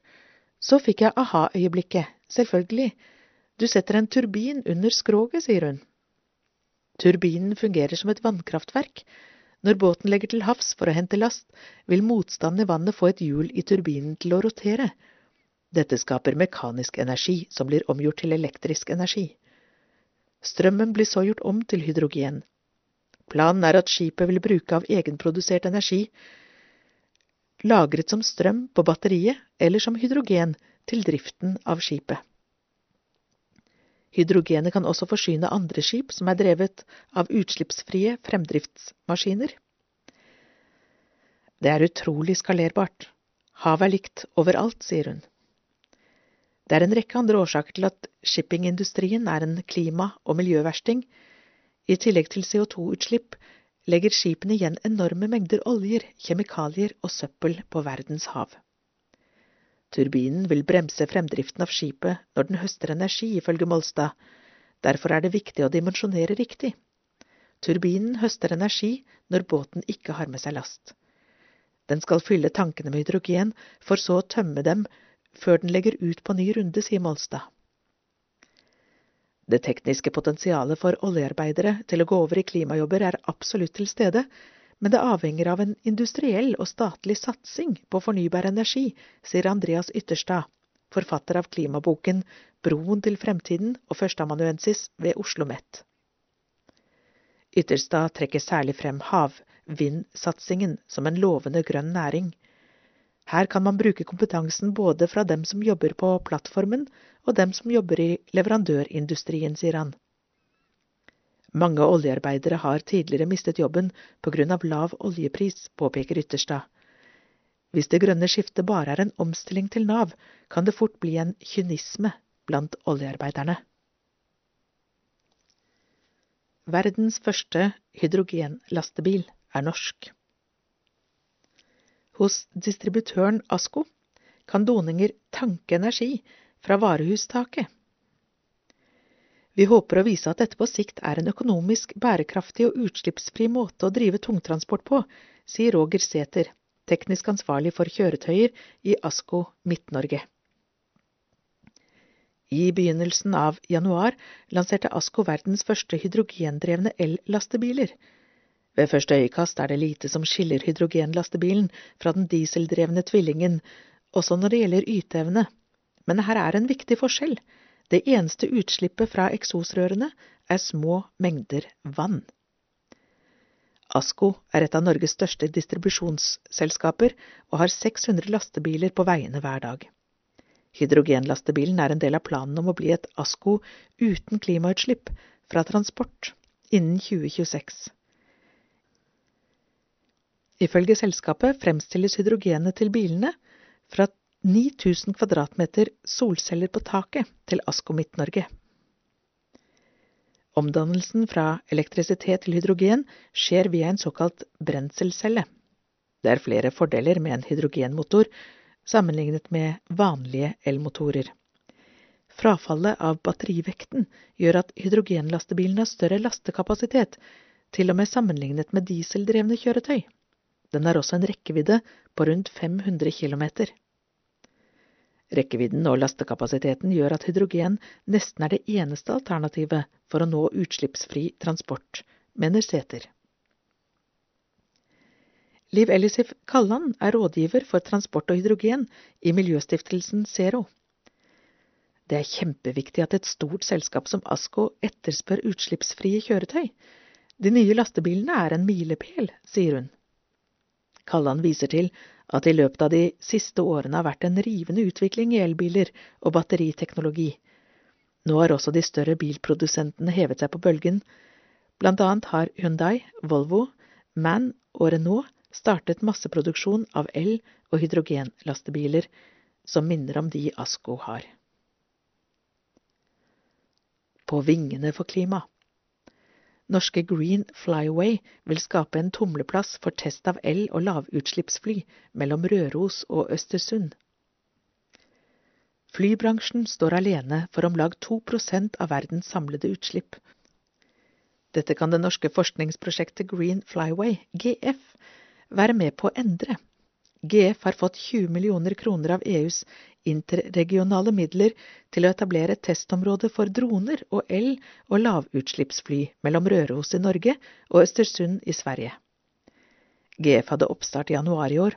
Samarbeidet har en dimensjon som er unik til verdenssammenheng, ifølge Trond Bakken, programleder ved Sintef og ansvarlig for prosjektet. Utvikling av elfly forutsetter testområdet som GF nå har etablert. Prosjektet er et viktig steg mot å redusere klimafotavtrykket til luftfartsbransjen. Dette er spesielt viktig i Norge, siden vi er mer avhengig av fly som transportmiddel enn mange andre land, sier Bakken. Tare på fremtidsmenyen På øya Frøya i Trøndelag driver selskapet Seaweed Energy Solutions en av de største tangfarmene i Europa slank, proteinrik og bærekraftig mat. Andreas Kvale Lavik er klekkerisjef i Seaweed Energy Solutions. Brukspotensialet til tang er vanvittig stort. Du kan bruke det til alt fra mat og fôr til tannpasta, plastemballasje og skosåler. I møte med klimakrisen må verden endre måten mat produseres på, annet må 12 millioner kvadratkilometer landbruksjord gis tilbake til naturen innen 2050. Grepet er nødvendig for å sikre en bærekraftig matproduksjon og fø en fremtidig befolkning, ifølge NRKs omtale av fjorårets rapport Growing Better fra The Food and Land Use Coalition. Mange har allerede hatt tang og tare på tallerkenen i form av det sorte, lett salte omslaget på sushi. Storskala tangfarming kan være et fremtidsrettet og bærekraftig alternativ til produksjon av mat og råstoff til industri, ifølge Pierre Levant, som forsker på tang og tare ved Instituttet Møreforskning. Norge i siget. Mesteparten av verdens industrielle tang- og tareproduksjon skjer i asiatiske land som Kina, Sør-Korea og Japan, men også i Norge begynner stadig flere å interessere seg for de marine vekstene. Seaweed Energy Solutions AS ble etablert i 2009. Pilotfarmen i havet utenfor Frøya i Trøndelag fylke er et av de største tangfarmanleggene i Europa. Tangen fra Frøya havner først og fremst på matbordet, men den har også potensialet som dyrefôr eller i biokjemikalier. Nå er vi i en fase der visjonen er å muliggjøre storskala industriell dyrking. Fordelen med industriell dyrking fremfor villhøsting er ifølge Lavik at du har full kontroll over plantenes livsløp og næringskjede. Etter hvert kan du også tilrettelegge for å avle frem bedre arter, sier klekkerisjef Lavik. Såing av sukkertare Ifølge Lavik er første steg i produksjonen å sanke ville tangplanter fra ulike steder rundt Frøya og i Trondheimsfjorden. Sivid bruker tangartene sukkertare og butare. I laboratoriet i Trondheim utsettes plantene for lys og temperatur. Behandlingen frigjør kjønnsceller som sås på store mengder tau. I år snakker vi om rundt 100 km med tau, sier han. I januar settes tau i sjøen, der ligger den frem til slutten av april. Vi drar så linene opp av sjøen og kapper av tangen som vi setter i kjølebokser for transport og sortering. Den fryses deretter ned i vakuumposer på fem kilo. Hvor mange kilo tang kan dere høste fra hvert tau? Det varierer fra sesong til sesong, men når vi høster planter til matproduksjon, plukker vi plantene når de er ganske små. Da ligger det på rundt to kilo per meter. Taulengden er på 60 meter. I årene fremover vil Norge se en vesentlig økning i antall produkter fra tang og tare, mener Perik Levant. Produktet har mange fortrinn. Det lages uten bruk av gjødsel og kjemikalier. Tangen og taren kan også avlaste økosystemer i kystsonen, eksempelvis som beskyttende skog for virvelløse dyr, yngel og småfisk. Tang og tare inneholder også mye mineraler som jod, kostfibre og vitaminer. Produktet har også et moderat proteinnivå og inneholder lite fett, sier Levant til strek. Tauverk og nøter blir designmøbel. Den norske møbelprodusenten Nordic Comfort Products, NCP, på Hemnesberg i Nordland forvandler avfall fra havbruk til stoler. NPC har en avtale med havbruksaktører i nærmiljøet som Novasi og Kvarøy som kilde til råmateriale for designstoler.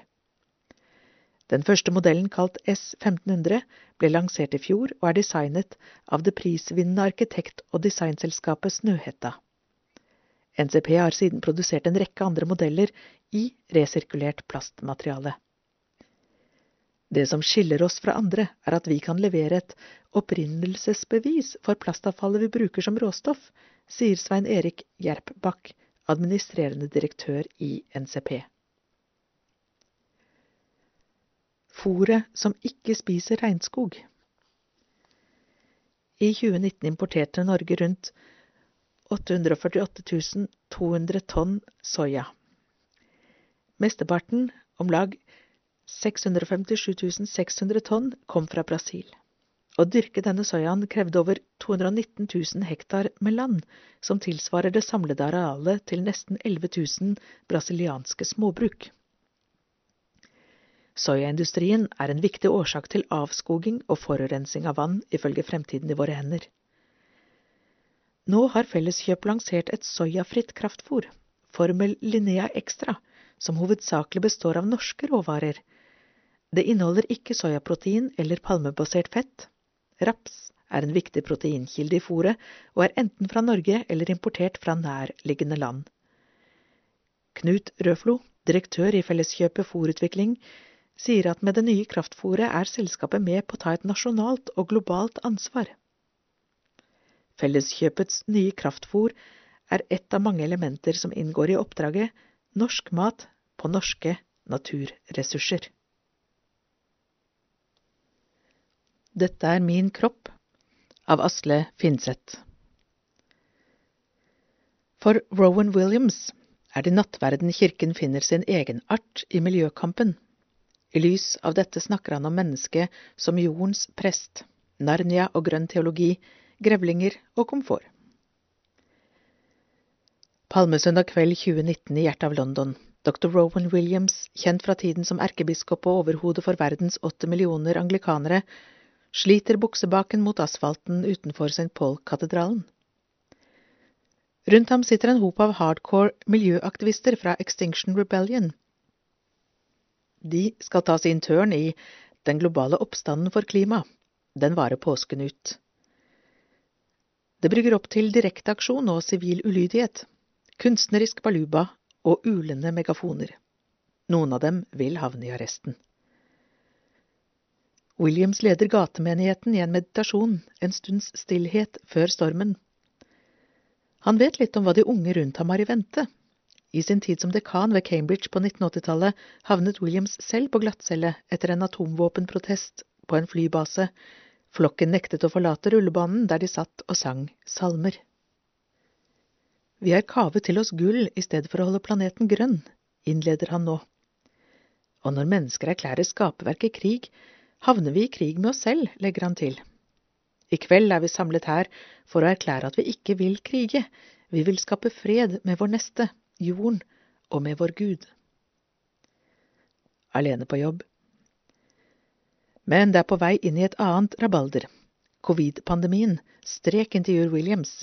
Det skjedde via Skype i mars, fra den ødslige rektorfløyen på Magdalen College ved Cambridge. Der hadde rektor Williams sendt hele staben sin hjem til sofa- og kjøkkenkontorene og holdt fortet alene. Men det er ikke vanskelig for den verdenskjente teologen å trekke tråder fra det ene til det andre. Hadde vi bare tatt til oss at klimakrisen er like akutt og vel så alvorlig som pandemien. Begge kan bare takles i samarbeid mellom mennesker, over landegrensene og med tøffe grep fra myndighetene, påpeker han.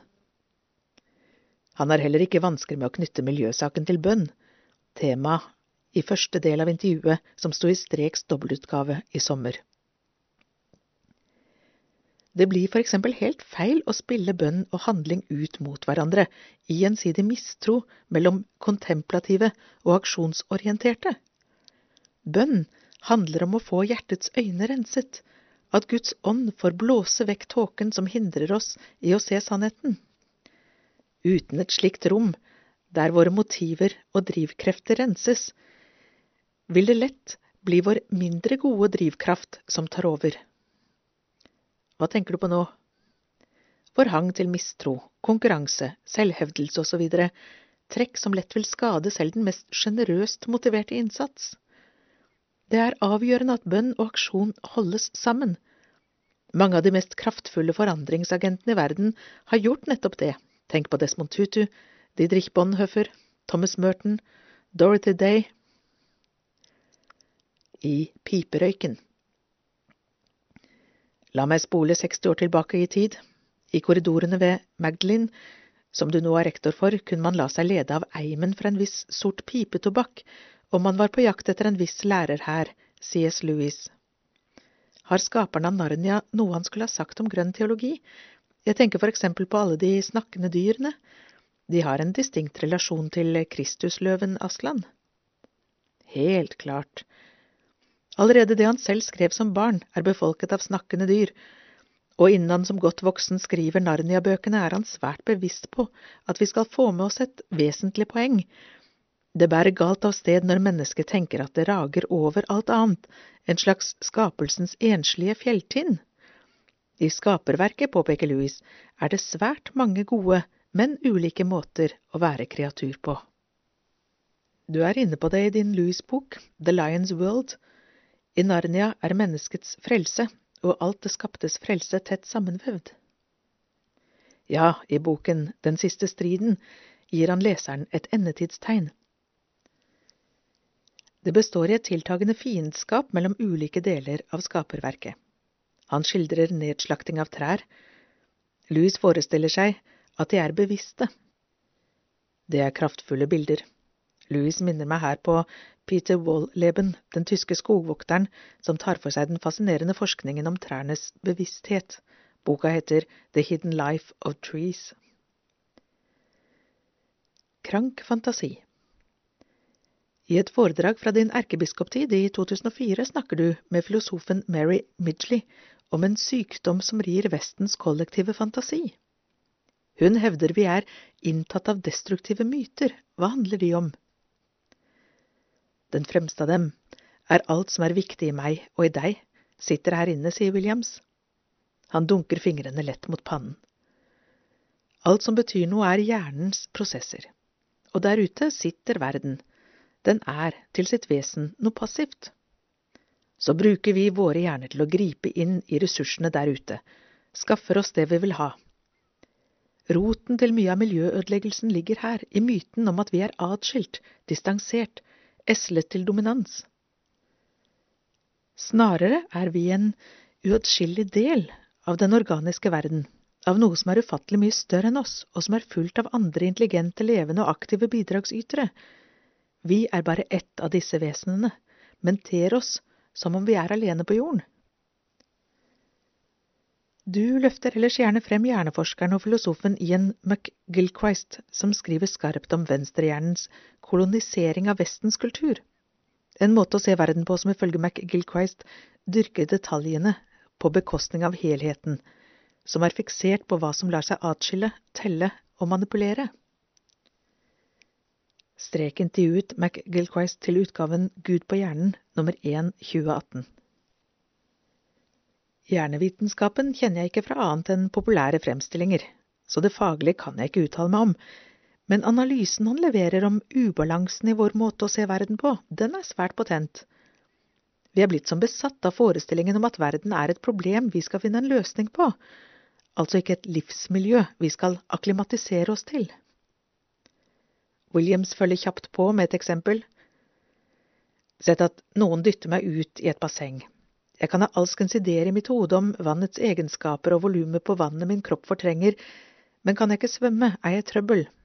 Jeg opplever i tiltagende grad at vi som sivilisasjon ligger hjelpeløst i bassenget og plasker. Parkerte kropper. Hva med kirken? Preges den av de samme mytene? Definitivt. Den lider av en lang historie der vår gudbilledlighet er blitt innsnevret til å gjelde fornuften. Tro reduseres da lett til en type intellektuell tilslutning til ideen Gud, mens vår kroppslighet havner i bakleksa.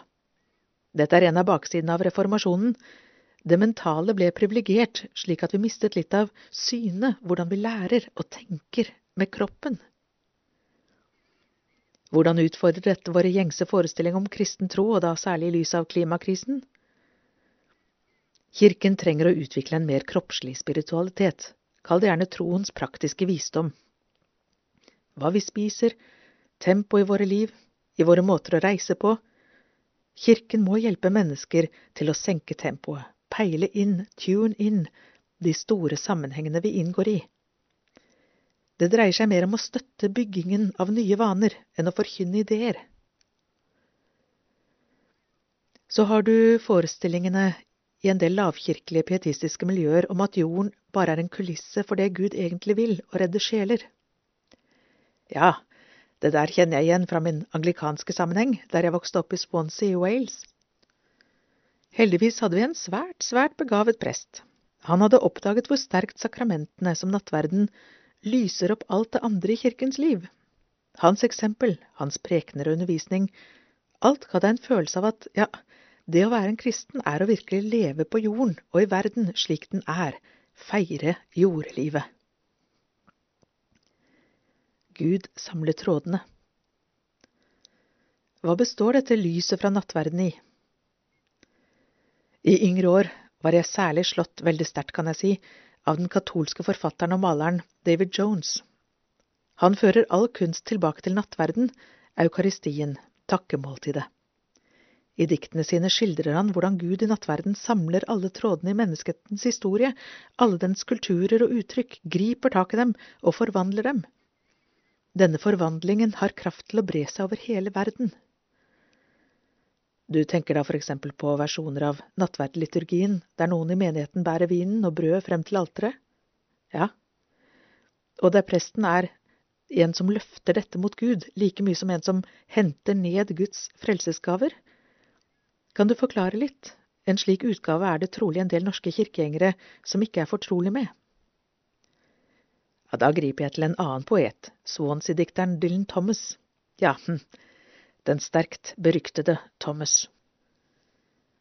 Den folkekjære Dylan Thomas, 1914 til 1953, dyrket et image av seg selv som forfyllet og fortapt poet, og drakk seg til sist bokstavelig talt i hjel under et opphold i New York. Han elsker tanken om at vi som mennesker er skaperverkets prester, ikke herskere som vrir og vrenger på naturen, skjærer den til. Vi er her for å elske og nære det som omgir oss, sette navn på det og løfte det mot Gud. Skalte og valte I norsk kirkelighet formes miljøengasjementet oftest heller rundt forvaltertanken, Historisk har det herfra vært kort vei til et selvbilde som jordens managere, en nærsynt figur som skalter og valter med ressurser. Det finnes bedre versjoner av forvaltertanken enn den du skildrer nå, en som forstår oss som ivaretakere. Patriarke Bartolomeus i Den ortodokse kirke hevder at forvaltertanken er en del av problemet. Du kan ikke løse miljøkrisen med tankemodellen som skapte den. Ja visst, men da tenker jeg han sikter til bestemte utgaver av den, som vi sitter fast i.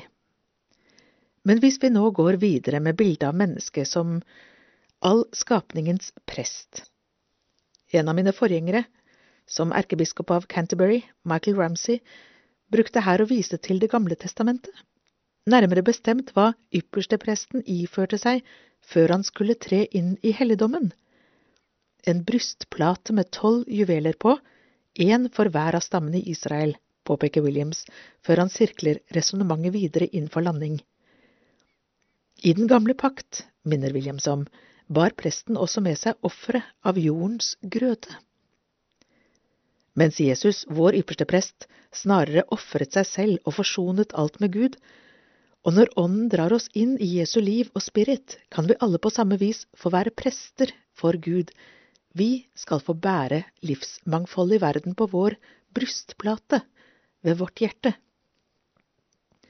og samtidig bære med oss det vi har i brystet, våre bekymringer og vår angst, våre håp og vår glede over våre egne liv som skapninger, fremfor Gud. I vår kirke skjer dette aller tydeligst i nattverden, stedet der vi overgir alle ting og våre liv til Jesus, forsoneren. Endrer alt. Jeg får assosiasjoner til Paulus' hymne i Kolosserbrevet, der Kristus er den i hvem alt holder sammen, og som forsonte dette alt, alt på jorden og i himmelen, med Gud ved sin offerdød på korset. Det ser ut som om forsoningen forandrer hele universet, ikke bare enkeltpersoner eller sjeler. Ja, definitivt. Når vi snakker om et jeg som er forsonet med Gud, omfatter denne forsoningen alle de relasjonene som dette jeg allerede er innvevd og investert i, kroppslig og mentalt. Det er jo disse relasjonene til resten av verden som gjør meg til den jeg er.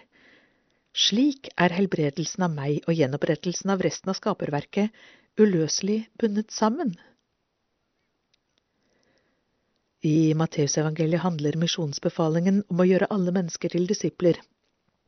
I Markus går den annerledes. Jesus byr disiplene å gå ut i hele verden og forkynne evangeliet for alt Gud har skapt. Intet kryp unntas, ser det ut til. Er det en glipp? En tilfeldighet?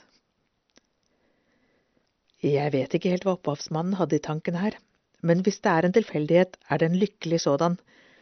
Jeg er en stor fan av happy tilfeldigheter i skriften, smiler Williams.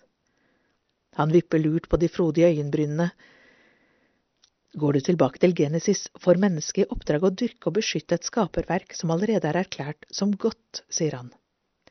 Og streifer noe han er innom i flere av sine bøker, at skaperverket står i en relasjon til Gud før vi mennesker forholder oss til det. Men så er det altså himmelen vi er på vei mot. Hm. En del kristne har en evakueringsmodell her, som er dypt problematisk.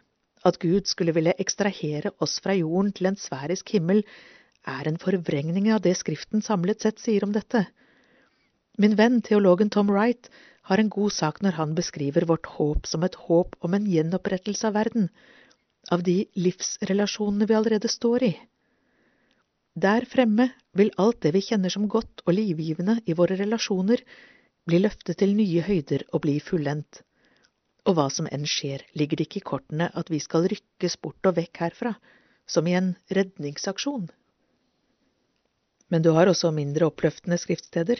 Jesus som snakker selv om at jorden skal forgå, og apostelen Peter skriver om Herrens dag da alt skal gå i oppløsning og elementene komme i brann og bli fortært. Det er ikke bare kontinuitet Bibelen forespeiler oss, men brudd. Hva sier du til det? Et både og her kan jeg fint leve med, men bare brudd. At Gud en dag så å si toer sine hender og sier, Kjære jord, det var det, utenkelig. Men teksten fra Petersbrevet representerer et kraftfullt trekk ved stoisk filosofi i Peters samtid. Her tenker man at verdens liv består i sykluser og epoker som ender i destruksjon og oppløsning. noe som ikke er en million mil unna det dagens astrofysikere forteller oss. Om at universet om en del milliarder år vil brenne ut? Ja, galakser som kollapser og sorte hull og alt det der. De fysiske prosessene i kosmos slik vi kjenner dem, er i seg selv ikke evige, men jeg vil fastholde at Guds mål ligger i gjenopprettelse og kontinuitet, uten dermed å påstå at det foreligger et glattkjemmet svar på disse tingene. Jorden ser oss. Og hva med åndens rolle i alt dette? I en av dine bøker henter du frem linjene fra Salmenes bok om ånden som fornyer jordens ansikt. Det er i alle fall ordlyden i oversettelsen du siterer fra. Et ansikt har øyne. Skal vi forestille oss at jorden ser på oss? Å ja, igjen, her tar Skriften oss bort fra tanken om at vi er planetens eneste sansende og betydningsfulle aktør. Tvert imot. Vi blir sett. Jeg tenker på Rilkes dikt om den arkaiske Apollo-statuen. Den ser alt som omgir den. I dens nærhet er intet usett. I skogen, når rådyret i et kort sekund nagler deg med blikket, da har du den følelsen. Du er sett, ja, og i en viss forstand dømt Rilkes dikt munner jo ut i en fordring. Du must dein Leben ändern. Du må endre måten du lever på. Du har nevnt inspirasjon fra nattverden. Hvilke andre unike bidrag forvalter Kirken? Den må ikke glemme de små stegene, resirkulere, spare energi, alt det der man må gjøre for å bli grønn. Den må ikke se smått på slikt. Og hva med lobbying og politisk påvirkning?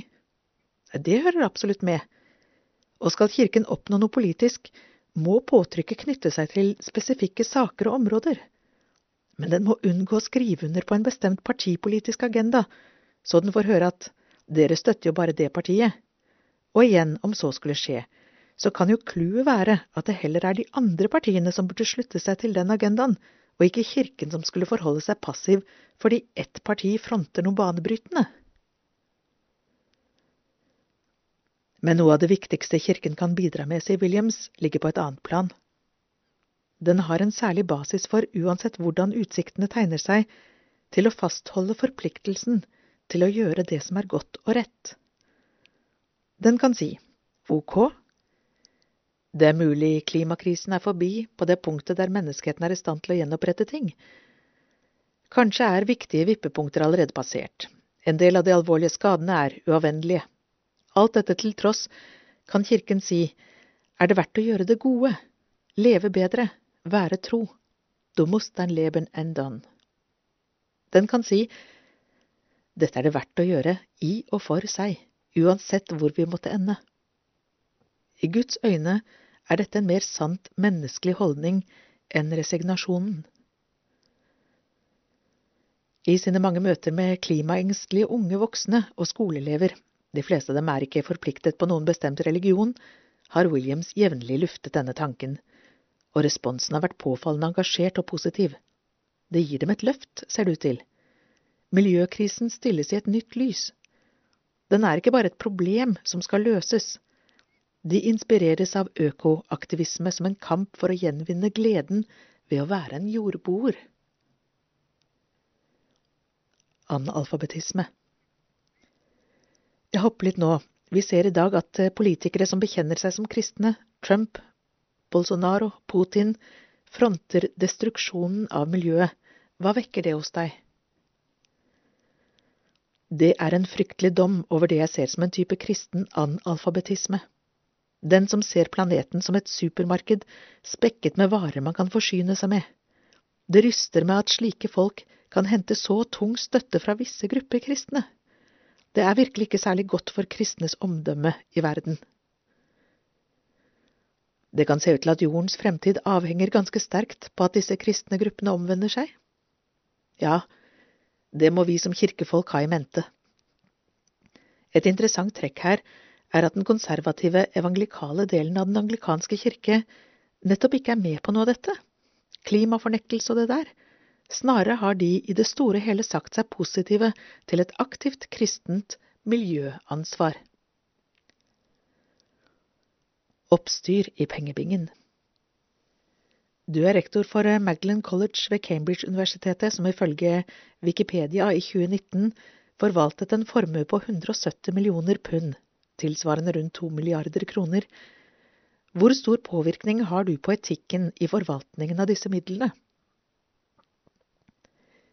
De 170 millionene inkluderer verdiene på bygningsmassen her. Ser du på kapitalformuen, det som forvaltes mer aktivt, utgjør den 50 millioner pund. Vi er faktisk blant de minst bemidlede institusjonene ved Cambridge.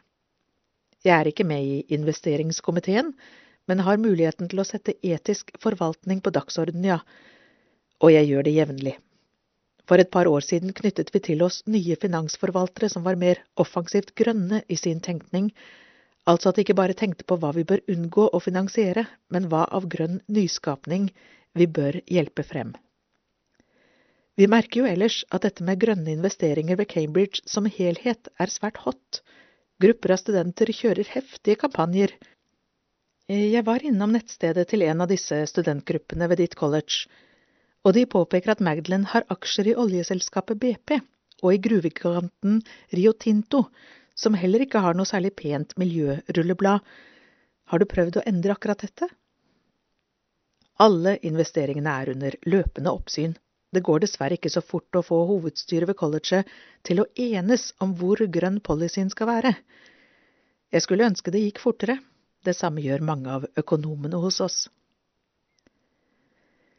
Knipen Du er livstidsmedlem i antiabortorganisasjonen SPUC. Ser du en sammenheng mellom miljøsaken og rettighetene til ufødte liv? Det gjør jeg. Jeg holder meg ikke med absolutter rundt temaet abort. Det er situasjoner der abort er et mindre onde. Det bør være trygg, lovlig adgang til abort for kvinner som er under press. Men jeg er bekymret over hvordan debatten og språket rundt disse tingene her i Storbritannia tilslører den moralske hodepinen som faktisk er der. Vi snakker om små liv som er særlig avhengige og sårbare, og som vi noen ganger omtaler som om det ikke er verdt våre alvorlige overveielser. Ja, det er en sammenheng her. Hva sier dine progressive venner til en slik kobling? Det er nok blitt litt av et anstøt for en del av dem, de som tenker at ethvert moralsk betinget spørsmålstegn rundt vår abortpraksis nødvendigvis må bunne i en antikvinne, antiseksualitet-agenda, Sånn er det bare ikke. Men det forteller meg at jeg må være særlig nøye med å veie mine ord når jeg uttaler meg om saken. Kan jeg få ta det over i et lekent hjørne? Tenk deg at du skulle leve jordelivet i en dyrekropp, hvilket dyr ville du ha valgt? Williams flirer. Det må jeg si. Noe sånt har jeg aldri forsøkt å svare på, og jeg… nøler han, men bestemmer seg deretter brått. Grevling. Å leve som grevling ville jammen ikke vært så verst. Ja vel. De ser ut som ganske komfortable vesener. Og kan bite stygt fra seg, til det kraser i bein. Ja, det er altså noe bedre til å forsvare seg enn dyret som først falt meg inn, pinnsvinet. Er ikke verst det heller. Det beveger seg langsomt, vet å kose seg. Min forkjærlighet for grevlinger er nok farget av Mr. Badger, han jeg møtte som guttunge under lesingen av The Wind in the Willows. Herr Grevling er en ganske så privat fyr, pranger ikke, men er samtidig veldig gjestfri og tøff når det trengs. Åh, som jeg elsket ham, elsket den historien. Hva gjør du for ikke å miste motet i denne skadeskutte verden vår?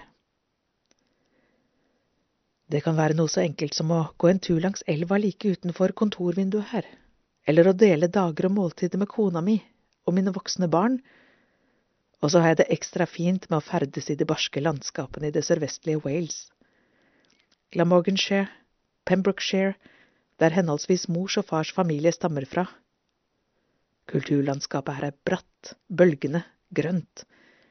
Eller så har du de steile klippene mot Irskahavet, ja, Williams blir smått skjelven i stemmen. Endeløs utsikt. På gode dager ser du helt til Irland. Eller så ligger tåken der, og du ser svært, svært lite. Og så de nesten overjordiske landskapene høyere opp, fjell og ur, stein og stillhet. Rowan Williams lar bildene henge litt, blir stille. Jeg merker dette betyr svært mye for deg. Ja. Apropos en mer kroppslig kristen spiritualitet, når føler du deg mest hjemme i kroppen din? Da tenker jeg særlig på to situasjoner. Den ene er når jeg mediterer, er stille for Gud og ber. Den andre er når jeg synger. Jeg synger bass, stort sett klassisk, og helst ting fra 1500 til og med 1700-tallet. Det siste jeg drev og lærte meg, var Kia Fekit fra Bachs Magnifikat. Jeg elsker også å synge bassoloene fra Hendels Messias. Når jeg får synge konsert sammen med folk som virkelig vet hva de holder på med, ja, da kan man havne i en nesten absolutt utgave av Åh, hvor vi nyter dette. Da er det som om vi får nærkontakt med den guddommelige gleden som gjennomstrømmer alt det skapte. Du skotter over på sopranen som synger duett med deg, og ser at hun er midt i det, hun også. Makeløst. Han er klin gæren. Han mener det faktisk. Av Elise Kruse. Trygve Skaug liker ikke å ta plass, likevel finner vi spor av ham overalt. Det er forskjell på å bli sett på scenen og bli sett helt innerst inne i seg selv. Hvis du koker deg ned til en kjerne, så er du bare et eller annet. Jeg har behov for å kjenne at jeg har verdi inni den lille kjerna. Trygve Skaug drar hendene gjennom den hvite manken, gnir seg lett i øynene og retter på hetta på den svarte genseren, han sliter med å finne en behagelig stilling i den slitte skinnsofaen i biblioteket til Iladalen kirke. Skaug er i Oslo for å spille inn en podkast og en konsert på Rikshospitalet. Han virker litt sliten. I over en måned har han hatt hjemmeskole for sjuåringen sin, mens kona underviser en hel andre klasse hjemmefra. Er det han som har hatt ansvar for både hjemmeskole og barnehage for de tre barna deres. Det har vært lite tid til å gjøre det han egentlig lever av, å skrive sanger og dikt som deles i tusenvis av innlegg på sosiale medier, pryder store billboards i Oslo sentrum, trykkes på kaffekopper over hele landet og tatoveres på kroppene til folk. Han har solgt over 25 000 bøker på eget forlag, har 100 000 følgere på Instagram, og sangen hans Det går over er spilt nesten 1,5 millioner ganger på Spotify. Da Skaug ble intervjuet til A-magasinet i Aftenposten tidligere i år, ble han kalt noe så sjeldent som en folkekjær poet som ikke ligger på vår frelsers gravlund. Selv har han vanskelig for å innrømme at responsen har vært enorm. Jeg merker ikke så mye til det, egentlig, sier han henslengt. Når diktene dine henger over hele Oslo, så merker du det vel litt? Nei, huff, det der har jeg unngått, jeg syntes det ble litt mye for ideen om de store plakatene var ikke hans egen. Han lot seg overtale på én betingelse. Det skulle ikke være noe bilde av ham, og det skulle ikke stå Trygve Skaug noe sted. Jeg tror ikke hverdagen til folk blir bedre av å få fjeset mitt blåst opp i to ganger fire meter, liksom, men det er ingen som tar skade av et dikt. Sånne ting som kanskje ville gjort andre stolt, som å få diktene sine hengt over store flater i hovedstaden, synes Trygve Skaug er ubehagelig. Det høres sikkert påtatt ut, men jeg har ikke en sånn type i meg. Stolt det blir jeg når jeg får lage noe som betyr noe for noen. Da blir jeg i alle fall takknemlig. Det går over. Nederst på plakaten i Oslo sentrum står det skrevet til hashtag verdens fineste publikum. De som vet, de vet. Skaug har lenge brukt emneknaggen flittig, for han har et usedvanlig nært forhold til fansen sin. Kanskje ikke så overraskende for en som får diktene sine tatovert på hundrevis av underarmer og ryggtavler, og får dem i retur som bilder på Instagram-kontoen sin. Han kan fortsatt huske den første tatoveringen. Hun er den som har vært på flest konserter, sikkert over 50, uten at jeg er blitt skremt av det, hvis du skjønner. Hun er tidlig i 20-årene og har tatovert Det går over på underarmen sin, oppå masse kutt. Det går over-linja har det også blitt kutta i, mange ganger. Her om dagen fikk han en melding fra henne. Nå hadde tatoveringen Det går over, gått over. Det gikk ikke an å se den lenger, så hun skulle tatovere en ny. Det er jo ikke sånn at jeg har laget de orda, folk har sagt det i tusen år, men jeg kjenner jeg blir stolt når folk henger det på meg. Jeg blir stolt av at folk knytter det til noe av den trøsten jeg forsøker å formidle. Hvorfor tror du det ble din greie? Nei, jeg lagde jo en låt som heter Det går over, det var vel lurt. Og så virker det som folk tror på meg når jeg sier det, det er fint, for jeg tror på det. Da smitter kanskje det over til noe som virker som genuint, så folk tenker han er klin gæren, han mener det faktisk. Så passer jeg meg for ikke å si det så høyt de dagene jeg ikke tror det. Han liker ikke å ta plass, og han liker ikke å få applaus. Litt pussig for en fyr som lever av å stå på scenen. Jeg syns det er godt å møte folk. Å tatovere det går over på armen er et uttrykk for at noen så noe i meg. Det er en absurd form for applaus, kanskje, men når jeg deler noe og noen kjenner at det stemmer med deres liv, så blir det et slags bånd mellom oss som sier at vi har kjent det samme en eller annen gang. Vi er en enhet, rett og slett. Når hjertet mitt stopper, skal det ikke være en millimeter til overs, alt skal være brukt opp. Han liker ikke å innrømme det, men Trygve Skau er blitt en slags uoffisiell sjelesørger for det norske folk. Noen av de fineste meldingene han har fått, går omtrent som dette. Takk for denne sangen, vet det høres heavy ut, og du får sikkert høre det hele tiden, men den redda livet mitt. Eller Hei, Trygve, du leser sikkert aldri denne meldingen. Jeg vil bare si ifra om at nå har jeg hatt Det går over på repeat i huet mitt 56 timer i strekk mens jeg ligger her på isolat. Det er de meldingene som motiverer ham til å fortsette med det han driver med. Jeg er nok et av de mange menneskene som vet verdien av å bli sett inni meg, og derfor kan jeg gi det videre. Hvis noe jeg gjør kan dytte noen i riktig retning av at kjernen deres har verdi, da er det verdt å skrive om. Når jeg får meldinger om at folk føler seg sett, hvorfor i alle dager skal jeg la være da? Det ville jo bare være dumt. Hver dag mottar han mørke og lyse skjebner i innboksen sin, det er mange av de mørke. Psykologen hans har sagt han må ta det litt med ro med de greiene der. Det har jeg gjort, ikke fordi jeg ikke bryr meg, det bare ble litt mye på et tidspunkt. En fyr jeg hadde meilet en del med, tok livet sitt. Etter det sleit jeg mye med angst. Jeg sjekka innboksen min hele tida. I ettertid hjalp psykologen ham å sortere litt. Nå har han klart å flytte oppmerksomheten mer mot den indre kretsen rundt seg, han er blitt litt bedre på å ringe søsknene sine i stedet for å sjekke innboksen hver halvtime. Han har heller lange, dype samtaler om hvordan guttungen hans har det, i stedet for å skrive en lang tilbakemelding til en person som åpenbart er et veldig mørke. Han syns fortsatt det er vanskelig å la være. Du har sagt at du ofte skriver det du selv trenger å høre. Hvor flink er du til å skrive det du selv ikke vil høre? Jeg har noen gylne øyeblikk der jeg kan lekse opp meg selv. Det blir ganske strenge linjer som regel, for jeg er veldig god på å plage meg selv med ting som ikke har vært bra. Der er jeg en god kristen, sier han og ler tørt. Egentlig synes poeten fra Østfold at det å være kristen har vært begrensende for ham mesteparten av livet. På barneskolen var det en skjellig grunn for mobbing. Det føltes veldig urettferdig å bli mobba fordi familien min var kristen. Det var jo ikke et valg jeg hadde tatt. Jeg trenger en sånn Gud uten spetakkel, som sitter lavt med beina subbende i bakken, på vei inn i livet mitt, en jeg ikke får øye på hvis jeg bare myser oppover.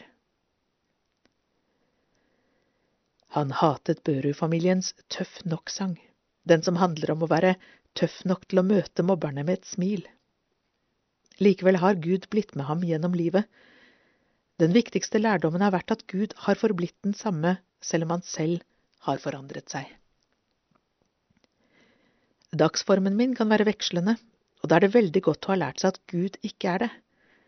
Gud har mest sannsynlig alltid vært seg selv lik, tror Skau.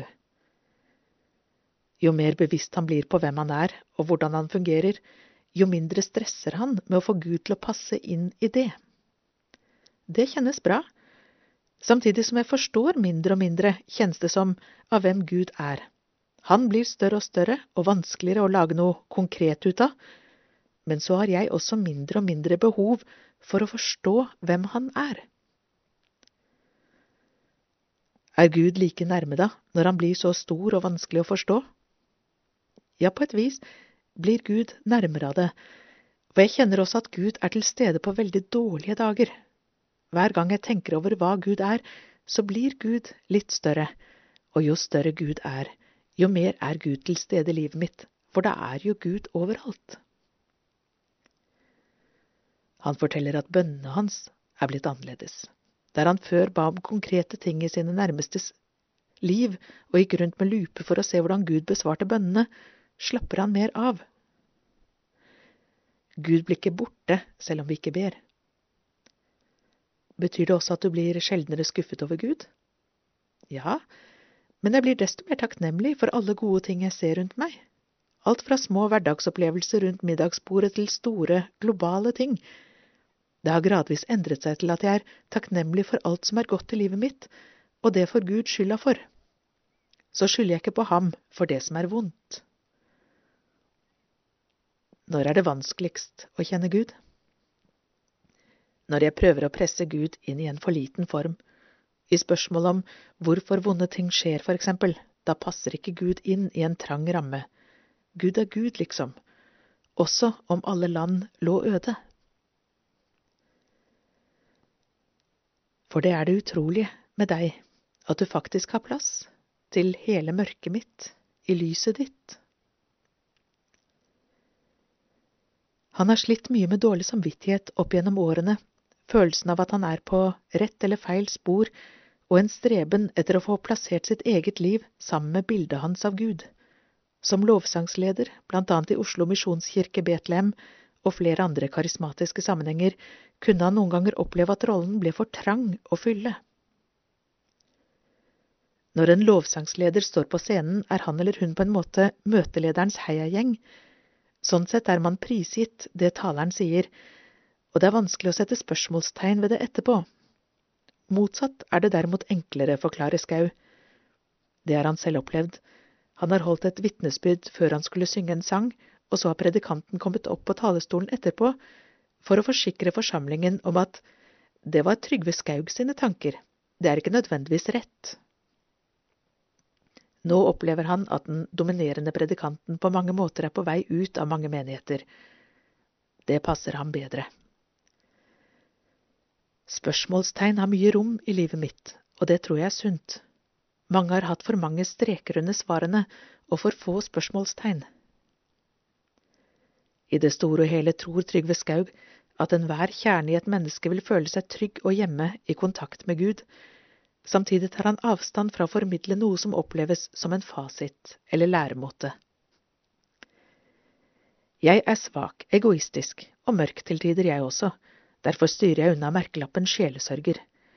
Jeg er så redd for at folk skal misforstå. Frykten min er at man skal begynne å sitere meg skråsikkert på store spørsmål, for jeg endrer tanker og meninger hele tiden. Derfor er det så godt å bevege seg i poesi, lyrikk og musikk der er det så god plass til alle spørsmålstegn.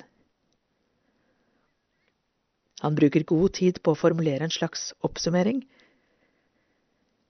For hver gang jeg setter to streker under et eller annet, kan det bli brukt på en negativ måte i noens liv, men for hvert spørsmålstegn jeg setter, mener jeg det kan brukes konstruktivt også. Både strekene under svaret og spørsmålstegnene.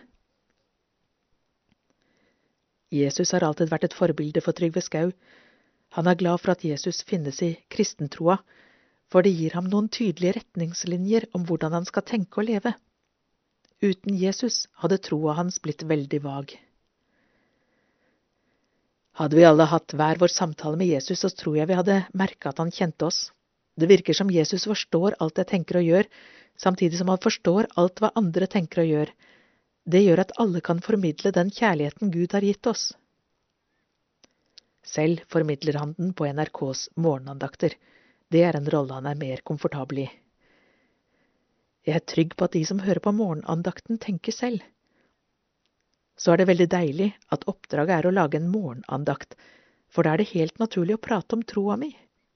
Livet mitt handler om mye mer enn tro, så ellers er det ikke alltid så naturlig å prate om det. Og så liker han å lyse velsignelsen. Det er det fineste jeg kan gjøre for noen. Det er det ingen som har vondt av. Så glemte jeg et øyeblikk hvor heldig jeg er. Det er utfordrende å intervjue Trygve Skaug. Han vil aller helst peile samtalen over på motparten. En typisk samtale går omtrent sånn her. Når begynte å skrive dikt? Nei, jeg vet ikke. Når begynte du å skrive? Eh, på barneskolen sikkert. Jeg har aldri skrevet noe dikt, da. Hva er det som gjør at du vil skrive akkurat det? Så rart. Du som liker så godt å skrive. Vil du bare skrive fakta, liksom? Jeg liker å skrive om andres følelser, men jo mer skjønnlitteratur jeg leser, jo vanskelig ser jeg for meg at det er å skrive noe som ikke er relatert til ens eget liv. Er det sånn for deg? Ja, jeg skjønner ikke folk som klarer det. Det er jo det hyggelige med dikt, da kan man tildekke ens eget liv med metaforer eller lignende, det er ikke mulig å koble så korte dikt til en konkret hendelse i livet, da og da, dato og sted. I en roman er det mye lettere. Han jobber mye med bilder og metaforer, det er som regel sånn diktene og tekstene kommer til ham. Jeg drar ofte ting ut i noe større. Det er en kjent kommentar fra kona mi, nå må du ikke gjøre det så stort, Trygve, for eksempel, om hun bare henter kaffe til seg selv og ikke til meg. Det blir ofte litt sånn poff med meg, sier han og gestikulerer voldsomt med armene. Det kan virke som om folk har behov for de store perspektivene dine. Eller hva er det som gjør at folk vil ha kopper med diktene dine på, tror du? Da tror jeg vi er tilbake til den kjernen igjen. Vi søker alle bekreftelse på at kjernen vår har verdi.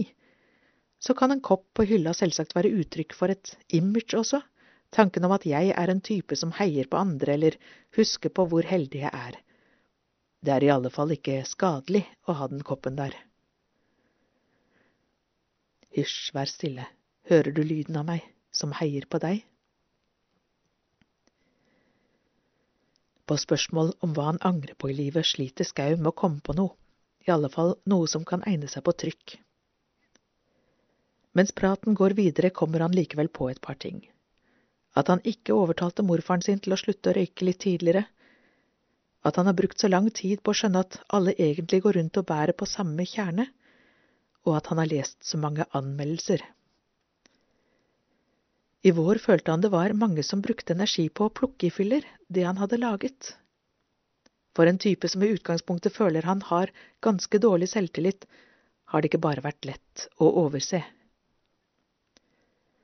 Mange av diktene mine er så absurd enkelt skrevet. For å ha noe verdi må det leses med et visst ønske, at det skal bety noe godt. Man må se dem i sammenheng med noe annet. Jeg skjønner veldig godt at mange ikke gidder det, altså.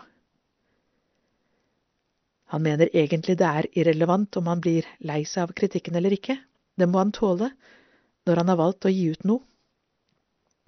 Men han blir lei seg på vegne av publikummet sitt, som da en podkast ble spilt inn på Skjærgårdsfestivalen om den ene diktboka hans. Ungdom var blitt invitert inn for å snakke om Skaugs dikt, og flere gira fans møtte opp. Så endte sendingen opp med å handle om hvor dårlig boka var. Da tenkte jeg på alle som satt i rommet der, for hvis du som ungdom likte det jeg hadde skrevet, så ville du jo føle deg passe dum etter den innspillingen. Jeg ser ikke noe poeng i å ta fra noen noe som er bra i livet deres. Det føler jeg er så urettferdig, ikke bare fordi det er mine ting. Om du oppriktig talt mener at dette bør folk unngå å lese, er det bra du sier det, men om du latterliggjør mennesker, er det noe annet. Ikke ta bort lyset fra noen som har funnet lys. Han nekter stadig for at han er blitt uoffisiell sjelesørger for det norske folk, men han lanserer likevel en slags forklaring på det hele. Det bare viste seg at det var veldig mange som hadde de samme følelsene som meg. Trygve Skaug, 35 år, bor i Ørje i Østfold. Gift, tre barn. Utdanna innen administrasjon og ledelse. Musiker, komponist og tekstforfatter. tankestrek. Uten Det sixtinske kapell, ingen Michelangelo.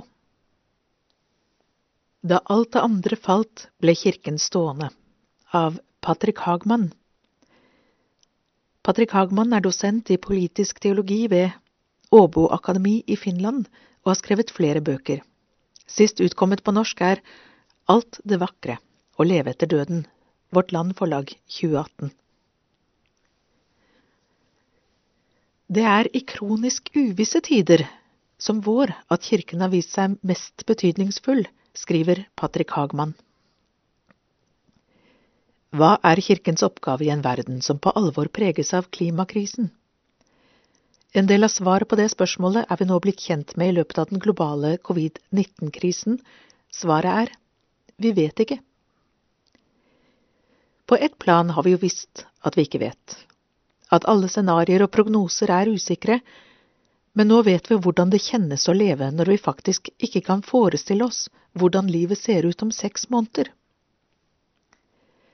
Mitt poeng er ikke at vi ikke vet hvordan klimakrisen kommer til å påvirke vår verden. Faktum er at vi antageligvis vet mer om fremtiden enn vi noensinne har gjort. Vi har aldri hatt så gode modeller for å forutsi alt fra vær til økonomiske effekter av migrasjon.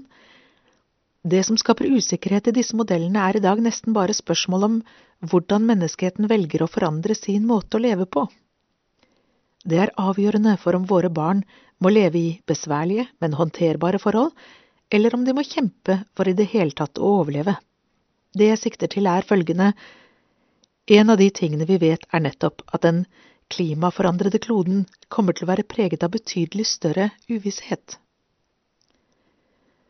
Den kommer til å være uviss i den forstand at værmønsteret vi er vant med, ikke lenger er til å stole på men klimaendringene skaper minst like mye urede i den sosiale virkeligheten.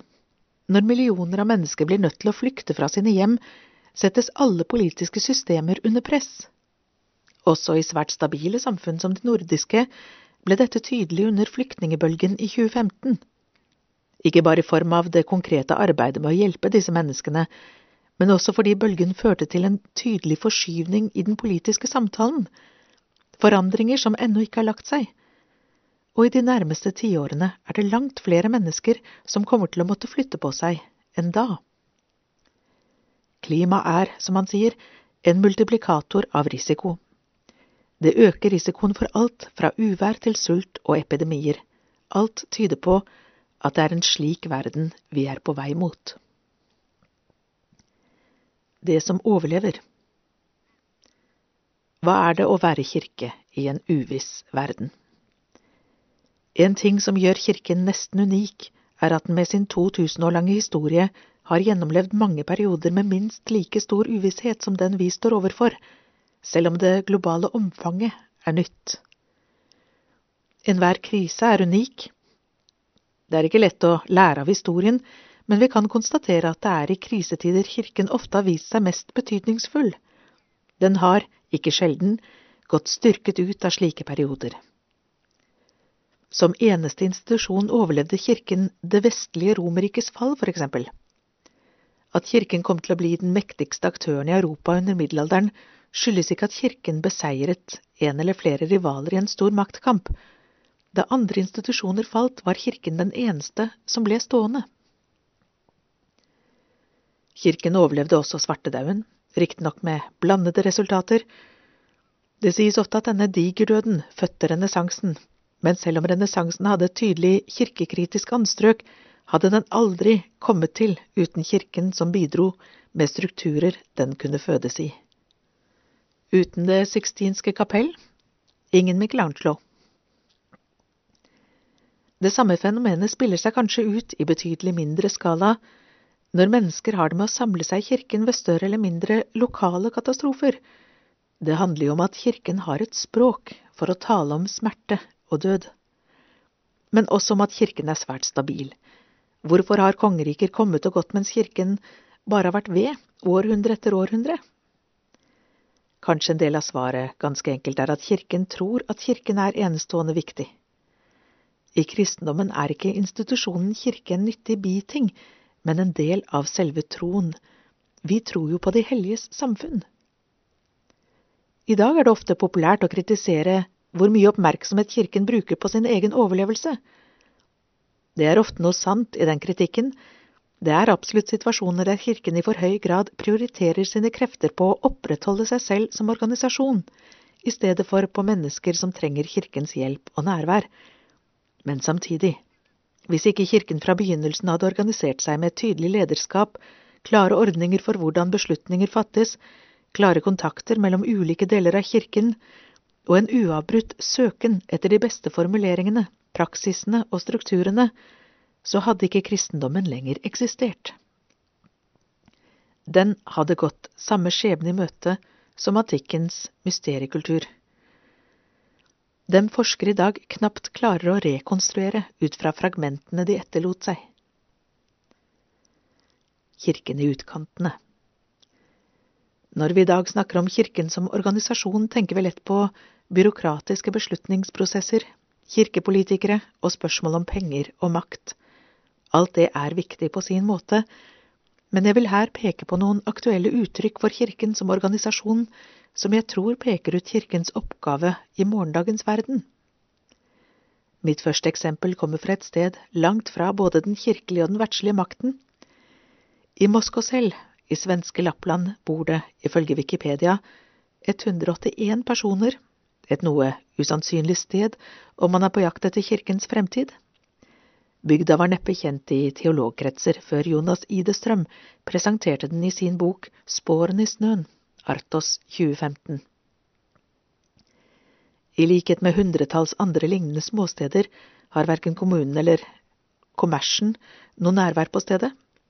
Skolen, kafeen og nærbutikken er for lengst lagt ned. Igjen står bare kirken. Å nei, det er ingen særlig aktiv menighet det er snakk om. Gudstjenestene holdes nå og da, og en gang i måneden innbyr menigheten til lunsj, men den ligger nå der. Gressmatten er frisert, bygningene forfaller ikke, og når byens stavgående kvinner trenger et sted der de kan møtes og drikke kaffe, er kirken eneste alternativ. Så der treffes de og dermed forefinnes Moskosel som et sted. Hvis ikke vil det bare vært en veisving der det tilfeldigvis ligger noen hus. Det må liksom være noe der som skaper en elementær fortetning for at vi skal gjenkjenne det som et sted, som noe mer enn oss selv. Hvorfor sier dette eksempelet oss noe viktig? Det blir kanskje tydeligere i mitt andre eksempel. Før Andreas Holmberg ble biskop i Stockholm, skrev han en doktoravhandling som heter Kyrka i nytt landskap, Artos 2019. Den tar for seg sogn der andelen medlemmer i Svenska kyrkan ligger på rundt 20% Det handler altså om menigheter som virker i miljøer der majoriteten har innvandrerbakgrunn, eksempelvis menigheter som Bergsjøen i Gøteborg og Vårby gård i Stockholm. De er svært aktive og driver mange tiltak, men de spiller paradoksalt nok en lignende rolle som menigheten i Moskva selv. Selv om det i disse forstedene finnes både kafeer og pizzasteder, hvordan det er med postkontor vet jeg ikke, så har menighetene likevel en viktig rolle. De er limet som holder stedet i hop, som gjør dem til noe mer enn et miljø som mennesker for det meste er på vei vekk fra. Her synger muslimer og buddhister i kirkekoret, Mennesker som ellers aldri ville ha møtt hverandre, selv om de bor i samme blokk. Her deler de plutselig liv med hverandre. De to eksemplene har til felles at det ikke ville bestått om ikke kirken var slik innrettet at rikere deler av organisasjonen opprettholder de fattige. Det er et godt eksempel på hvorfor kirken som institusjon er så viktig for kristendommen. Uten disse overføringsmekanismene ville tro ha hatt langt trangere kår i Moskva selv og Bergsjøen. De lutherske folkekirkene kritiseres ofte for en type gjestfrihet som tenderer mot en slags uforpliktende hygge. På disse to stedene ser vi underlig nok at dette fenomenet muterer til noe svært radikalt, nettopp fordi man er et sted der tersklene skal være lave og alle er velkomne, blir disse menighetene de reelle smeltediglene som de nordiske samfunnene hyller, men sjelden skaper. Ingen idyll, Vi snakker om hardt arbeid, men hvem sa at det skulle være lett å følge Kristus? Et bilde av Guds rike. Et steds her kommer vi til selve kjernen i spørsmålet om fremtidens kirke. Jeg tror disse miljøene på mange måter ligner den verden vi er på vei inn i, et samfunn der institusjonene som binder det sammen blir stadig svakere, med stadig større mangfold og derfor tiltagende polarisering og redsel. Dette ser vi allerede i landene som rammes direkte av klimakrisen, med sult og vold til følge men den samme utviklingen er på vei til oss. Norge er kanskje det landet der dette merkes minst, men ingenting tyder på at det er mulig å stenge resten av verden ute, utenom under en midlertidig nedstengning. Nei, kirken skal ikke dure på å tilpasse seg ut fra hva som er godt for samfunnet, det er ikke det som er poenget mitt, snarere handler det om å prøve å peke på at når samfunnet forandres, kan det bli stadig tydeligere hva som alltid har vært kirkens oppgave. Når Jesus frembærer et gledesbudskap for fattige og snakker om frihet for fanger, er det ikke en nordisk velferdsstat han skisserer. Når han så sier at Guds rike er midt iblant dere, handler det om en måte å se verden på, leve i den, som gjør denne gleden og befrielsen mulig, akkurat det vi gjerne kaller tro. Og derfor er det kirkens oppgave gjennom alle tider å være et fellesskap som viser, i det minste litt, hvordan livet i Guds rike kan se ut, altså der de fattige ikke er definert av sin fattigdom, og ingen lever som fanger. Uten et slikt bilde av Guds rike kan vi ikke tro. Redselen for den som er annerledes enn oss, dreper troen. Følelsen av at man er mindre verdt fordi man ikke har nok penger, dreper troen. Når vi lar oss styre av denne verdens makter, altså de strukturene som bestemmer hvem som er viktig og hvem som er overflødig i vårt samfunn, kan vi ikke se at Guds rike er innen rekkevidde. Gerhard Lofings oversettelse av Lukas-ordene sitert ovenfor. Det var altså Lukas 4,18 og Lukas 17,21. Derfor kjemper Kirken videre i sine forsøk på å skape dette bildet av Guds rike, for at verden skal tro. Det bildet oppstår i kjøkkenkroken i Moskosel kirke og i forstadens kirkekor. Vi ser noe av Guds rike der. Bildet blir tydelig nettopp på grunn av kontrasten til samfunnet for øvrig, der de som er ulønnsomme overgis til sin skjebne, og de som er annerledes holdes fanget i sine subkulturer. En kirke som etterstreber å være et bilde av Guds rike, kommer altså i fremtiden, muligens til å være viktig for samfunnets overlevelse på måter vi ikke har opplevd på lenge i vår del av verden. Men kirken drives ikke av nytte. Poenget er at vi er på vei inn i en tid der det kirken gjør og er, plutselig får en annen dynamikk. Det hverdagslig radikale nå ligger jo store deler av kirken verken i utsatte forsteder eller i knøttsmå grender på landsbygda.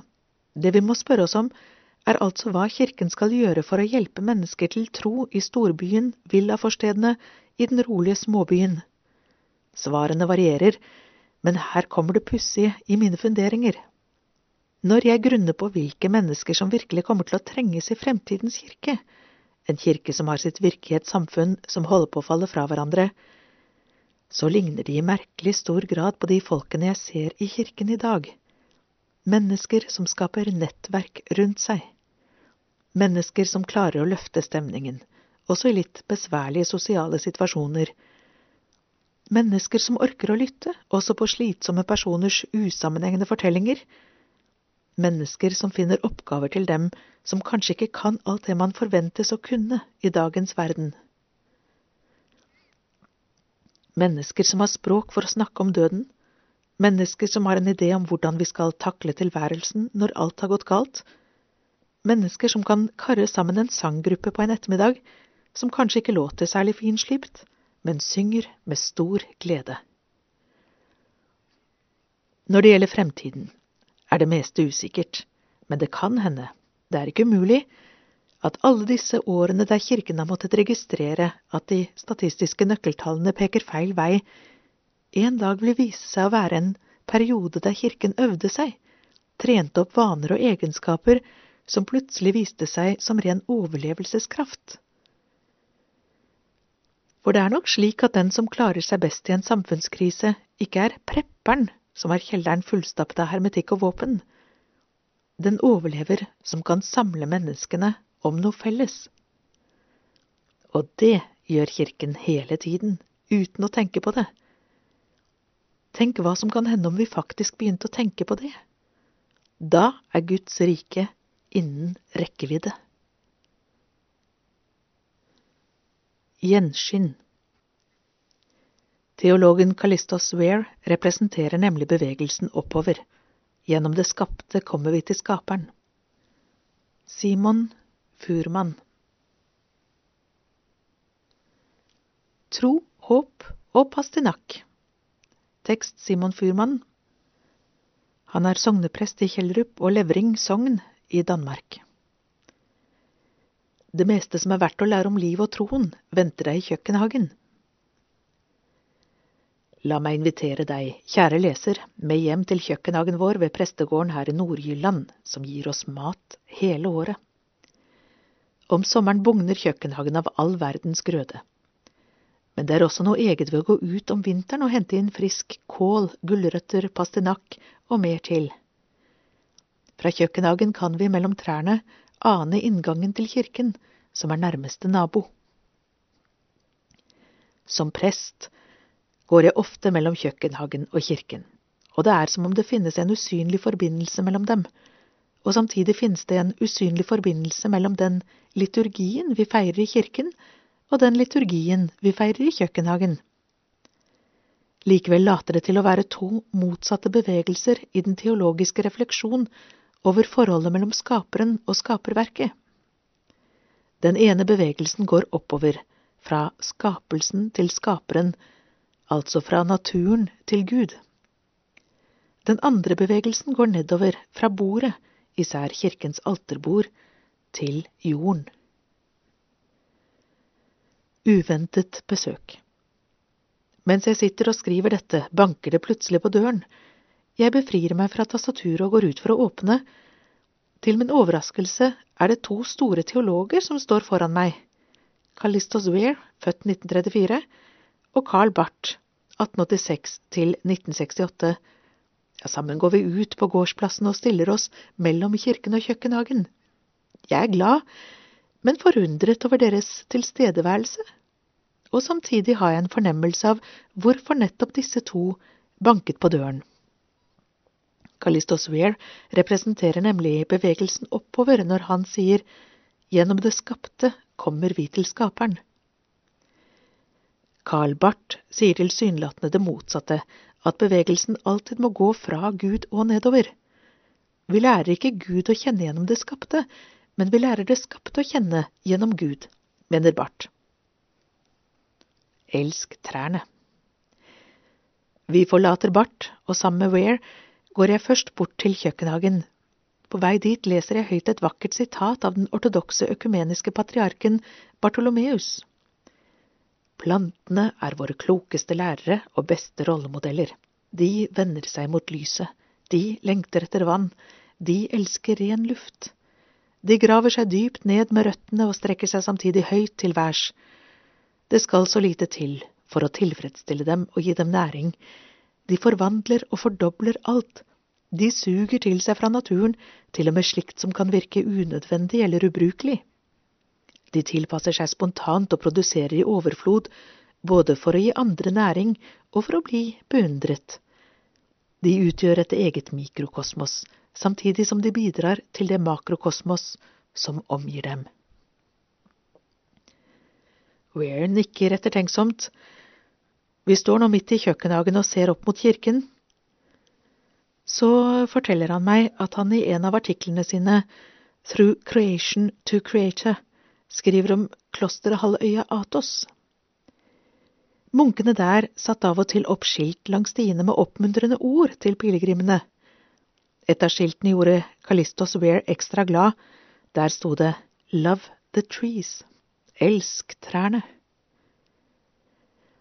En av de tidlige munkene, fadder Amfilokius fra øya Patmos 1889 til 1970, ville ha vært helt enig, sier Kalistos videre. Amfilokius sa nemlig, visste du at Gud ga oss et bud til, som ikke er tatt med i Bibelen? Det budet, elsk trærne. Den som ikke elsker trærne, elsker ikke Gud. Munken fortsatte, når du planter et tre, planter du håp, du planter fred, du planter kjærlighet, og du vil motta Guds velsignelse. Bildet fra Patmos fra begynnelsen av det 20. århundre vitner om fader Amfilokius' verk. Der det en gang var øde og tomt, er det nå en frodig skog. Vekstene som sakrament. Men er det virkelig en forbindelse mellom vår kjærlighet til trær og vår kjærlighet til Gud? Er det virkelig en forbindelse mellom vårt forhold til naturen som helhet og vårt gudsforhold?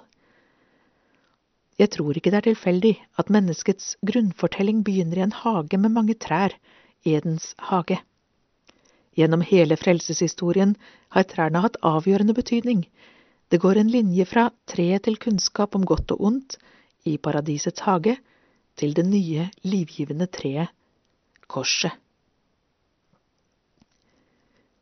Har du, kjære leser, noen gang tenkt over at når Gud besøker Abraham i skikkelse av tre menn, hviler de og spiser de under treet? Første Mosbok 18,4 og vers 8.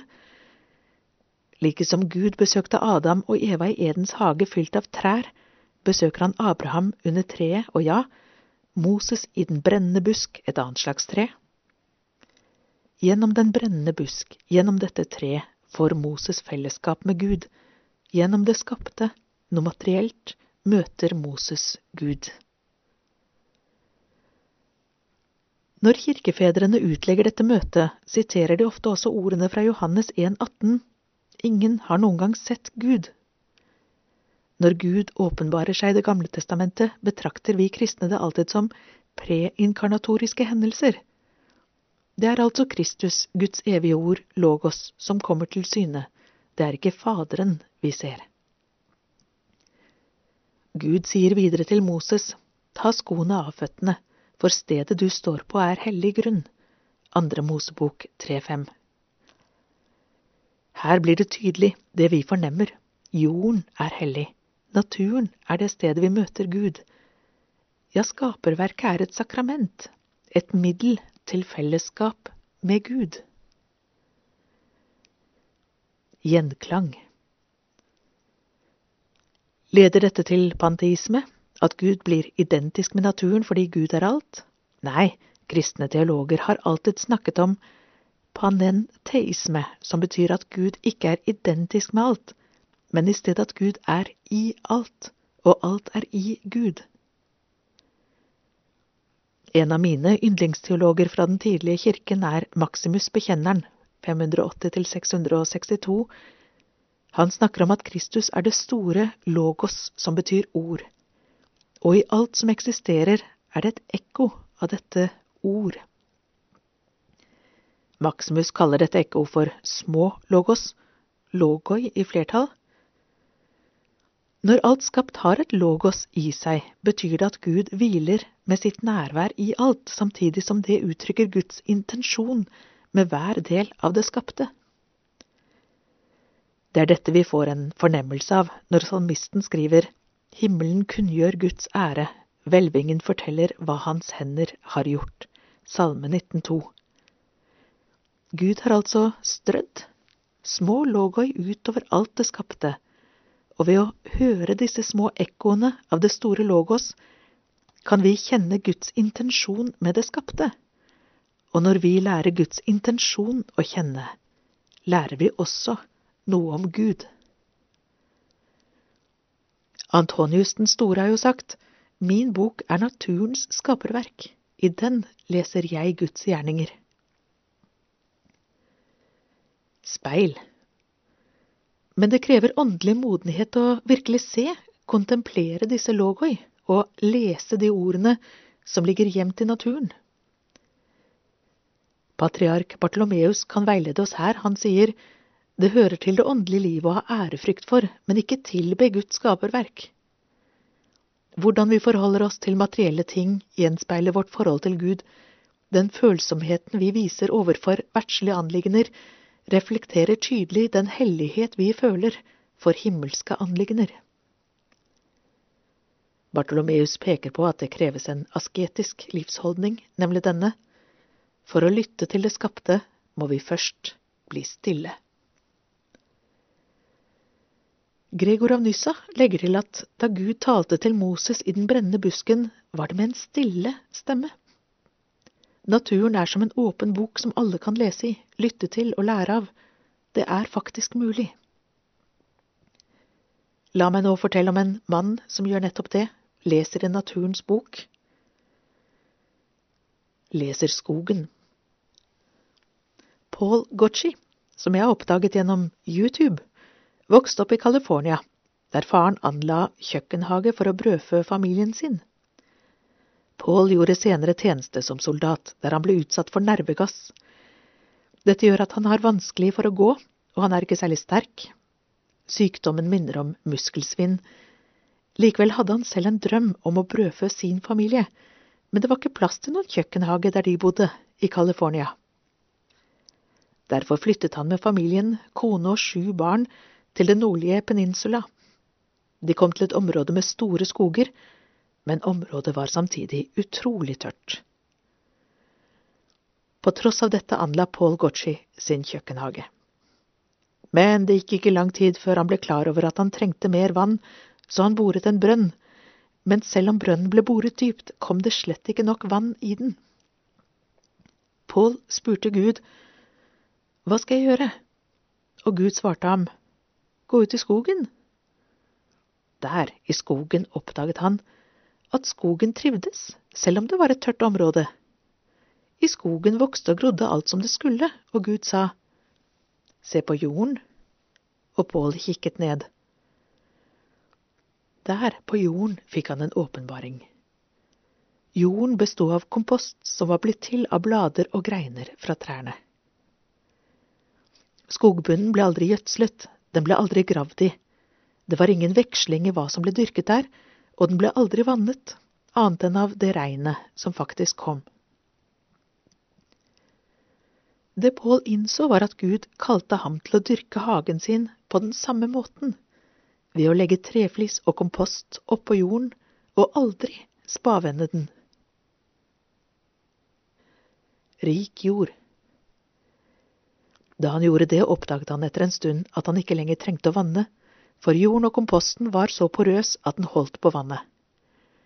Det vokste nesten ikke ugress, for det som fantes av ugress i jorden, ble dekket av kompost, som var fri for ugress. Han trengte ikke å tenke på vekselbruk, for jorden var så rik på mineraler at det ikke oppsto sykdom. Han trengte heller ikke å gjødsle plantene, for jorden var rik på næring. Ikke grav. Han kalte denne måten å drive kjøkkenhage på for Back to Eden, tilbake til paradis. Metoden er ellers kjent som no-dig. For Paul tenker at det var slik det må ha vært i paradis.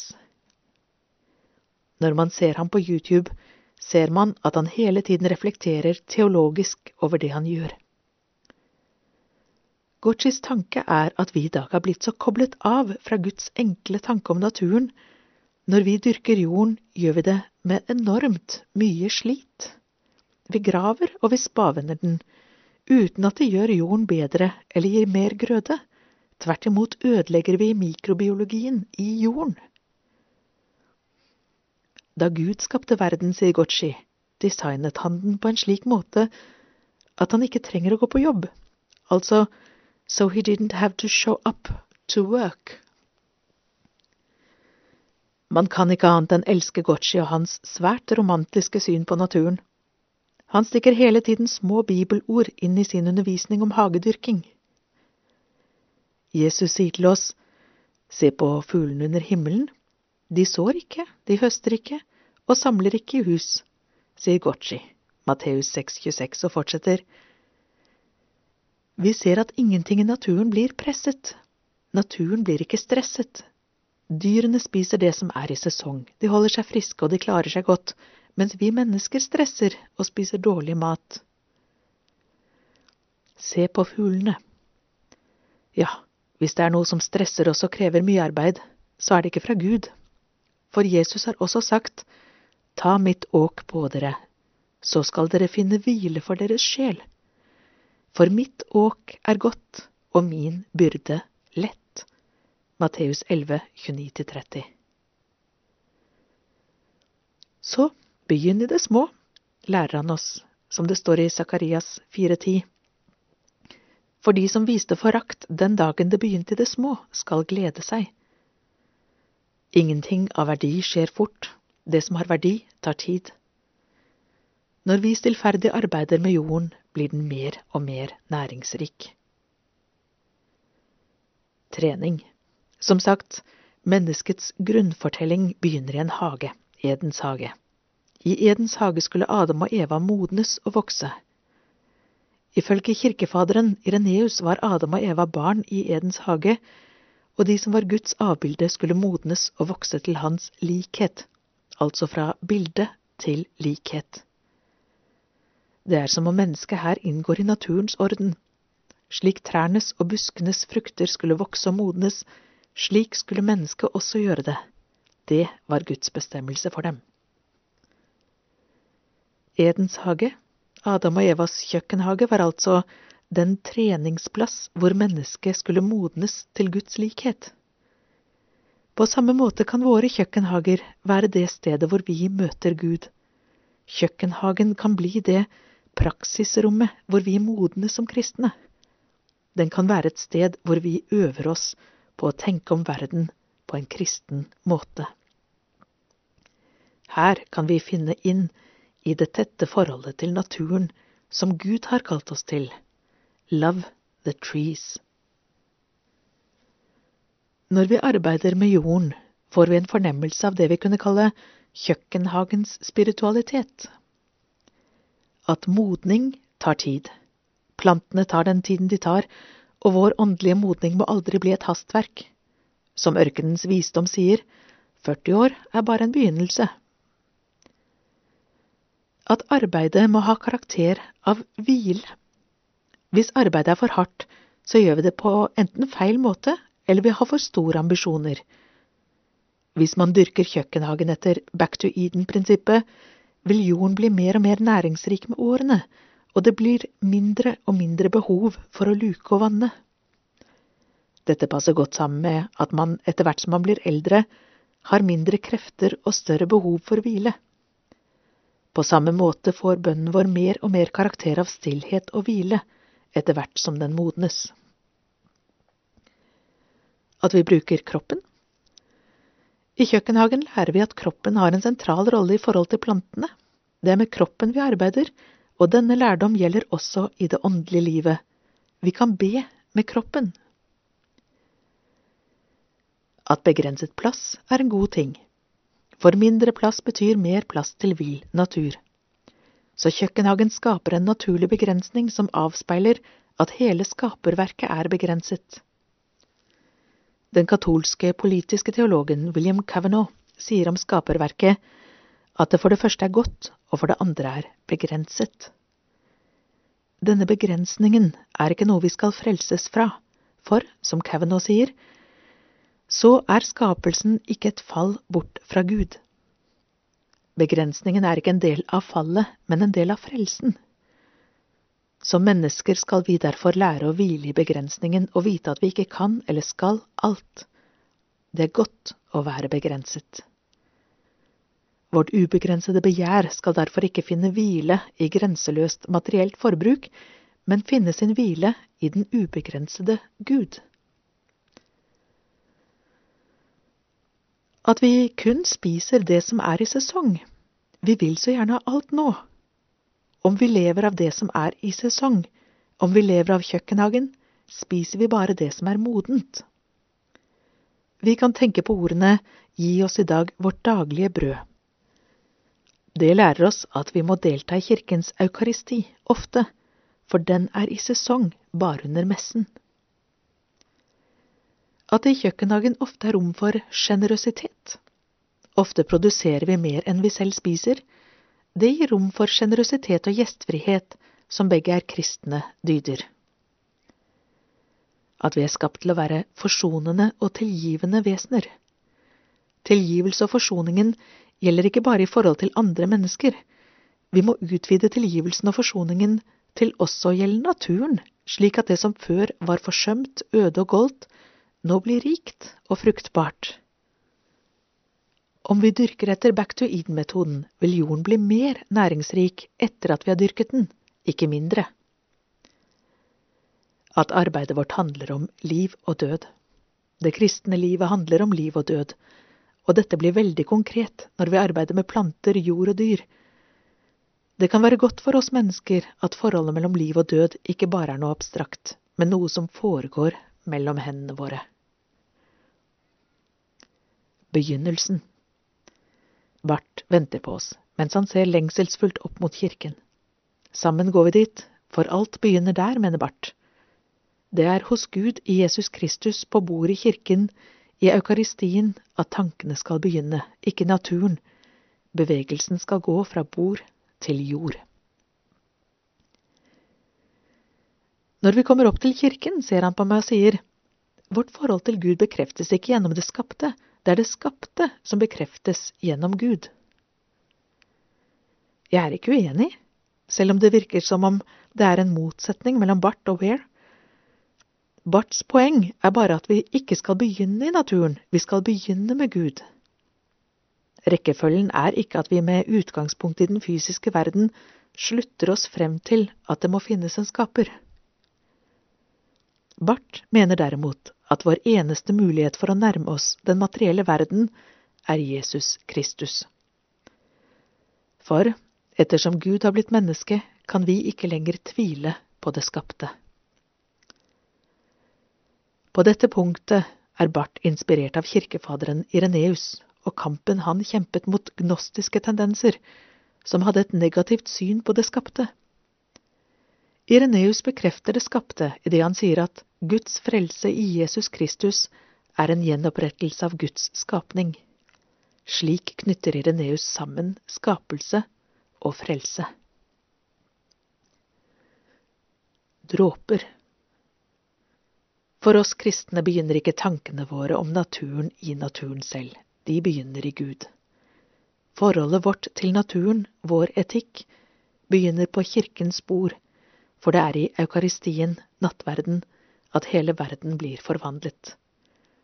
Eukaristien har kosmisk karakter. I liturgien bærer vi brød og vin frem til alteret. Brød og vin er samlet fra hele verden, fra korn og druer fra alle verdenshjørner, og representerer hele kosmos, alt det skapte. Vi har mottatt verden som en gave, og i eukaristien anerkjenner vi dette og bringer den tilbake til Gud som brød og vin, jf. Smemann. Når vi gjør dette, når vi bærer frem brød og vin, blir vi forvandlet. For ved å gjøre dette lærer vi at det skapte ikke tilhører oss, men Gud. Derfor er det ikke opp til oss å gjøre med det som vi vil. I stedet får vi et liturgisk verdensbilde, som gjør at vi tenker annerledes om verden, og at vi handler annerledes i forhold til verden. Gjennom eukaristien lærer vi at Gud forvandler det helt konkrete, det helt materielle, brød og vinen, til et mystisk møte med ham. Det betyr at alt skapt har potensialet til å bli et møte med Gud. Naturen blir et sakrament, og derfor kan arbeidet vi gjør i kjøkkenhagen, være en liturgi. Til Guds ære. Og i kjøkkenhagens eukaristiske etikk lærer vi, med Bartolomeus ord, at plantene er våre klokeste lærere og beste rollemodeller. De vender seg mot lyset. De lengter etter vann. De elsker ren luft. De graver seg dypt ned med røttene og strekker seg samtidig høyt til værs. Oppstandelse av Per Henning Upstad Som då verda blei til. Laudag og åleine heime. Regnvær òg. Ingenting kan gjørast ute. Så gode forhold. For middagskvil har det ikke vært siden Adam blei skapt, før Eva kom til, og før arbeidsordene kom, legg jorda under dykk, vær fruktbare og bli mange. Laudag og åleine heime, regnvær og ingenting kan gjørast ute. Det blir middagskvil i dag. Friksjon, fast kulturvri i strek. Joakim Tischendorf filtrerer musikken. Through. Preposition. And she got to the part that says, through many dangers, and I looked over at her, and I saw the tears rolling out of her eyes. James Cleveland. Come through something to successfully complete something. Through many dangers, toils, and snares, I have already come. Run through something to discuss, repeat, or read something quickly. John Newton's hymn runs through a list of trials reflecting the ordeals of a white 18th century individual. Hear through something, to hear something from the other side of a substance. Through Aretha's voice, another larger story can be faintly heard. Continuing from the beginning to the end of an activity. Between 1.2 and 2.4 million Africans did not live through the journey to America. Without stopping, the march was supposed to go from Selma through to Montgomery, but was interrupted violently by Alabama state troopers. So as to make a hole in a physical object, the bullet entered through Dr. King's right cheek, breaking his jaw and several vertebrae as it traveled down his spinal cord. In one side and out of the other side of an opening. Jesse Owens was not permitted through the doors of the Waldorf Astoria to the reception honoring his Olympic achievements. So as to inspect all or part of Flipping through the various arguments for slavery, one finds both Aristotle, the philosopher, a tool may be animate as well as inanimate, and Paul the Apostle, slaves, obey your earthly masters with fear and trembling. See through to realize the truth about something. Appreciation of Aretha's historical situation makes it easier to see through the rhetoric of the current political landscape. Through and through, completely. The modern world itself might be said to be built on notions and actions of racism, and therefore racist through and through.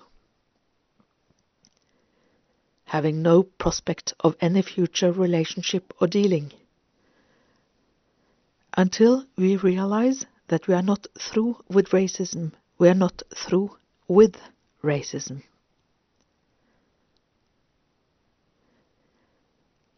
Alle legemer i forening, og alle ånder til sammen, og alt det de skaper, er ikke verdt den minste bevegelse i nådens liv. Det hører hjemme på et uendelig høyere plan. Av alle legemer forenet vil det aldri lykkes å kalle frem den minste lille tanke. Det er umulig, for tanken tilhører en annen orden. Av alle legemer og ånder til sammen ville vi ikke kunne fremkalle en eneste bevegelse av sann kjærlighet. Det er umulig, for kjærligheten bunner i en helt annen orden, den overnaturlige. Blaise Pascal, 1623–1662, fransk matematiker, fysiker, oppfinner, filosof og katolsk teolog. Sitert i fra Francis Mariac 1885–1970, Min tro, St. Olav forlag 1970, oversatt av pater Albert Raulin. Må jeg virkelig i tillegg gi mitt liv for disse stakkars menneskene? Jeg hadde kunnet gjøre en kvinne lykkelig, eller faktisk to. Jeg har sagt hvem. Alt var klart, ekstremt klart, fra begynnelsen av, men det aktet vi ikke på. Ga vi etter for illusjoner om individuell frihet, åpent samliv, uendeligheten av muligheter? Det kan så være. Disse tankene var i tidens ånd. Vi formulerte dem ikke. Det hadde vi ikke sans for. Vi nøyde oss med å leve etter dem og la oss ødelegge av dem, og så, i lange tider, lide under det. Gud passer på oss, i virkeligheten. Han tenker på oss hvert øyeblikk som går, og han gir oss retningslinjer som iblant er helt presise. Disse blaff av kjærlighet som blusser opp i vårt bryst så vi mister pusten av det, disse visjonene, disse ekstasene, uforståelige i betraktning av vår biologiske natur, vår status som enkle primater, de er tegn som er ekstremt tydelige. Og jeg forstår i dag hva Jesus Kristus mente. Hans gjentatte oppgitthet over menneskenes forherdede hjerter. De har sett alle tegnene, og de akter ikke på dem. Må jeg virkelig, i tillegg, gi mitt liv for disse stakkars menneskene? Er jeg virkelig nødt til å være så til de grader klar og tydelig? Ja, det kan se sånn ut. De overrumplende siste linjene i romanen Serotonin, Cappelen Dam 2019, av forfatteren Michel Hollebeck, født 1956. Franskmannen er kjent for sine etsende skildringer av fortapte manneliv i det postmoderne Europa, dyrisk sex, sprit og depresjon. Det var det siste i strek nummer fire i 2020. Det grønne skiftet tar av. Kirken, kapitalen og klimaet. Produsert av KAB. Lest inn av Eleiry Groven.